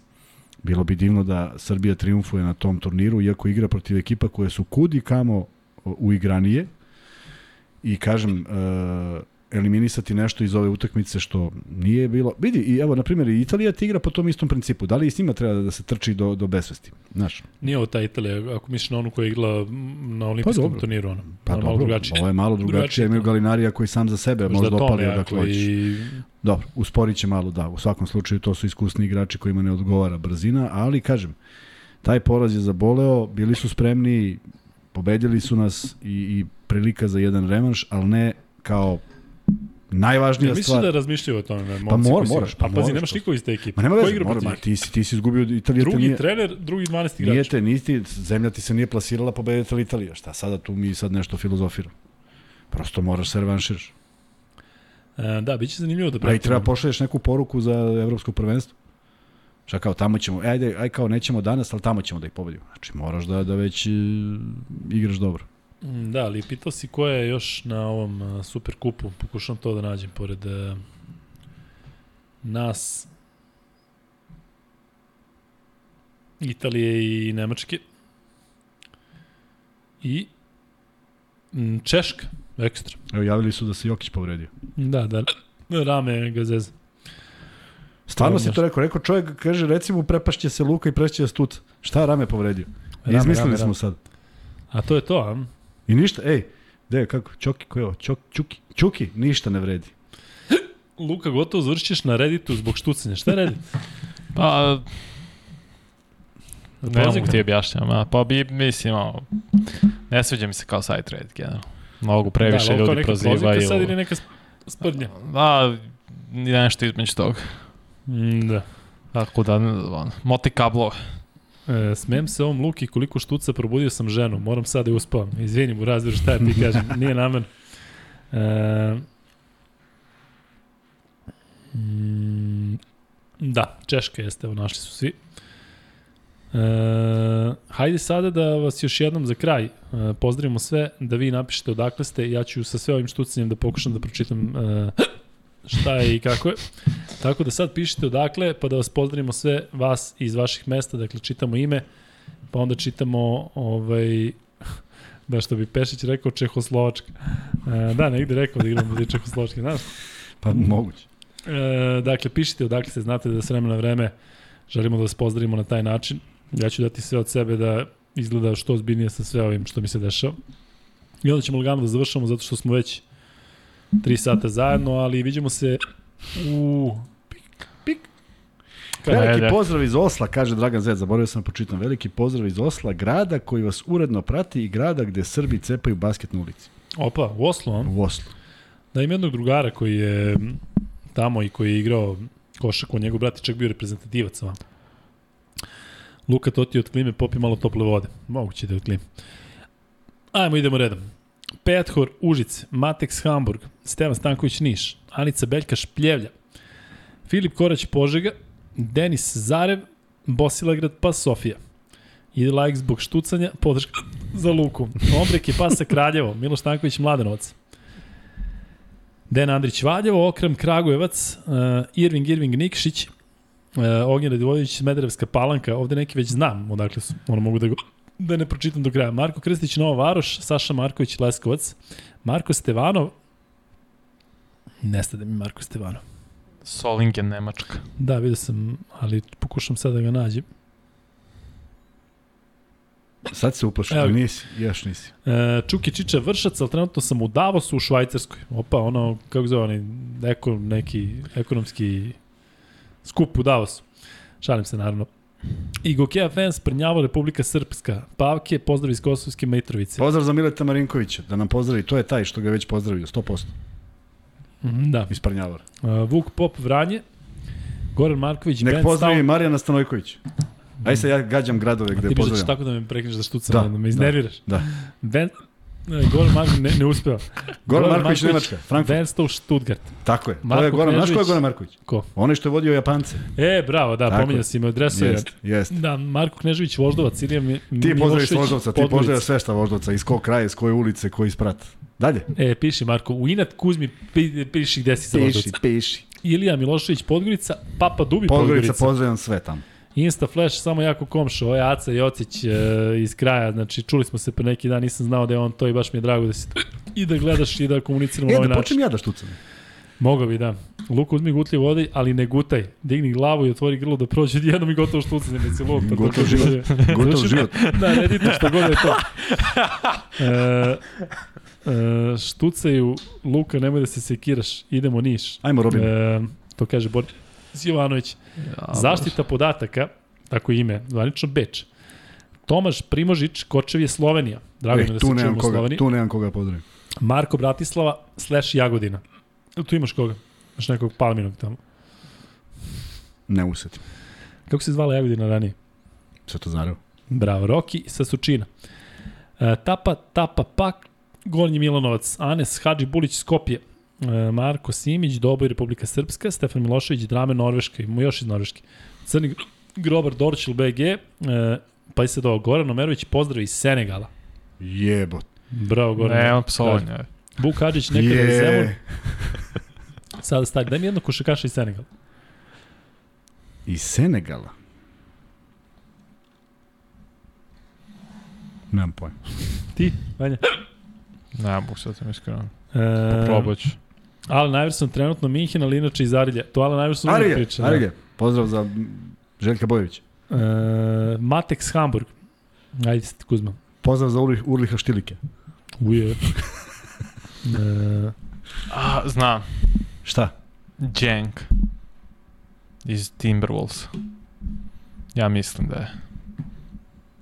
Ja rekao nešto ozbiljno. Ko? George Jank. Đorđi Đek, pa nije on u Timberwolvesima već dugo. Bre. Pa igraju. A mislim Da. da, je on i Senegal. Igra je, jeste, jeste moguće. Ma ima bre igrača koliko hoćeš. Lol Deng, je- a ne, on je Nije, ko- nije, ko on ovaj, Britanac. da li je poreklom ovo sad što vodi ova, mm, poseban onaj Kongo šta li je. E, idemo dalje. Koliko ovog ima Kuzma, bolje da odeš kući pa, Pa mislim svi da je vreme. E, četiri sata. E, Bojan Mirlo Šid, Nikola Beljkaš, Paspaljev rodni grad. Viš, Anice i Nikola Beljkaš izgleda da gledaju odvojeno. Znaš, Anica pošlje, pošlje pa Nikola pošlje. Sigurno da su brati i sestre? Ne. Što onda praviš pametnju? Mogu kažem šta hoću. Jesi, to isto. Milan Bukvić, Kari se juče za... Da, da. Ivan Istovski Skoplje, uh, Ducić, Jovan Bileća. Ajde da je neko iz Bileća. Bogdan Mirković, Talin. Uh, da, uh, moj drugar Snake je dugo živao u Talinu. Nemanja Dimitrijević, Smederevska palanka, Uroš Perović, Subotica, Mr. Jerry Podgorica. Baš se gledamo u Podgorici. To je vjerojatno zbog tebe. Znaš da sam pričao danas uh, o tebi i tvojim danima u... Kome si pričao? E, pa priča mi čovjek, kaže, koliko je bilo teško tada kada su bili Radonjić, Pajević i Vukčević, da dođe neki crnogorac sa strane i da se nametne tu. I da za, zato Šćipanović mora da bude ekstra, ekstra klasa Tako je. iz Kolašina pa da bude ovo. Mislim je. čemu sam pričao danas dole. Milan Cvetković, idemo Niš. Uh, Uroš Perović, Subotica. Nemanja Dimitrijević, Smederevska palanka. Samo ti kažem šta nam kaže ovaj šta nam kaže šta nam kaže Izvini, Teškikato, Šikači, Tešika Džigato, Šikači Čehoslovačka. A, izvini, molim te, malo pre si imao neko dobro pitanje, sve video sam pa sam propustio, ali sam zapamtio po ovome da je bilo dobro, ili neki komentar. Ivan Đoković, Šilik, Nemačka, Nikola Ivanović, Stepa Stepanović, Voždovac. A to je naš Nikola Ivanović. Pa da On je iz, iz Stepa Stepanović. Pa da. On je komšija. pa da Kakav car, ja sam mislio da smo dalje, viš koliko smo blizi. Aj reci. E, da, imamo, e, po YouTube nam kaže da nas 64,9% gleda u Srbiji, 7,2% u Bosni, 6,3 u Crnoj Gori, 2,8 u Nemačkoj i 2,6 u Hrvatskoj. I što je interesantno, ima posle po gradovima. Koliko ima pregleda iz svakog grada, da. Me ze, zezaš. Da, zezam te. ne bi li prestao da štucaš. A, samo ne možeš se vidi na telefonu nego na, na, na kompjuteru. Da, kupit ćemo kompjuter, šta ima. A imaš tu. E, Ali neću ti dam, neću ti dam password. Dimitrije, Ajmo polako. To je polako, pa moram sad da ih čitam sve. Kako je polako. Pa kako da ih ima 900? Pa čitat ćemo. Čitat ćemo. Pa nego šta ćemo, nego ćemo da čitamo, ne nego ću da im kažem da, da Do, ovaj, gde ćeš? Polako. Pa ide. E, e, ode, ode Kuzma. Hoćeš da uđeš u kadar ti meni ko što sam ja tebi. Neć, ho, hoće da ide. E, ja sad sam izgubio, ne znam ko je bio poslednji. Nemoj, ne, da mi zamerite ako neko propustim. Dimitri Milovanović Poževac, Miles Poštar, Kuzmo Delio, teška, ha, ha, ha. E, Reggie Miller Skoplje, e, Zoran Mihović Tivat. Zorane, prijatelju moj. Šta radiš, ne? Ne, može to. I sad misliš da će... Ajde, verši, misli se da će sada... Nema, nema Koji toga, nema promovisanja nekog ko nije platio. Klanjam. E, ja, nažalost, sve vaše emisije vraćam posle na TV-u da gledam. Nemam vremena uveče, ove sreće da ne radim sutra, pa ne mogu da ostavim celu noć. Kaže Okram. Da, javlja se Okram, danas vidim da si bio aktivan u, u ovom čatu. E,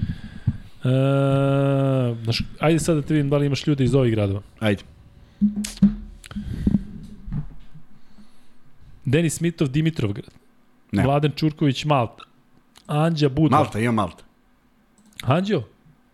Koji deo bude? To sam, malo pre sam bio dole, tako da on. Almir Slaković, Bar.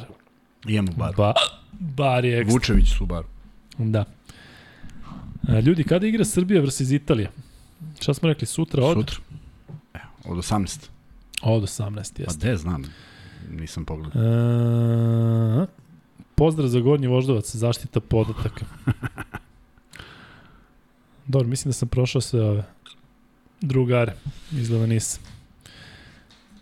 Uje, analitičar mlaćenja prazne slame Hamburg. Tako je ime, analitičar mlaćenja prazne slame. Stefan Drobnjak Prijepolje, Milan Vukadin Tomislavgrad BiH, Janković Pevkohori Grčka, Janković koji je car koji je na moru i sluša nas. Vukašin Raditić Hamburg. Znaš koliko ima ljudi iz Hamburga, čovječ? Hm? Znam. Znaš koji igrač juče koji je igrao za Sloveniju igrao u Hamburgu? Ne. Ovo što, što sam rekao da ima 18 godina, ima 21. Žiga. Žiga. Dobro, Žigo. Mislim za, zaista da je vreme. Ajde, Žigo. Dobro, e, drugari, hvala vam puno. Izvinite što sam štucao šta radim. Ne mogu da, ovaj, vidite da ne mogu da prestanem. Sad, vjerojatno će, kad, prest, kad prekinemo podcast, vjerojatno će momentalno da... Vidjet ćemo za ponedjeljak da li, da li, da li možemo da nađemo nekog interesantnog, sa- svakako možemo da nađemo interesantnog sagovornika, to bez daljnjeg. Nego naćemo samo nekoga sa da Grčkom bude- da povežemo, zašto ćemo ne vidjeti da... Pa da, to, smo, to je neko dao predlog. I pa Ja da se izvinjam, ja se izvinjam ko, ali neko je rekao da bi mogli nekoga, mada ja ne znam, ne, Stojaković. pa šta Stojaković, miš da prati reprezentaciju Grčke. Znaš, ne treba nam neko ko je A gde igraju? U Beogradu. u, šta u Beogradu? Janis Lagan. Dolazi, ja? U Beogradu igri? Pa nego da igri. Pa u Nemačkoj, ja mislim. Srbija i Grčka igri u Nemačkoj. A, Srbija i Grčka. Ma pričam bez ove utakmice koje su sad super kup. Ma bre, to Italija, pa onda ova, kako zove, Češka ili Nemačka. Nemačka. Mislim, to je To, to manje će biti. biti za vikend, to ću kažem. Pa da li, u ponedjeljak ćemo da najavljamo Grčku koja se igra u četvrtak. Dobro, vidjet ću. Čekaj bre, ako mi igramo, kad mi igramo, uh, mi 24. 25. igramo protiv Grke. Pa da. Pa to nam je četvrtak, nam je podcast. U četvr... četvrtak igramo sa Grcima, a mi radimo U podcast. koliko sati? Pa to je najbitnija informacija ikada u, u trenutku. Pa možete da gledate utakmicu i da radite podcast. Ma, miš da će nas gleda neko. Pa Hoće, komentarišite ono što vidite, što zašto ne bi radili. A što, otko znaš da neću ja da komentarišem Grčku na sport klubu? Opa! Pa ne znam se, ali, ali ako niko od vas ne komentariše, zašto ne biste to radili? Uključite ovde na TV-u i komentarišete meč. Šta Miško uzma? To Igra je- su u 8 si. Pa dobro, pa.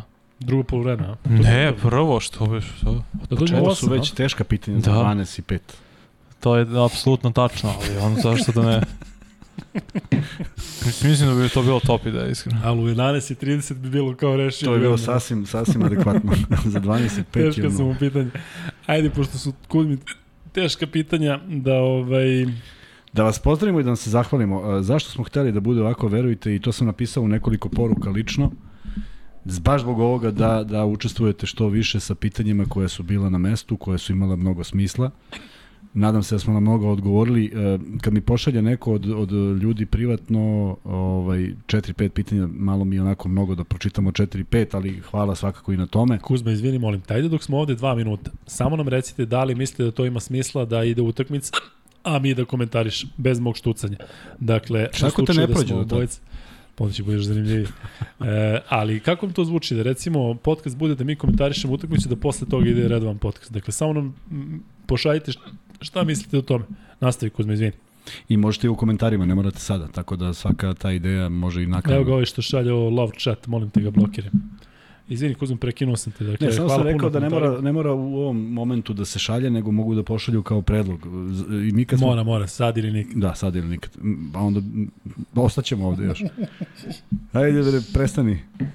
U svakom slučaju, da, mi smo negde svojevremeno pričali o tome da gledamo utakmicu da komentarišemo, nama se to učinilo ovo što je Vanja rekao kao pristojna ideja, ali ajde vidimo da li, da li možemo to da izvedemo baš tada i da, da li stvarno pada. Ti znaš da si brko nešto datume 24. 25. Sad nisam više ni siguran kad. Ne, definitivno igramo u četvrtak protiv Grčke, mi tada imamo podcast. Pa eto, odlično.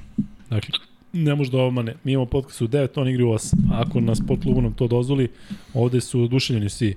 Dakle, da, da, da, jedan kaže sve jedno, nemam sport klub. To bi bio pun bogodak, odlična ideja. Ne bre, mešate koncept, kaže Goran Ma Ne, Marković. nije do koncepta, to se radi jednom, ne radi se stalno, mislim, ovo je idealna Šta prilika. ako nam se dopadne? Tako je. Da, Vanja, ali mi to možemo bez tebe. Pa možete, što ne bi mogu, samo Da. uključite TV ovde. Pa ćemo Koji vratiti da TV? uključimo TV, a? Koji. TV? Pa ovaj, Ovo je TV ovde. I ne vidimo sami sebe, pa to će nas Da. pa gledajte tamo, na drugom TV-u. E, Ne, uključi onaj tamo da ja vidim, a Luka nek pogađa. da. Dobro. Pogledajte gamerske podcastere, to stalno radi. I Baka Pras je, mislim da to stalno radi. Pa to baš gledam često.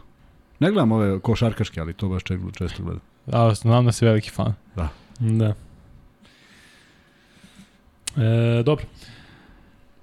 E, to je to. Ajde da, da završavamo zaista. Dakle, ovo je bilo 55-ica. Hvala vam što ste nam pomogli. Nisam čak ni ušao da vidim ko je sve nosio broj 55-a. Podsjetili ste nas da su tu bili Jason Williams, da je bilo tu još neki vrlo interesantnih igrača. U svakom slučaju, hvala vam. Zaista je bila neverovatna gledanost što smo očekivali posle meča Srbije i Slovenije. Nadam se da smo malo um, uspeli da vas vratimo u taj meč i vidim da smo se i usukobili u nekim mišljenjima i da ste i Kuzmi nešto prebacivali, posebno meni koji sam To ću ja sad da izgledam, da iščitam sve. se iščita, iščita slobodno, da, nisu se, nisu se, stalno ti prebacio ono Odobrić, Davidovac, da forsiraš te Nedović i Da, ostalo. da.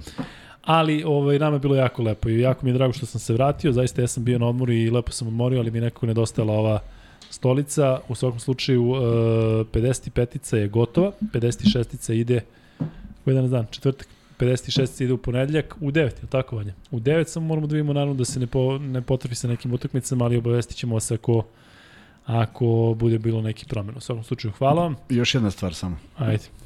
Pa da ja posle opet od- odredim ovo. Ne, ovo si sve, sve si, Da. tamo si prestao što utraš. Zato što Kaže, se- kaže Lazar Ćujić, dva, stra, dva sata Lukinog straha uživo.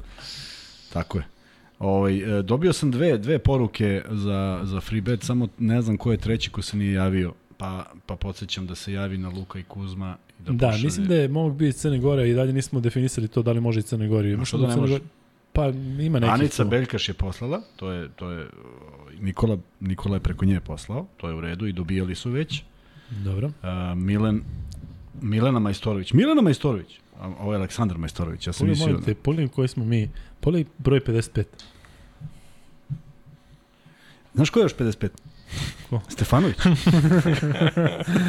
ne, ali slušaj, propustimo da je dečko popisao za Kolosos. Da, da, da. Potpuni moroni. Ali Hvala ti sve. Irving Irving što nas podsjećaš da, da šta, šta stoji za nas. Da. Mi smo nekad zapeli, zapeli bi oko 12. Da, treba da okreneš sad Sašu Stefanovića da vidimo da li je potpisao za Kolos uživo. Ne, da vidimo da li je gledao, da mu kažemo da nema Da, da, ništa da. interesantno u ovoj emisiji. Tako je. U svakom slučaju, da nek se javi taj treći koji, je, ovaj, koji nije poslao, ima vremena, ja to sutra šaljem i e, bilo je malo bilo je malo nekih ovaj samo jedne nedelje je bilo neko odlaganje zašto su ljudi vjerojatno bili na odmoru ali ovi momci sa Max Beta Marko to radi ekspresno i ja kako pošaljem sutradan u nekom momentu on to Ma ne, bre, Max Bet je stvarno preozbiljna firma. Dakle, govorimo sada ipak o kladionici koja se izdvaja u moru. Ti kladionice se zaista izdvajaju. To ne govorim zato što su zaista izašli nama u susret i zato što su za jedan sekund e, smo našli zajednički jezik šta mi radimo sa tim što oni radi što smo se uklopili i zaista se nadam da će nam biti, još jednom ako kažem zaista, nokautira me život. Pa Bar nešto što se više. Ovaj, I zaista, e, mislim da će ovo biti dugoročna saradnja, zašto je zadovoljstvo ovo raditi, a mislim da njima, da mnogo znači ovim našima Ja verujem. što ubacujemo to, tako, Tako da, je. eto. E, može li za Crnu Goru, pita Beljkaš. Pa pi, može, ne, pa pita da, Ilija on kaže. Milošević za Beljkaš.